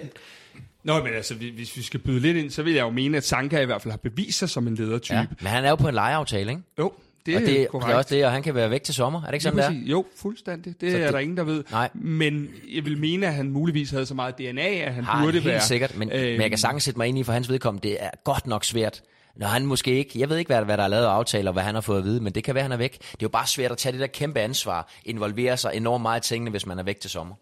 Det er rigtigt, det er rigtigt. Og så, så har vi talt om, at der er jo også forskellige ledertyper. Jeg synes jo også, at Bøjlesen er en rigtig stor ledertype. Øh, Jeg synes, Rasmus Falk på sin egen måde er Ja. en ledertype. Det behøver ikke altid være den, der råber højst. Der er Nej, en nej, ledertype. absolut ikke. Øh, man kan sige, vi har et, et dukfrisk eksempel fra weekenden, hvor at øh, din egen øh, Discovery Plus beder om at tale med Sanka efter kampen, hvis vi skal kigge på det med ledertyperne. Sanka siger, det magter han simpelthen ikke, og stiller så i bund og grund sin holdkammerat Rasmus Falk ud foran kameraen, der skal stå og fortælle, hvor elendigt det hele er. Og det er jo der, hvor jeg siger, der, der kommer et eller andet, der, der ikke spiller, som det skal. Øh, I hvert fald i forhold til, øh, at, at jeg forstår godt, man er skuffet og så Ja. men, men der, der skal man jo have nogen, der stiller sig frem og siger, den tager jeg, denne her. Ja, jeg vil sige, Sanka har jo, han har jo taget sine, Ja, det må sine hug også og ja. stillet sig op. Og jeg synes faktisk, at øh, lige nøjagtigt der, der kan man også vente om at sige, for der er rigtig mange, der har stillet sig op på et tidspunkt, hvor de ikke skulle stille sig op. Og det har Sanka også gjort. Mm. Ikke? Der, var, der var også en episode, hvor, hvor, hvor man siger, der skulle du ikke have stillet dig op, fordi der tabte du den måske Ja. ja. lidt. Og det har nok været i erkendelse af det, og så, så, er det, så er det rigtig fornuftigt at gøre det på den måde. Ja, det er ikke? rigtigt. Så, så man kan altid vente den, øh, den Ja. er altid tosidig, den der, den der medalje der på en eller anden måde. Ikke? Men hvem, Søren, hvis du kigger på FCK's hold nu, hvem er det, der skal tage det der ansvar og, og ligesom også tage temperaturen på kampene og få folk op og ned på de rigtige tidspunkter? Ja, øh, og når vi snakker ledertyper, så er det jo også en balancegang. Hvis du nu kigger på, på det gamle hold for 6, så havde du en målmand i Jesper, ledertype. Gravgaard, ledertype. Brede Hangland på sin egen måde, ledertype. Jeg selv, nok også ledertype. Tobias Linderoth, markant ledertype. Men det var også lidt som, som, som Rasmus Falk. Det var mere på banen, der tager fat i nogle ting og så videre. Ikke en, der satte en dagsorden uden for, uden for banen. Markus Albæk i den grad en ledertype. Ikke? Så, så øh, jeg ved ikke engang, om jeg har glemt nogen, men, men der var utrolig mange, som, som satte en dagsorden, både på og uden for banen. Og det er ikke kun i FC København, det er egentlig alle steder, at der ikke er så mange af dem. Jamen, jeg giver dig fuldstændig ret i din analyse. Rasmus Falk på banen er jo fantastisk at have en spiller selv i modgang, der aldrig løber om banen modstander og siger, jeg vil ikke have bolden. Det samme med Nikolaj Bøjlesen. Det er jo ikke spillere, som banker døren ind til omklædningsrummet og siger, nu skal de kraftedeme komme i gang. Det tror jeg ikke nødvendigvis, de er. Men det er heller ikke nødvendigt, og jeg tror heller ikke, at, at, at, at, at den tid, jeg spillede, der skete det jo ofte det der. Altså, der, var, der havde man jo fat i kravtøjet på hinanden nogle gange, ikke? Hvis, hvis der ikke blev leveret. Og det tror jeg, at den måde kan man ikke gøre det på mere. Altså, så får man jo øh, 30 dages øh, ubetinget fængsel, ikke? Altså, det er Nå, det er men der er ingen tvivl om, at tiderne har ændret sig, og det er nogle nye ledertyper, anderledes led- ledertyper, der er. Jeg tænker bare nogle gange, at øh, nu, nu sidder vi og snakker jo selvfølgelig lige nu om Ståle og Torups projekt og sådan noget. Det her var jo galt også i Ståles sidste 18 måneder, og jeg kan ikke lade være med at tænke lidt på, at, at dem vi kaster, også dem vi henter hjem, de cases vi normalt laver, så er der en eller anden, der tager ud, så flopper han i udlandet, så henter vi ham hjem, og så spiller vi. Og jeg kan ikke lade være med at tænke lidt på, at øh, de er kastet til at komme hjem, blive fætteret af 30.000 mennesker i parken, ligge nummer et og vinde, og, og det kører, vi spiller i Europa og så videre. Lige nu, der løber man og, og skal kæmpe røven ud af bukserne for bare at få medaljer. Man kommer ikke med i noget gruppespil. Så man kan ikke lade være med også at tænke på, at, at at står det så ikke lige mål med det, man havde håbet på, når man kom hjem, eller regnet med? Og er der så en tendens lidt mere nu til, at man så måske lige mangler de sidste 3%? Det kommer jo lidt an på, øh, hvordan afledes man, man øh, ja, hvordan man bygger de her ting øh, op internt. Øh, jeg synes jo, det, der, er jo, der, der er jo personligheder, altså person, person, personer er selvfølgelig forskellige, men når man henter en Lukas Lea hjem for eksempel, som landsholdsspiller, i hvert fald i periferien af landsholdet, og spille en del landskampe, øh, kommer fra den italienske liga, der vil jeg jo med det samme sætte fingre ned i det øjeblik, man, man signer ham, eller i hvert fald har de der samtaler om, at han skal signes, der er det et krav, at det er en, der går ind og tager noget lederskab. Og det gør han sammen med, lad os sige, Rasmus Falk, Nikolaj Bøjlesen. Jeg siger, det, det, det, det er altså jer tre, der skal tegne butikken øh, de næste 3-5 år, øh, så, så I sætter en dagsorden fra, fra nu af. Det, det er man simpelthen nødt til. Fordi der, der, er ikke, der er ikke otte af de der typer der. Øh, det, det, det er der virkelig ikke øh, lige i øjeblikket. Øhm, og jeg tror, de bliver svære og svære at finde. Men det kræver selvfølgelig også, at man giver dem det ansvar. Ikke? Altså man, at, at de får det, at man, man bygger dem op, at de får lov til at spille noget fodbold, de føler sig, de føler sig som, som en leder også. Ikke? Så, så, og, og jeg, jeg, jeg tror, det er, det, det er mega, mega svært, og specielt i de her tider her, hvor, hvor folk er hurtige til at pege fingre, og man ligger nummer 4, og det hele bare noget rigtig lort, og spillerne i øvrigt også er røvelendige, og trænerne er dårlige, og alle de her ting og sager. Det er jo i de tider, det er meget, meget, meget, meget svært, og i de tider, at man som, som hold og som, som organisation virkelig skal, skal stå sin prøve, fordi det er godt nok svært at få bygget de der ledertyper op øh, internt, når, når det ikke kører, som, som, som det skal. Men, men, men apropos ledertyper, så har der også været en diskussion, og er en diskussion i FCK-fora, øh, som hedder øh, Ståle var en hård træner. Ja. Han kunne godt nok råbe folk op. Øh, yes er en rar mand. Øhm, og nu har jeg selv arbejdet i erhvervslivet mange år, og jeg ved godt, at man behøver ikke være hård for at være en god træner. Men der er noget, er der noget i fodbold, øh, hvad hedder det, verden, der gør, at, øh, at man skal, at, at Jes måske ikke er den rigtige FCK-træner i forhold til at repræsentere en kultur, som har været positiv afgang, eller hvad, hvad fanden man ellers kan kalde det. Øhm, er han for rar? Jeg tror ikke, man skal undervurdere øh, Jes Torps temperament heller. Altså, øh, Jes kan sagtens tale med store bogstaver i, øh, i omklædningsrummet. Øh, det ved jeg, han kan. Øh, så, så det kan godt være, at han, han har et andet ydre, og ikke er så ud af, ud af styret, som, som, som Ståle var på sidelinjen, men, men øh, spillerne får besked. Det, det, altså, det, jeg, det jeg, jeg har stået ude på tieren øh, efter Lyngby-kampen, hvor de spillede 2-2, og øh, der stod jeg altså ret, da de øh, evaluerede kampen ude på banen foran fans og journalister og det hele. Så, så altså, man skal jo ikke lade sig snyde af, at det jo ikke nødvendigvis er dem, der råber højst, der altid bare øh, kan de ting. Og det, det, det er lidt sådan... Øh, fordi at han er flink og, og, og rar og så videre, øh, så kan man sige, at der er måske noget retorik, han, han lige skal have styr på, at han er kommet til en anden klub, øh, hvor, hvor vi generelt ikke kører med mellemsæsoner og, og, og, og, og, og hvad ja, det var over i Sønderjyske, der var vi så var jeg selv i studiet ja, der. øh, hver, hverken mellemsæsoner, eller, ja. eller når vi ikke kan blive nummer et, kan vi blive nummer to, eller tre, eller fire. Ja. Altså der er noget retorik, han nok lige skal lære, nu er han kommet til Storbyen, øh, hvad hedder det, og det kunne være, at han skulle have en, øh, en snak med Lars, øh, omkring, hvordan det er at, at komme ind til København i hvert fald. At det er en anden retorik, der ligger i København, og det er måske det, der så gør, at når der er modgang, så siger man, den retorik, og at manden er en flink fyr, gør, at han så også nødvendigvis er vattet. Men det, det er bestemt heller ikke sådan, jeg oplever ham. Øhm, der er jo det her med, med, med, med hele det nye projekt. Det er en anden måde at spille på. Og nu har vi snakket om nogle af de ting, som er i hvert fald en forskel for, for et gammelt ståle FCK, hvor vi siger, jamen vi har en knaldhård defensiv, hvor vi kan kæmpe alt hjem øh, og forsvare alt hjem. Og så har vi det her med, med ledertyperne. Og begge dele er jo noget, man mangler på et Jes ophold eller, eller hvordan kigger du på det? Jamen jeg, jeg synes jo stadigvæk, når man ser på materialet, har du stadigvæk spillerne til, at man, nu snakker vi sådan sort og hvidt, man kan spille til nul. Altså, der er, der er masser af kvalitet, øhm, så, så det er bare et spørgsmål om, om at få det til at virke. Øh, og det, øh, det er ikke noget, man lige gør overnight. Altså, det er træning, træning og træning. Og så handler fodbold rigtig meget om det, der sidder op på øverste etage, det mentale. Altså, man skal tro på tingene. Og, der, øh, og nu I ser flere FC København-kampe mig, for jeg arbejder jo tit, øh, jeg arbejder på hele platformen, der hedder Superliga, så jeg, jeg ser ikke, jeg har for eksempel ikke set Randers kamp endnu, for der var jeg på arbejde kommer jeg til at gøre på et senere vi, tidspunkt. Vi skal nok sende dig hele kampen, så du kan sidde og hygge dig med det. Men, men jeg ser selvfølgelig rigtig mange af deres kampe. Øh, øh, men men, men, men det, er, det, er, det er det der mentale der, og der, der fornemmer jeg en mental skrøbelighed i øjeblikket, og det er meget normalt, at det er sådan i perioder. Øh, jeg har selv, min sidste tid i København var heller ikke specielt god. Der var vi også mentalt meget, meget skrøbelige. Altså man havde en eller anden fornemmelse af, når vi kom ind i parken, der kunne vi godt mærke, at modstanderne, de havde allerede, de havde allerede minimum et point med hjem i kufferten, hvor i gamle dage, kæft mand, der var ikke nogen, der fik noget med hjem der. Der var lukket og slukket, ikke også?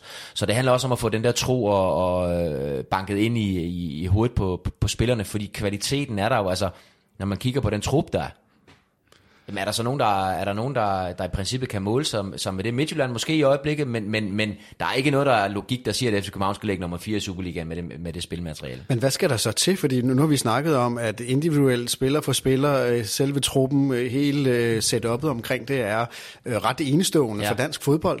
Og alligevel, så kan man sige, så går der rigtig langt imellem mellem de gode resultater i hvert fald. Altså, der er mange, der siger, at fodbold det er simpelt spil. Fodbold er ikke et simpelt spil. Fodbold er sindssygt komplekst og er blevet mere og mere komplekst. Øh, hvis man kigger lidt på nogle af de store hold, hvordan de tilgår spillet, angriber på en måde, forsvarer på en anden måde, laver omstillinger på en tredje måde. Altså, fodbold er ikke så simpelt, som, som, som man gør det til. Det tager tid. Det, som er lidt ærgerligt for, for FC København, og lidt bekymrende, det er, at man starter med en ny træner, der selvfølgelig skal ind og finde, finde, finde ud af, hvilke spillere har jeg, hvordan og hvorledes. Og så lige pludselig gik det stærkt. Det så rigtig godt ud. Jeg var selv nede og dække den der kamp nede i Sønderjyske med mellemsæsonen, hvor jeg bare tænkte, nu er de kraftet med ved at finde den. Altså hold da op, de spiller godt. Ikke? Der, der begyndte det at ligne noget. Og så har man fået det her setback her. Og det er måske uh, naturligt nok, det kan godt være, men, men det er altid lidt bekymrende, når det sådan begynder at se rigtig godt ud, og så får du det der knæk igen, ikke? Hvor, hvor, hvor, hvor målene begynder at havle lidt ind igen, og man måske ikke helt rammer de offensive ting, skaber ikke helt nok chancer og, og alle de her ting og sager. Men det er altså ikke, det er ikke noget quick fix det her. Det kommer til at tage tid.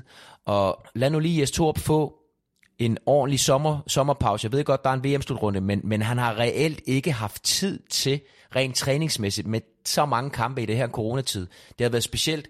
Man har ikke rigtig kunne samle holdet på den rigtige måde. Man har ikke kunne lave de ting, man vil. Man har, altså, lad dem nu lige få en træningslejr eller to, så han rigtig kan få implementeret sin, øh, sin, sin spillestil, og så kan man begynde at sætte pegefingre ned efterfølgende. Altså min tese er jo lidt, at han faktisk er blevet offer for sin egen gode start, øh, som du også lidt er inde på, fordi øh, da, da, Torup, da vi tager øh, 50-0 over i Herning, der da han er lige er kommet til, der begynder vi jo at snakke om, om, om FCK overhovedet kommer i top 6. Ja. Og så, øh, så knaller vi et øh, november-december af, som bare er outstanding, ja. og øh, vi, vi, vi, øh, vi, vi ligger og vi spiller noget rimelig god fodbold i forhold til, hvad vi har været vant til under de sidste 18 måneder med Ståle. Og så kommer vi ind her i, i foråret, og øh, får jo egentlig, Lars, den der succesoplevelse i Aalborg. Ja, men, øh, men der var også nogle ting i den kamp. Ja. Nu sidder jeg lige her med min telefon her og lige øh, scroller resultaterne igennem, fordi der var jo en første halvleg. Som var miserabel. Ja, øhm, der er altså det at sige, at nu kan jeg ikke engang huske, hvilke år, var det 13, vi blev mestre? Det kan du, Kasper, sådan noget der lige ja, for. Jamen, det, det Nå, passer. Der starter, vi jo, øh, der starter vi jo ind i parken med at være bagud. Er vi bagud 2-0 til FC Midtjylland? Og får uh, Claudemir vist ud? Og ja. Eller er vi bagud 1-0 og vinder 2-1? Ja, er vi ikke bagud 2-0? I er bagud 2-0, og Claudemir ja. bliver vist ud ja. af kampen som ja. slut. Og, og jeg tror endda, det var første runde eller sådan noget. Det var det, og ja. Nikolaj Jørgensen og Cornelius kommer ind. Lige præcis. Yes. Men det der, siger jeg bare, det har så stor betydning for, at vi vinder den der, øh, ja. bliver mester den der ja. sæson. Helt vildt mentalt. Og jeg tænkte lidt det samme med den her Aalborg-kamp her. Jeg ved Præcis. godt, det ikke var sæsonens første kamp. Øh, men, men at det kunne give et mentalt boost. Selvfølgelig var der nogle ting at sige først, der var bekymrende. Det var der med også i den der FC Midtjylland-kamp, øh, som, som jeg snakkede om her, mm. hvor vi var pivelendige. Men nogle gange så kan det der ryg et hold sindssygt meget. Og der så man også lige kort efter måske en lille opblomstring, øh, øh, men så faldt det sammen igen. Og det, det, det var ærgerligt jo, ikke? også kan man sige, at, at man ikke kunne blive ved med at ride videre på den der mentale, mentale bølge, hvor man føler sig uovervindelig, fordi når du selv på, på udebane er bag 2-0 og kan vinde det, men det, det må jo give et eller andet mentalt boost, ikke? Jo, præcis, og så tænker jeg, at, at, at på det tidspunkt, der var vi jo faktisk altså, øh, ved at være med øh, der hvor det var sjovt, fordi vi, vi har jo haft alle muligheder for at komme igen i den her sæson, hvilket ikke burde være ja. øh, matematisk muligt. Øh, men det har vi faktisk, og jeg, jeg tænker meget af den frustration, der er i øjeblikket, også handler om, at vi jo rent faktisk lige nåede at komme hen og smage. Vi spiller faktisk en kamp, den ved jeg ikke, om du har set, Lars, men mod, mod Vejle, hvor vi vinder 2-1 hjemme.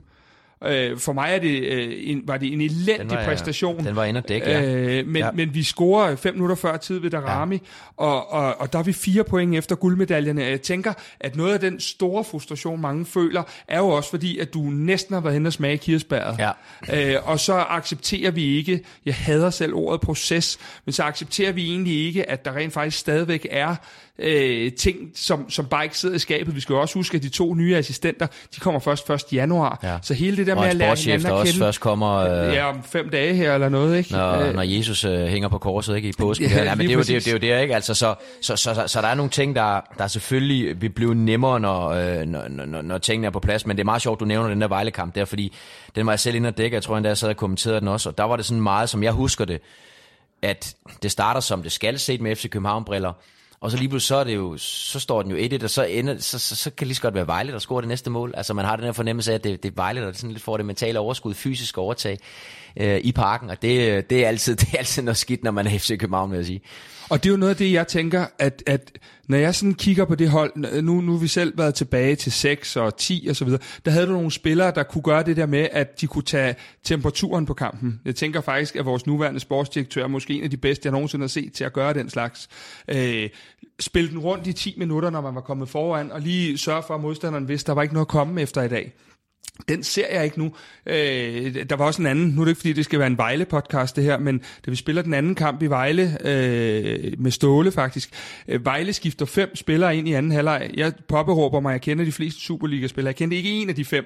Vi skifter fem ind, som, som havde landskampe og udlandsophold osv., og, så videre, og så får Vejle overtaget.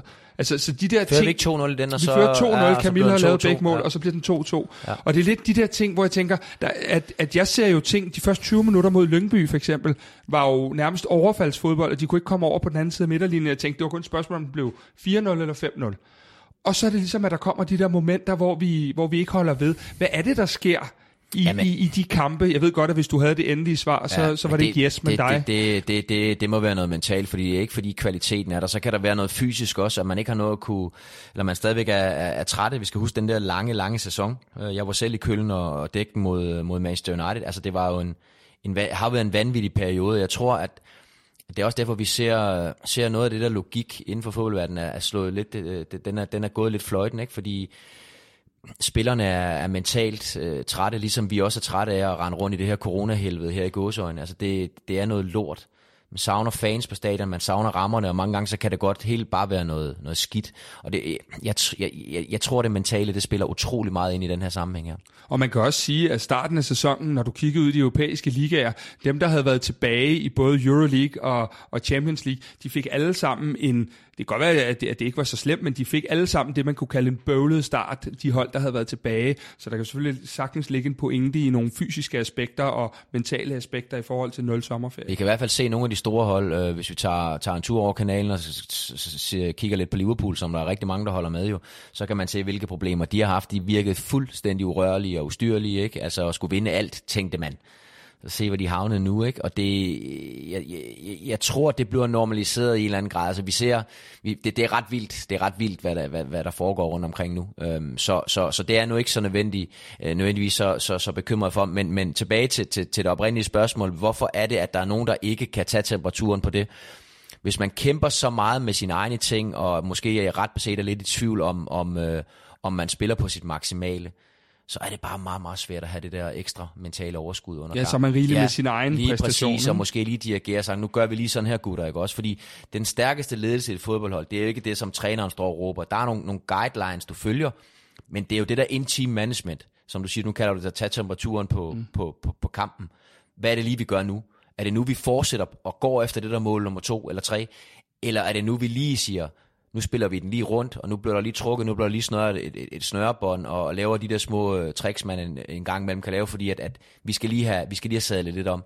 Og når hold kan det, jamen så, så er de noget meget, meget langt, og der er FC København nok ikke lige i øjeblikket. Men så har vi jo også balladen i og med, at, øh, at, at der skal være et, et europamesterskab til sommer, og at for, for flere spillers vedkommende ligner det jo, at, at vi igen står uden en pause til sommer. Så, så hele det der med, at, at man kan sige, to projekt, der skriger på en træningslejr øh, væk fra Dubai og så videre.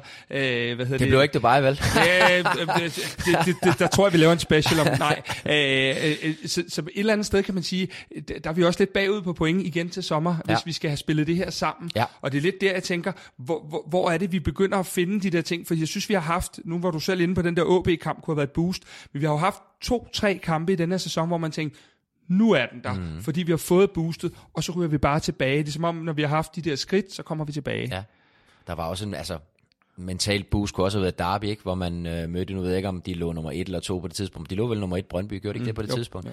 Ja. Øhm, og der var man måske lidt uheldig. Altså, det er jo også en del af det, men man vinder den ikke. Man vinder den bare ikke, vel? Altså, det, det, det, er rigtigt, som du siger, der, var, der, har hængt nogle, øh, der har hængt nogle kirsebær eller nogle lavt hængende frugter, man kunne have grebet, men det har man ikke, det har man ikke gjort, og det er jo selvfølgelig ikke tilfældigt, at, at, at, at man misser de muligheder der. Det er, det er øverste etage.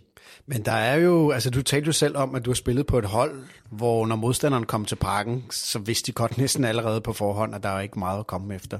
Og der er jo ikke mange hold, der ikke kommer til parken i dag, og i hvert fald har en eller anden tro eller et håb på, at de godt kan komme derfra med et, et, et godt resultat. Og FCK har ligesom også øh, de sidste par år sakket en lille smule bagud øh, i forhold til den position, de havde som en klart nummer et. Ser du en Superliga, hvor magtbalancen enten har tippet eller er ved at tippe? Øh de der konjunkturer har kørt frem og tilbage altid. Der har også været perioder øh, inden 6, hvor vi havde et rigtig fint hold, hvor, hvor, hvor modstanderholdet måske havde en større tro på at få point, end de havde lige nøjagtigt i 2006. Så det skal man ikke være så urolig for. Det, det vipper hele tiden. Der var også kommet perioder, hvor FC København sælger en del spillere, og, og måske ikke er så stærke, og det samme med de andre hold. Så det er, det, det, det er ganske, ganske naturligt.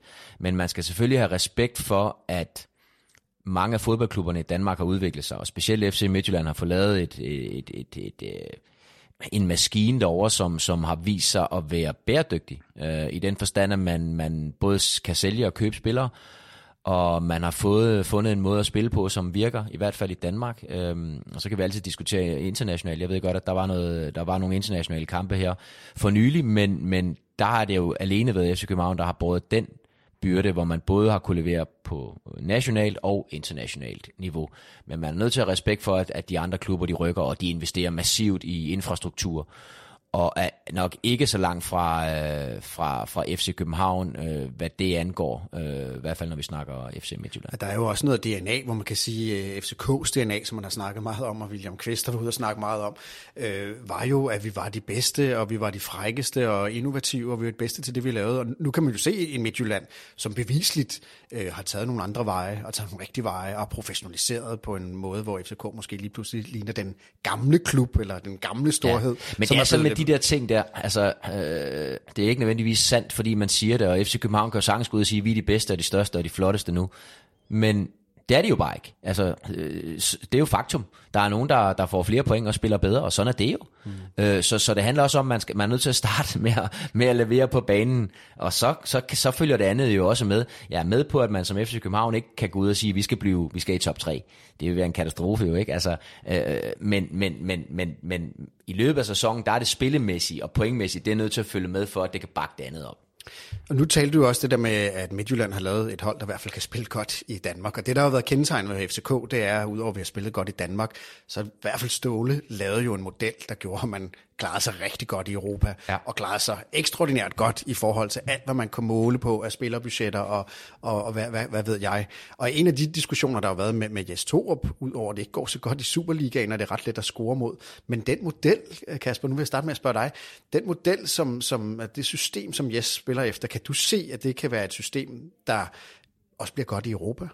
Altså, jeg, jeg kan godt se, og det har Lars jo allerede fortalt en lille smule omkring, at det der med, at øh, i gamle dage, der kunne vi fandme forsvare. Men jeg mener jo heller ikke, at øh, når jeg kigger på klubber rundt omkring i Europa, at der kun er én måde at gøre tingene på. Øh, så, så for mig at se, kan jeg lige så godt se, at vi skulle kunne finde øh, de, de, øh, de gyldne moments med, med de S2-ophold, som vi gjorde med Ståle. Øh, guderne skal vide, at vi var gode til at klare os igennem kvalifikationen her de senere år, men det har godt nok også skramlet og bamlet rigtig, rigtig meget i de gruppespil, vi har spillet. Nu ved jeg, at Lars selv har dækket de fleste her øh, for Discovery+. Plus. Øh, og det har godt nok ikke været kønt øh, heller under Ståle. Og jeg tænker, at øh, jeg kan ikke se, at der kun er én vej ind i fodbolden, så jeg kan ikke se, hvorfor vi ikke skulle med det materiale og de penge, vi har, også kunne levere og, og at Jes og Næstrup og, og Ruben kan, kan lave et, et europæisk udtryk også. Det kan jeg slet ikke se, hvorfor men, de skulle kunne. Nu ved jeg ikke, om du har set nogen kampe i 2020, men det var det ikke noget specielt godt uh, øh, FCK-spil, uh, på hvert fald på hjemmebane. Men alligevel er den europæiske kampagne jo ret enestående, og det vil sige, Ståle havde jo skabt et, et eller andet i hvert fald, der gjorde, at uanset hvad, så havde man en model, der fungerede ja, europæisk. absolut, og, og, og, og det virkede i rigtig mange år, øh, indtil man, man, man misser den. Øh, øh, på forfærdelig vis. Ikke? Den der bold op på, på overlæggeren og i hovedet på Peter Ankersen. Ikke? Altså fuldstændig absurd uh, teater, der foregik Ingen der. ikke? link i show notes til det mål, nej. Nej, men, men, men problemet med den kamp, det var jo, at man, øh, jeg kan ikke engang huske, hvad fanden de hed. Dem, Rijeka. Ja, Rijeka.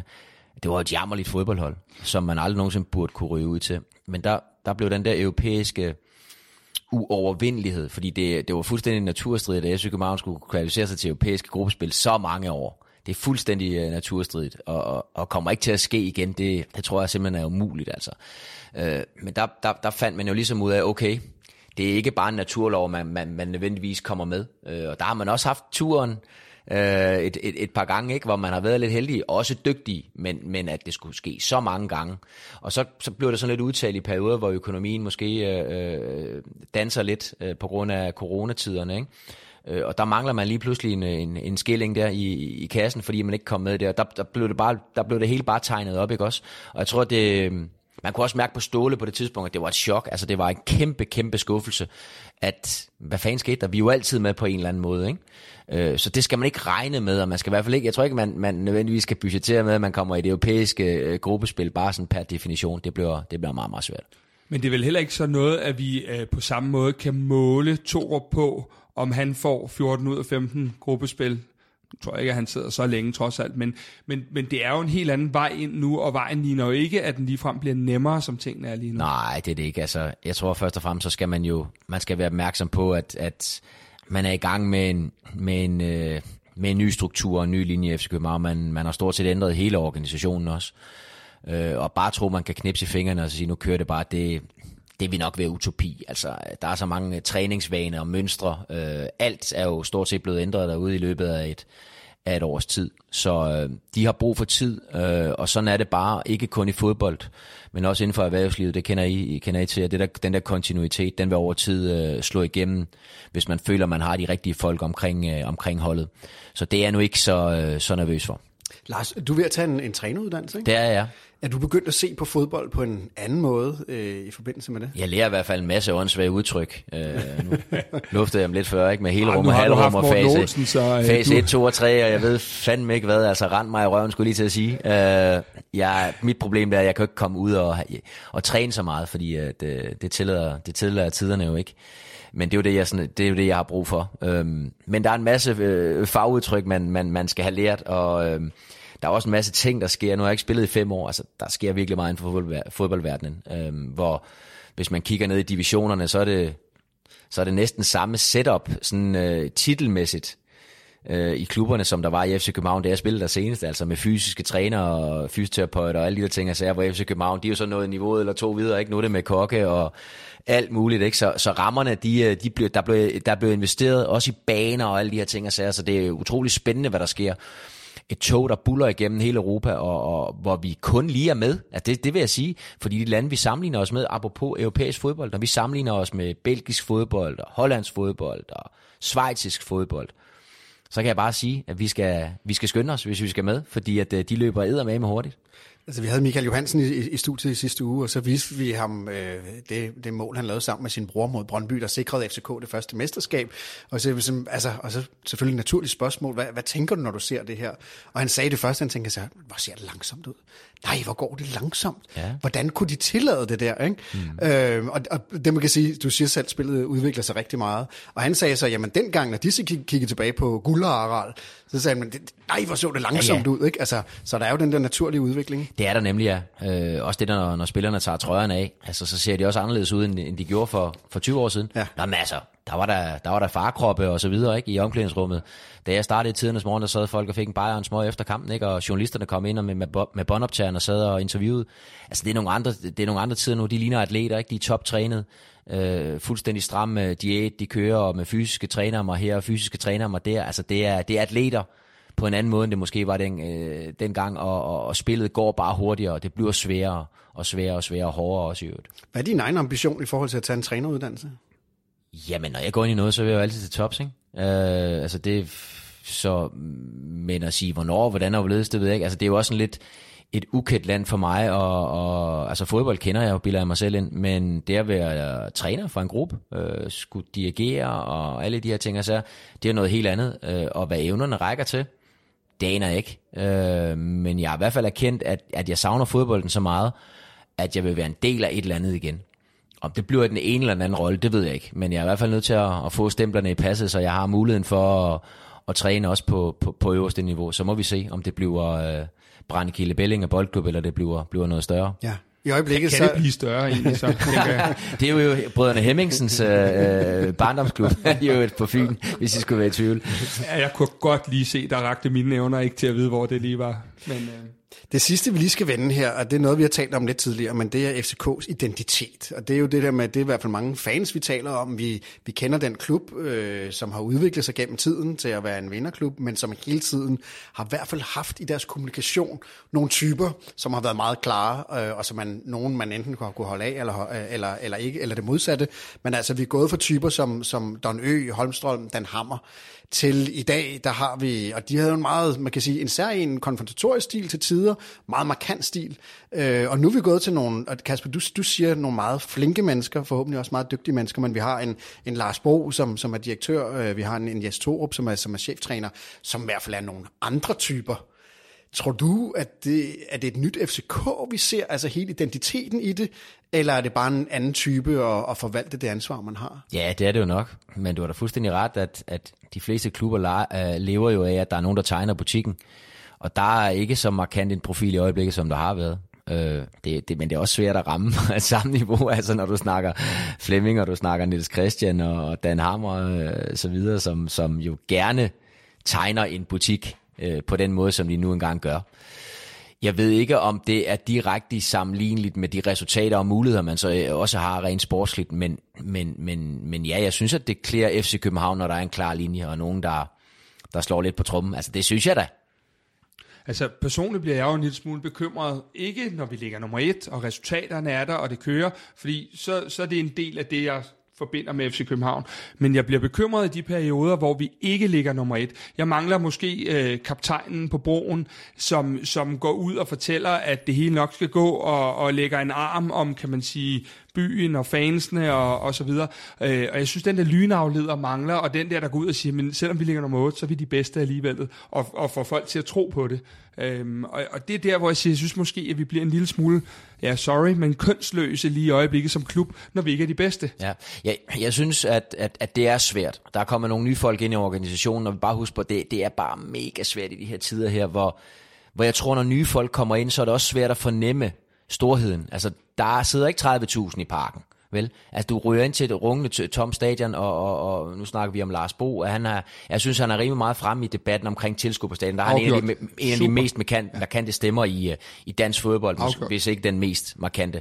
Og, og der, der, der, trækker han selvfølgelig et kæmpe læs, men det må også være svært for sådan en som ham at komme ind et nyt sted, kommer fra, øh, fra, et, fra et mediebureau, ikke? Øh, en stor stilling der, og kommer ind et nyt sted, men, men, men hold op mod det være svært at fornemme, hvad det egentlig er for en butik, han kommer ind i. Han har jo kun oplevet spiller, ledelse og alt det. Han har jo ikke oplevet helheden. Jo, så har der stået nogle fans en gang mellem uden for stadion og, og budt spillerne velkommen. Og den. Men, men, men, men han har jo slet ikke prøvet at være en del af det FC København, som vi kender. Altså det, som vi forbinder med FC København. Store aftener i parken, European Nights, tilskuere, spillere, samhørigheden, alt det der.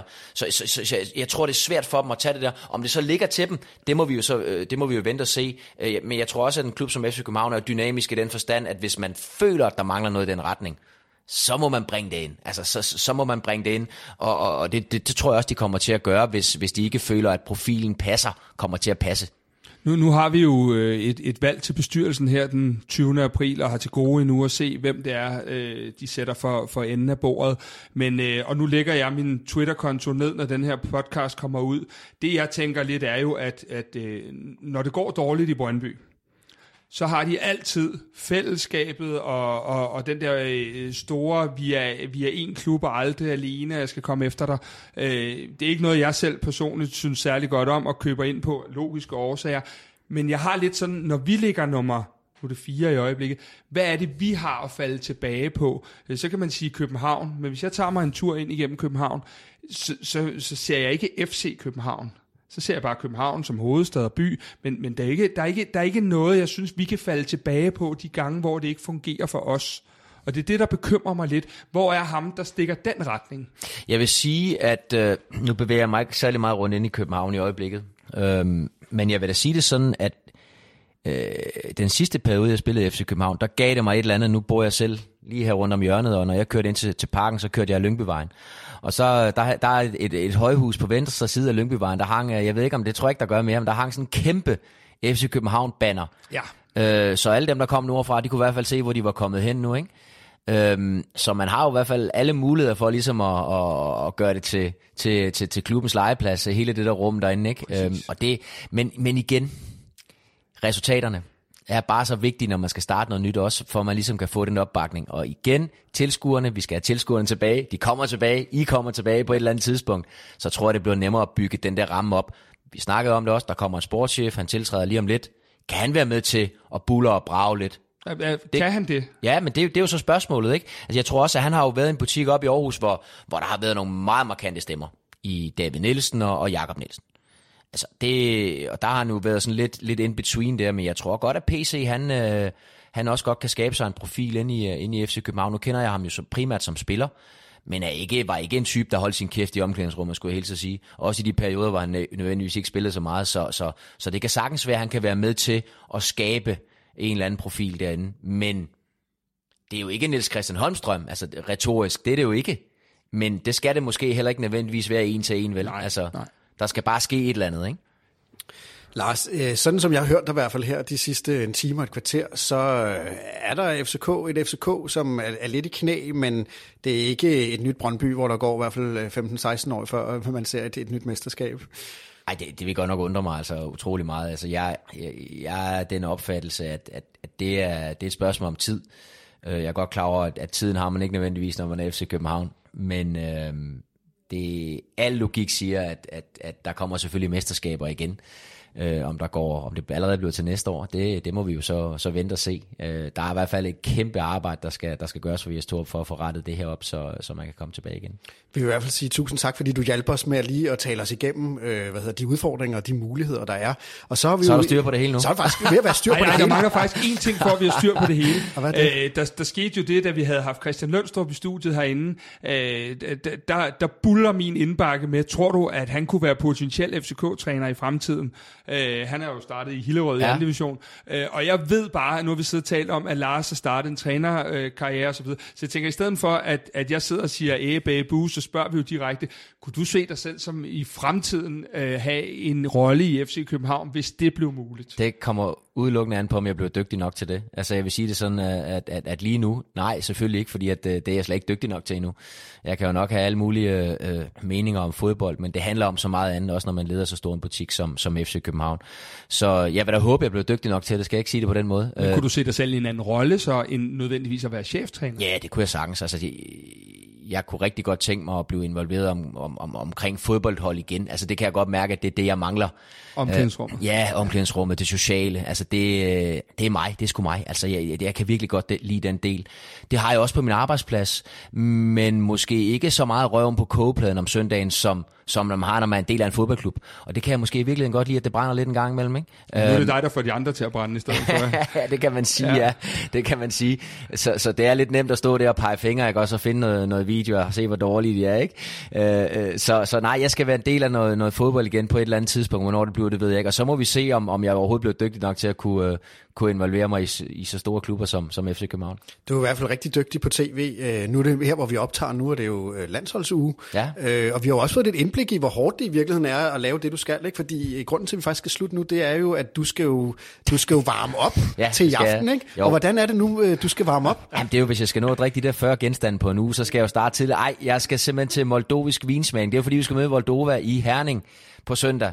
Og så skal, skal jeg ind med min kollega Sark Eholm og smage noget, øh, noget vin fra Moldova. Altså, jeg skal nok huske at spytte ud, for jeg har jo studie i aften, hvor, hvor vi møder Israel også. Så, øh, men øh, det er sådan en af de der sådan lidt skæve, skæve ting, øh, som, øh, som man selvfølgelig bare siger ja til, når man er, når man, når man er firmadsmand. Ikke? Og, og det er jo det der med, at du tidligere sagde, jamen hvad gør altså en god kommentator? Det er jo, man har researchet, Det man det. har forberedt sig på den helt rigtige præcis, måde. Ikke? det kan man sige. Men det er jo, det er jo meget, meget, det er jo nok det tætteste, vi kommer på prostitution inden for mit fag. Ikke? Man, man, man, man tager til vinsmagning klokken, klokken 12. Ikke?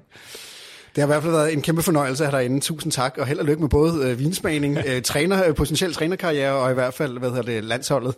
Tak, og held og lykke med resten af sæsonen. Tak skal du have. Tak.